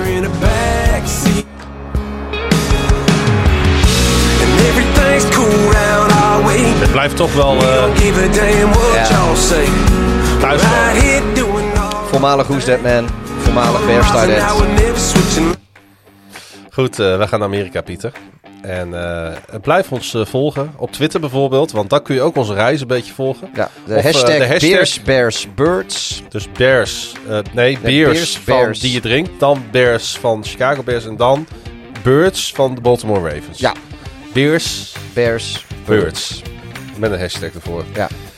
Het kan ook gewoon via @darf, laagstreepje Hideous of @klaasjegun, dubbel A, dubbel S, dubbel N. Volg ons ook op Facebook, Twitter. Maar jou En Instagram als het, oh, oh, nee, je bedoelt eh, ook NFL op woensdag als, NFL als, woensdag als podcast. podcast. Ja, Kijk ja. ook even op kvmedia.nl. Wat voor mooie podcasts er nog weer eh, worden gemaakt vanuit Groningen.